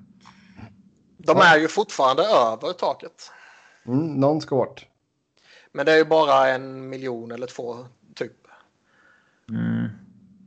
Så det är ju bara, och det löser man ju. Liksom. Jag tror inte Stasny är så glad över att bli dumpad till Winnipeg. Men eh, han hade ju inte Winnipeg på sin no trade list. Då kan han ju inte trivs för jävligt där ändå. Nej. Nej, eller så tänker man att eh, det är inte aktuellt. Nej, exakt. Mm. Nej, det blir intressant att se ifall Peter Angelo är den sista pusselbiten eh, här nu. Ehm, Det är ju jävla, allt förutom en första center. Mm. det är ju en jävla lyx också att kunna ha både han och Theodor på isen i princip hela matchen om man väljer att spela dem isär. ja, oh ja. Ehm, och det är ju, de var ju en av ligans contenders redan innan. Nu är det ju ännu mer så såklart. Mm. Det är ett riktigt arms race i väst mellan Elves och Vegas. Mm. Ja. Ja, Eh, då går vi till Washington och Brendan Dillon, 4 år, 3,9. Henrik Lundqvist, 1 år, 1,5. Justin Schultz, 2 år, 4 mille. Trevor Van Riemsdijk 1 år, 800 000. UFA, där som man hej då till Braden Holtby, Radko Godas, Travis Boyd, Ilja Kovalchuk. Lyssna fråga. Hur kommer Niklas må efter att Lundqvist skickar ut Flyers i första rundan nästa år? Nej, jag förväntar mig att det är Samsonov som är första målvakt. Ja, men det hade varit kul. Som son av han vricka tån eller någonting. Eh, bara så han missar första rundan. Det är första gången att Sebbe önskar någon skada i podden. Ja, och vilken skada kommer med en vrickad tå. Ja, då tar du Ja. till, till en vricka två. Ja. Kanske. Så jäkla snäll jag är va. Eh, nej, men alltså du, du roddar runt. Ja, San Jose-fans får ju hoppas att Bartet Joe spelar och skadad. ja, exakt. Kommer du med och kanske Lundqvist Ja. stå. Nej, man gjorde en liten rokad här i, i försvaret i alla fall. Men eh, Justin Schultz kan, ja, han kan vara värd 4 mille. Ah, Jag vet fan alltså. På gränsen alltså. Kanla vara värd. Jag, ja, jag tycker ju det är... ehm, alltså... Nej, jag vet fan vad jag ska säga. Men jag, jag, jag ser inte riktigt varför. Nej, alltså jag kan ju... Att man förlänger med Brennan Dillon kändes väl ganska logiskt. Men Ja, men han är rätt vettig liksom. Sen, sen kan man väl alltid diskutera term. Men, Ja. men han, är, han är ändå vettig liksom. Det, det är väl du har okej. ju alltså... Men Schultz. Eh, man kanske fick lite panik när Kempney gick sönder som vi pratade om tidigare. Ja, Um, Schultz, skulle- alltså, är du redo att pröjsa någon- upp 4 miljoner på två års kontrakt borde du inte kunna hitta något bättre då liksom. kanske. Högersidan, då har du John Carlson, Dimitri Orlov, Schultz, Nick Jensen. TVR också. Ja, men honom kan han ju spela på. eh, han får ju bara vara glad att han får spela typ. Ja, men det är ändå en okej back för djupet. Ja. Har du han som din sexa så är det ju eh, överkomligt. Mm. Ehm, Eh, kvarvarande RFA är Jonas Sig- Sigenthaler. ja, nej, de har ju inte heller något utrymme. Men de Nej. har ju... De får ju lite, eh, lite utrymme sen när Kempney försvinner. Japp. Så det kan nog hända någon liten, liten grej där känns det som. Annars är nog den truppen eh, på plats och det är väl... eh, Jag ställer mig lite skeptisk till Justin Schultz. Det känns som att man borde kunna hittat något bättre, men det ska ju inte heller vara någon som sänker laget. Nej. Det hoppas vi att Henke kan göra på egen hand. Sen får man ju ha lite framförhållning också. Alltså du får ju nästan redan börja tänka lite på nästa säsong. Alltså Ovechkin kliver in på sista året. Jakob Vrana och Ilja Samsonov. Ehm, Ja, Vrana och Samsonov är ju fas, så det är ju oproblematiskt. Eh, jo, men det... det Jag tror Ovechkin är relativt oproblematiskt också. ska ju både, alla ska väl, eller ja. Ja, alla ska väl ha löneförhöjningar, eller? Mm, eh, ja. Eller ska Ovechkin ligga kvar där runt 9,5? Det skulle väl inte förvåna om man signar tre gånger tio eller någonting. Det... Nej. Mm. Ja. Lite mellanmjölk där från Washington då. Eh, sen har vi Winnipeg. In med Paul Stastny som sagt. Dylan DeMello signar fyra år, 3 miljoner capita. Lukas Spisa, ett års kontrakt, 800 000. Mason Appleton, två år, 900 000. Nathan Bellieu, två år, 1,25. Nate Thompson, ett år, 750 000. Derek Forbort, ett år, 1 miljon.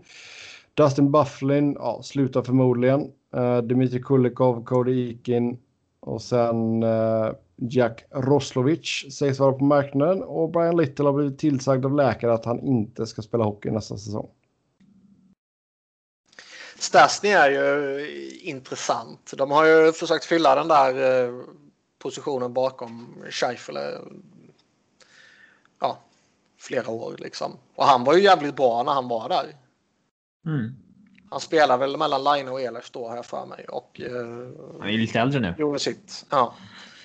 Och han, är, han har väl lite nedåtgående kurva kan man väl kanske tycka. Mm. Och jag vill minnas att det inte var aktuellt alls att han skulle vara kvar. I Winnipeg ja. Ja. Mm. tror han valde mellan Vegas och Avs ja. 2018. Där. Och då är frågan liksom, var det bara att eh, vantrivdes han där? Men det kanske inte känns jätteaktuellt eftersom han ändå gjorde sina poäng. Liksom. Vantrivs man så kanske det finns en risk att man inte producerar så jävla bra. Liksom. Eh, så hur, hur sugen är han på att komma tillbaka och eh, om det är så att han liksom inte trivdes jättebra och han inte ville stanna kvar. Liksom, varför tradar man för honom igen då? Nu fick man honom snorbilligt. Man Det har hänt förr. Ja. Uh, Larionov ville väl inte vara kvar i Detroit en gång i tiden. Gick till Devils och tradade Detroit för honom några månader senare för att få tillbaka honom. Mm. Ehm, men det är ju, det borde vara en solid andra center bakom Scheifele. Mm. Sen är ju eh, äh, frågan är ju hur. ähm, vi snackade ju Patrik Laine för något avsnitt sen där han ska ha framfört en önskan liksom, eller krav nästan att jag ska spela med Scheifele. Man undrar om det här kan vara att, att ge han någon som har funkat bra med honom tidigare också så att han får en värdig center så att säga. Ja. Alltså det är ju en klar uppgradering över Brian Little. Det är det ju.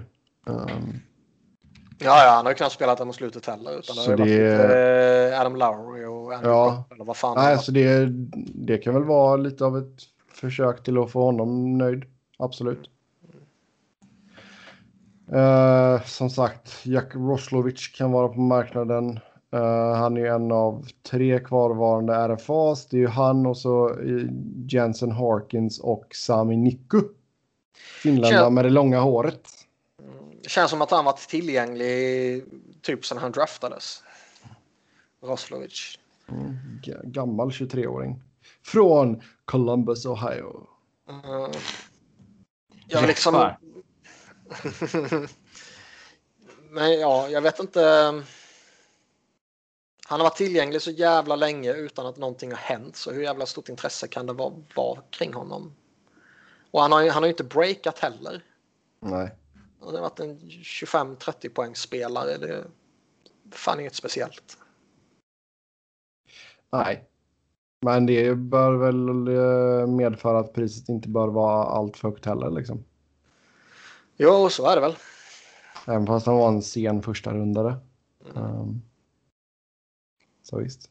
Sen har de, de, har ju, de har ju ingen cap space kvar. Sen får de ju då lite när, när Lidl försvinner upp på... Um, eh, vad heter det? Long term injured Ja. reserve. Ja. Ja. Jag tror väl inte han är uppsatt där, eller inkluderad. Eller exkluderad så att säga nu. Nej.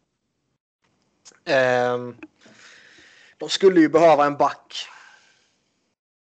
Backbesättningen är fan inte bra. Josh Morrissey är ju fin. Dylan DeMello är okej. Neil Pionk är okej. Ja, han såg ganska bra ut. Eh, sen är det ju suspekt. Alltså. Belia Forbort spisa Tucker Poolman. Och Ja. så eh, Sami Niku. Så man kan ju förstå eh, snacket som cirkulerar kring Patrik Laine. Det är ju rätt logiskt att släppa honom om det är det här att man är skeptisk till att skriva det stora kontraktet med honom. Eh, tidigare var det väl kanske lite snack om att man ville ha en center, men det, det har man väl åtgärdat med Stasny nu, så då kanske det är en back man kan tänka sig i så fall. Ja. Gusty Spare skulle passa in rätt väl i. Mm. Gus despair. ja. Jag skulle gråta en skvätt om de tradar Ghost. Nej, det skulle du Jo, inte. det skulle Inte jag. om, ni, inte om du får in Line. Nej. Nej, men alltså du har, ju, du har ju släppt det här med Ghost. Du var jättehög på Ah, honom för ja. fyra år sedan, men det är ju fyra år sedan. Ja, jag är ju inte lika hög fortfarande, men det är ändå liksom. Ja, han ligger varmt om hjärtat. Ja. Det skulle man bli lite ledsen över. Jag säger inte att det är fel att göra det och det kanske är ett måste att göra det. Eh, Det och jag menar, ett, Ja, och liksom ett, ett paket kring, eh, kring Ghost mot eh, Line.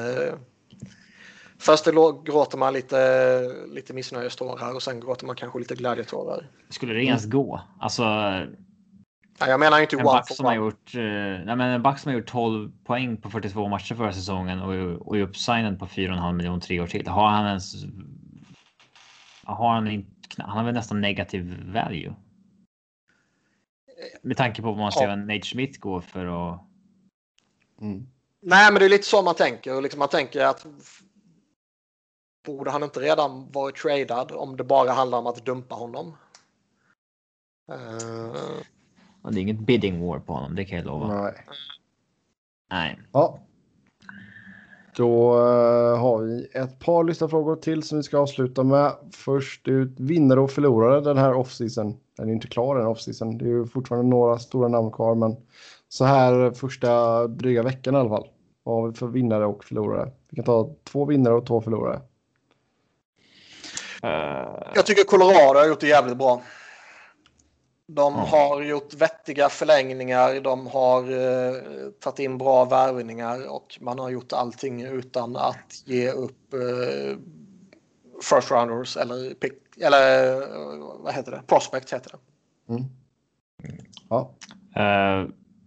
I vanliga fall när man liksom är bra och signar upp sina bra spelare och så vidare så brukar det ju vara så här. Ja, det där kan bli ett problem sen, det där kontraktet, men de är bra nu och satsar nu. Typ. Mm. Men några sådana kontrakt har man inte behövt signa än riktigt. Eh, vi får väl se. För man, det ryktas ju lite om att man har börjat prata med Landeskog om en förlängning. Då, då. Eh, då får man väl se hur det kontraktet ser ut. Det kan ju eventuellt bli något som man misstänker är dåligt om fem år eller så. Men, eh, mm. äh, ah, men väl, väldigt bra offseason hittills. Så. Mm. Framförallt i och med att det mesta som man landat har varit så här plan B också. Ja, exakt. Så har man ändå haft en bra. Eh, ja, bra lösning på det hela. Mm. Uh, Säkert gjorde nog ett bra spreadsheet där. Lite träd och grejer. Mm. Uh, ja, Vilka mer har varit bra då? Det är ju sjukt, men får man inte eller behöver man inte säga Jim Benning? Ja, alltså. Nate Smith hamnar ju mest hos honom. Alltså det är inte något han... Nej, det är väl, kanske inte, hans, det är väl kanske inte hans förtjänst, men... Det var ju många som reagerade sådär äh, när det kom ut att okej, okay, ligan kommer inte godkänna Petrangelo kontrakt om inte Vegas kan trada någon nu. Mm. Att så här, okej, okay, nu måste alla 30 lag enas om att inte ta någonting från dem så att, för att fucka upp för dem. Så ja, eller hur? Sparka, sparka, ut, sparka ut Vegas från WhatsApp-gruppen och, och liksom. uh... Ghosta hela laget. ja ingen i organisationen får tag på någon annan i en organisation. Ja, exakt. De får så gå via Bob McKenzie eller någonting. Alltså, alltså, kan ni höra med vad, vad som händer? Liksom? Ja, men alltså, de, de, har väl gjort det bra. Alltså, det, om nu... Men här, man, man klandrar inte Benning för att han eh, alltså, hjälper Vegas här. De får ju en back för ett första par i princip gratis. Det är bara att ja. ta emot. Ja, alltså det är ju det är ju en lättare deal att göra än bevisligen då. Man kunde ju inte få loss eh, Ekman Larsson från Arizona liksom. Uh, och rent pengamässigt ja, så, är det, liksom. så är det ju bättre. Så det här blir bättre på alla sätt. Det är väl ett kortare kontrakt, det är ett billigare kontrakt. Det är ja. kanske en... Ag blir en bättre spelare. Liksom. Mm. Um... Så att, nej, de har väl lyckats bra med det lilla de gjorde. Um, vilka mer har lyckats bra? Uh... Vi var vi lät rätt nöjda när vi snackade Florida. Ja. ja. Fast det är fortfarande dåligt att tappa både Dadonov och Hoffman. Om de gör det. Om de gör det, ja. Men visst, alltså de spelarna de har plockat in, det har de gjort bra liksom. Mm. Vad mm. Vegas då? Ja, alltså de får ju sin... Så att man får in den bästa spelaren även om det kostar två bra spelare. Och, och eventuell uh, ilska i omklädningsrummet. Ja. De misslyckas ju samtidigt med en av deras uh, största uppgifter, viktigaste uppgifter eller vad man ska säga, är att då dumpa Flurry. Jo, jo, det balanserar väl ut det lite så att de inte är just liksom att man känner att jo, men A freaking plus liksom. Uh, men alltså fortfarande, alltså Peter Andrew kan ju vara den sista pusselbiten liksom. Det, Mm. Så kan det ju vara. Men visst, det andra väger väl över lite så att man inte kan säga att det var en, en uh, complete homerun. Um, förlorare får vi ta några stycken också då. I och med att vi, uh, två av oss i Boston. den här podden älskar att vara negativa. Um, Boston Ja. måste man ju nämna. Boston får man väl lämna. Tappar både Krug och Chara. Mm. Är ju eh, icke bra. Nej, alltså nu känns det väl som att man kan få tillbaka Chara såklart. Men Nu fick de dessutom jävla monsterskador på både Pasternak och Marchand. Och borta flera månader. ja, Nu kanske... Nu vet vi inte när säsongen börjar igen så det kanske... nej, exakt. Men, Nej, men alltså sen alltså. Om man ser det till lite längre perspektiv så Arizona tycker jag inte har gjort det bra. Uh, liksom tappar Taylor Hall. Eh, du går till din lagkapten och liksom ber be att han ska gå med på en trade liksom. mm. Han är snäll och ger dig två lag och du löser det inte. Eh, Snäll och ge dig två lag. Men Ja, det, har, det, har vi, det har vi pratat om. Vare sig Boston eller Vancouver kändes som rimliga trade partners för Arizona. Om man bara tittar på vad, vad Arizona förmodades vilja ha. Och och Boston absolut. Men alltså Vancouver. Vancouver skickar ju fortfarande ett förslag liksom. Ja. Ehm, sen är det ju då upp till Armstrong att han sa nej till det liksom. Eh, Ja, de kan ju inte, alltså de ska ju inte ta vad som helst bara för att de har nej, öppnat den dörren så att säga. Nej, men på tal om liksom skapa dålig, och, dålig stämning i omklädningsrummet liksom. Eh, Ja. Jag. Det tror jag är ett klart mindre problem än vad typ Vegas håller på med. Vegas, ja, jo det är sant. Vad, eh, Men man får, ja, man får inget jättebra första intryck av Armstrong som GM. Det har man inte fått. Eh, Eh, för de som har följt Arizona lite närmare. Eh, sen... alla fem. Vad tycker vi om Nashville? Alltså de har ändå... De lyckades ju inte med någonting. Nej, de blev av med vissa spelare som de ville bli av med. Ja, Värvningarna är ju halvgalna. men vad var det för mening med att köpa ut Turris redan nu om man inte behövde det? För att ta in någon. Ja, eller behövde de också göra sig av med pengar? Eller kostnader. Så... Ja. Alltså ägarna vill ju... De... Jag tror fortfarande inte att ägarna hellre ser att man betalar för någon som inte är där. Nej. Nej. Eh, det är sant. Uh, ska vi se. Nästa fråga. Tio bästa kontrakten från uh, Free Agency här. Tio bästa. Tio bästa. Vi behöver inte ta dem i, vi behöver inte lista dem utan vi kan bara säga tio som var bra liksom. Eller de tio bästa. Jag är lite... Alltså jag går ju hellre igång på alltså de bästa kontrakten som är typ... eh, Alltså Tobias Reed är 700 000. Sådana Ja, kontrakt. ja. Liksom. Det, det, Eh, det kan jag köpa om du har med sådana. ja, Han är väl jättenyttig för 700 000. Ja, eller inte. Ja, men han behöver inte heller spela liksom om det är på den summan. Det, Han spelar bara PK. jag tycker Namestnikov på 2 miljoner är ett väldigt bra kontrakt om man bara tittar på liksom spelare och lön så att säga. Ja. Barry 3,75 är väl ett av de bästa också. Ehm.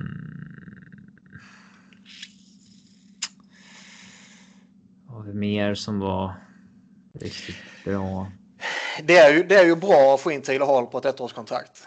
Även om det är mycket pengar så är det ju... Det är bra att få. Taylor Hall att gå till Buffalo. Det är väl det som är grejen. Mm, ja, Det är bra att få han att gå dit och du har en potentiell handelsvara vid trade deadline. Ja. Det tycker jag ändå man kan lyfta. Ja. Ja. ehm, Jesper Fast kanske? Jesper fast, ja. Ja, ja, det var ett av de bättre, absolut.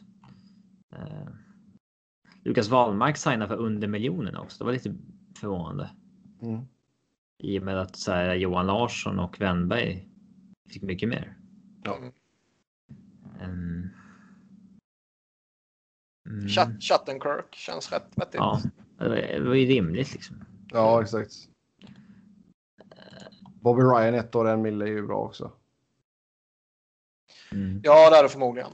Jag tycker väl lösningen med två år på Holtby tycker jag man ska vara nöjd med också. Ja, och så alltså 4,3. Det är ju, känns ju som en väldigt överkomlig cap. Alltså för ett år sedan.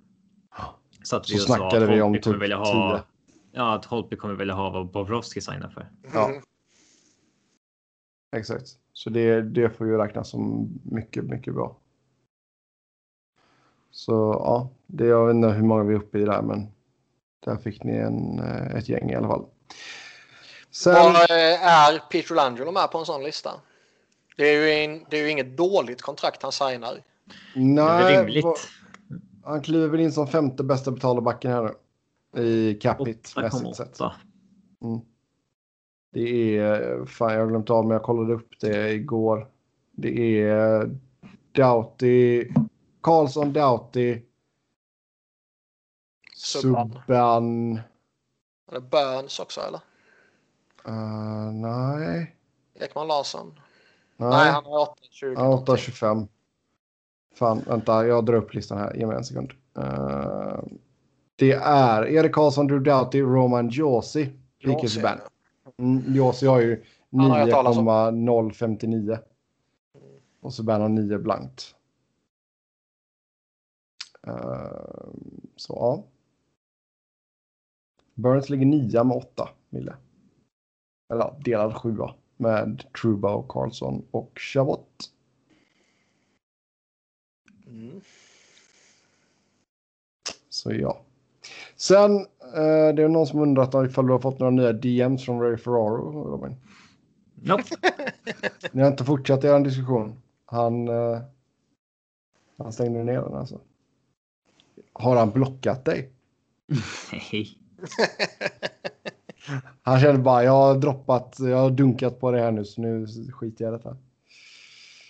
Ehm, nej, vi får se ifall vi kan lura oss in i några andra profilers DMs. Uh, med det så tar vi och eh, säger tack och adjö för den här gången. Som vanligt kan ni köpa Ska vi inte nämna de som är kvar? Jag tycker vi har gjort det när vi har liksom gått igenom, men visst, vill vi, eh, vill vi rabbla lite namn så kan vi väl göra det. Det är ju några intressant, intressanta namn kvar fortfarande. Granlund, eh, Hoffman, Vatanen, Dadonov, Hamnik tror jag fortfarande det finns liksom ett eh, någon form av intresse för. Sen har väl han sina han har ju något problem med sin dotter så han kanske är mindre intresserad Ja, eller kräsen. Det var ju snack om att han ville hem till Winnipeg. Han kommer ju därifrån ju. Mm. Typ den, den enda spelaren i hela jävla ligan som vill till Winnipeg. Men att de inte ville ha honom eller inte hade råd med honom. Nej. Jag tror det finns liksom en sån här typ Erik Haula. Jag tror man kan få en bra spelare där relativt billigt. ja, ja Vi alltså jag tror att en många, eh, många av de här avalanche kommer av PTOs. Ja, Mm. Absolut. Jag tror det är många så, av de här som är liksom det här mellanskiktet som kommer ta, de kommer få ta billiga korttidskontrakt. Athanasiu till exempel. Mm. Duclair är intressant också. Han kan ju ha gjort en jävla tabbe genom att nobba Ottawa. Ja, Om man bara tänker eh, eh, intäktsmässigt. Jo exakt. Nej men alltså det, i och med att det, är- det är en konstig situation nu. Det är många lag som har tight i capen. Det är många lag som försöker spara lite pengar. Så det, vi kommer nog få se en hel del ettårskontrakt på lite lägre pengar på många spelare. Ehm, men där har vi no- några namn. Vem skulle ni helst ta av de eh, kvarvarande? Uh, Mike Granlund. Hoffman. Nu, nu sa ni samtidigt. Han sa Granlund, jag sa Hoffman. Mm. Och då säger du att jag har rätt, eller Niklas? ja. Det beror lite på vem man är. Om man, om man behöver en skytt så är det ju Hoffman. Ja, det är Hoffman eller Dadonov om du behöver en målskytt. Ja, eh, behöver du en playmaker då tar du Gran. Behöver du en eh, god veteran så har du eh, Carl Söderberg. Mm. Flyers behöver egentligen en back ju. Men man är ju inte jättesugen på samma Vatanen och man vill fan inte ha Cody Ceesay. Det är många forwards som borde kunna få jobb alltså. Ja. Och då har vi inte ens nämnt Abdelkader. Perfekt fit i Toronto.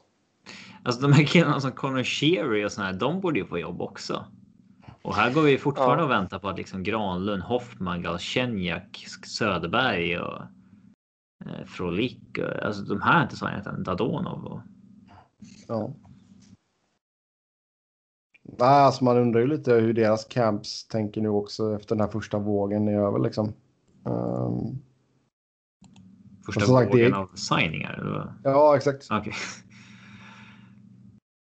Du snackar pandemi igen. Ja, nej, nej, nej, nej, nej, nej. Första vågen av signingar. Um, får väl se vad som händer om vi får en andra och tredje. Ehm, tredje vågen, bra film. Ehm, Ah, det är väl den sämsta Johan Falk-franchisen. är det det? Ja. Av de första tre fristående så är livvakterna överlägset bäst. Den är bra. Eh, men jag tror att är någon av dem när de, alltså seriefilmerna. eh, det är Någon av dem är ju lite B också. Men Ja. eh, av de första fristående är tredje vågen den sämsta av dem. Ja, det kan jag köpa. Eller så var den så politisk som inte ha- hajade mycket när man var 14-15 och så. Men Ja, kolla. Det är faktiskt dags att kolla om nu. Jag tänker, nog Nej. inte börja, jag tänker inte börja ikväll, men det är fan till helgen är det nog fan med dags alltså. vad har ni för så här serier som ni ser om en gång per år? Du Ja, ser det ju Johan Falk-filmer. Ja, det är Johan Falk. kanske. Ja, det är Johan Falk-filmerna en gång om året. Band of Brothers brukar det bli en gång om året. Ja, Band of Brothers kollar man en gång om året. Ja. Eh, The Office går ju på repeat liksom. Det slötittar jag något avsnitt då och då och så börjar jag bara om igen när jag har kollat klart. Så den går ju typ alltid på repeat. Ehm, lika samma sak med Scrubs. Uh, fast där var jag ju tvungen att köpa alla på DVD nu. Eh, DVD. Ja, eller det, för det är ju. De är så pass, det är en så pass gammal serie. Så jag tror inte att det finns en hel Blu-ray-uppsättning där. Det är typ de två sista säsongerna som finns på Blu-ray. Ehm, Jag litar inte på streaming-sajterna heller. Helt plötsligt kan serien bara vara borta. exakt. Exakt. Nej, så det är väl eh, det är väl det tror jag. Sen brukar jag ju kolla Sagan om ringen, Sagan om ringen-filmerna en gång om året. Bara en. Ja, jag tror det. Den ska man plöja min, en handfull gånger om året om man ska göra det på riktigt. Fattar det är 20, nästa år blir det väl 20 år sedan första filmen kom. Ja, det är ju helt galet. Och Jag brukar kolla på så här YouTubers som, så här, som ser den för första gången typ. Mm. Och då är det så här. ja, Jag har inte sett så mycket gammal film förut. Gammal Ja. film? Jaha. Liksom. Ja. Eh, Nej, det jag, såg en, jag såg en kille som, ja, någon millennial som eh, tittar på Lejonkungen för första gången. Ja. Och så sitter där och bara. Nej, de kommer inte döda Simba eller Mufasa. Det är en Disney-film. Liksom. Ja, men vadå? Det, är- det är ju upplägget för typ fan. Det är ju typ upplägget för varenda jäkla Disney-film. eh, Alltså många, många år. Ja, men så här, det här är ju en barnfilm. De kommer inte döda Mufasa. Det är klart de inte kommer göra det. Spoiler för er som lyssnar på det här. Ja. För- för er som inte har sett Lejonkungen ännu. Ja, eh, nej men det är väl det tror jag. Funderar på om det är någon mer serie. Jag tror inte jag har, eh, alltså när Game of Thrones gick så såg jag ju alltid om, eh, inte, inte varje år hela serien. Nej, Men, alltid sista säsongen innan en ny säsong kom och med några års mellanrum plöjde jag hela serien. Mm. Eh, jag brukade kolla om Entourage typ en gång om året. Men det är... Ah, Mycket med en gång om snarare- året. Med här serier. Snarare filmer jag plöjer eh, regelbundet. Sagan om ringen ser jag ju några gånger om året ju. Uh, Sopranos, Sopranos har man ju... plöjer man ju. Sopranos borde man egentligen se en gång om året. Sen finns det massa coolare Clint Eastwood och John Wayne och Chuck Norris och, Arnold och Stallone-filmer och sånt där som man plöjer regelbundet. Jag oerhört lätt för att dras in i eh, första säsongen av Prison Break. Om jag ser något klipp från den. Eller något. Ja, det första säsongen var fan För det, bra. för det är så här. eh, För ser man bara någonting, då blir man så jävla spänd på att se vad som händer efter det. Och så ser man bara inne i det där ekorrhjulet igen. Ja, men Eh, fasen på vad dålig den serien Ja, blev. sen. herregud vad den spår ur sen. Herregud. Om någon ska... Och, vi kan ju extremt varmt rekommendera säsong 1 och även tvåan när de är på rymmen då. Spoiler alert igen. Ja. Eh, men Men eh, sen, sen faller ju bara av en jävla sen får man... Ni, ja, vi kan ju varmt rekommendera säsong 1 och 2. Det är 10 av 10 betyg, men sen så stäng av för egen skull. Ja. Men jag tänker, alltså Niklas, har du sett Justified? Nej, den Det har, känns som en, det känns som en Niklas-kompatibel serie. alltså, den har ju varit på min uh, watchlist på EMDB i typ fem år. Ja, den borde du faktiskt se. Den, den Nej, jag ska alltid funderat på det. Timothy Olyphant är ju en favorit. Ja, han är jävligt bra och även han, eh, fasen är det han heter nu. Uh, blir det så här film och seriesnack i slutet av podden, men, men det får vi ta. Uh, Walton Goggins. uh, ska vi se, han heter så mycket som... eh, Walton Goggins. just det, Goggins ja. Jäkligt bra. Han är cool. Mm. Så japp. Där har vi det i alla fall. Vill ni köra talk med oss så går det bra via Twitter. Mig hittar ni på @sebnoren, Niklas på att Niklas Wiberg, Niklas med C, Wiberg med enkel V, Robin på R underscore Fredriksson och podden på SV Fans NHL podd, podd med ett D. Tills nästa gång, ha det gött. Hej!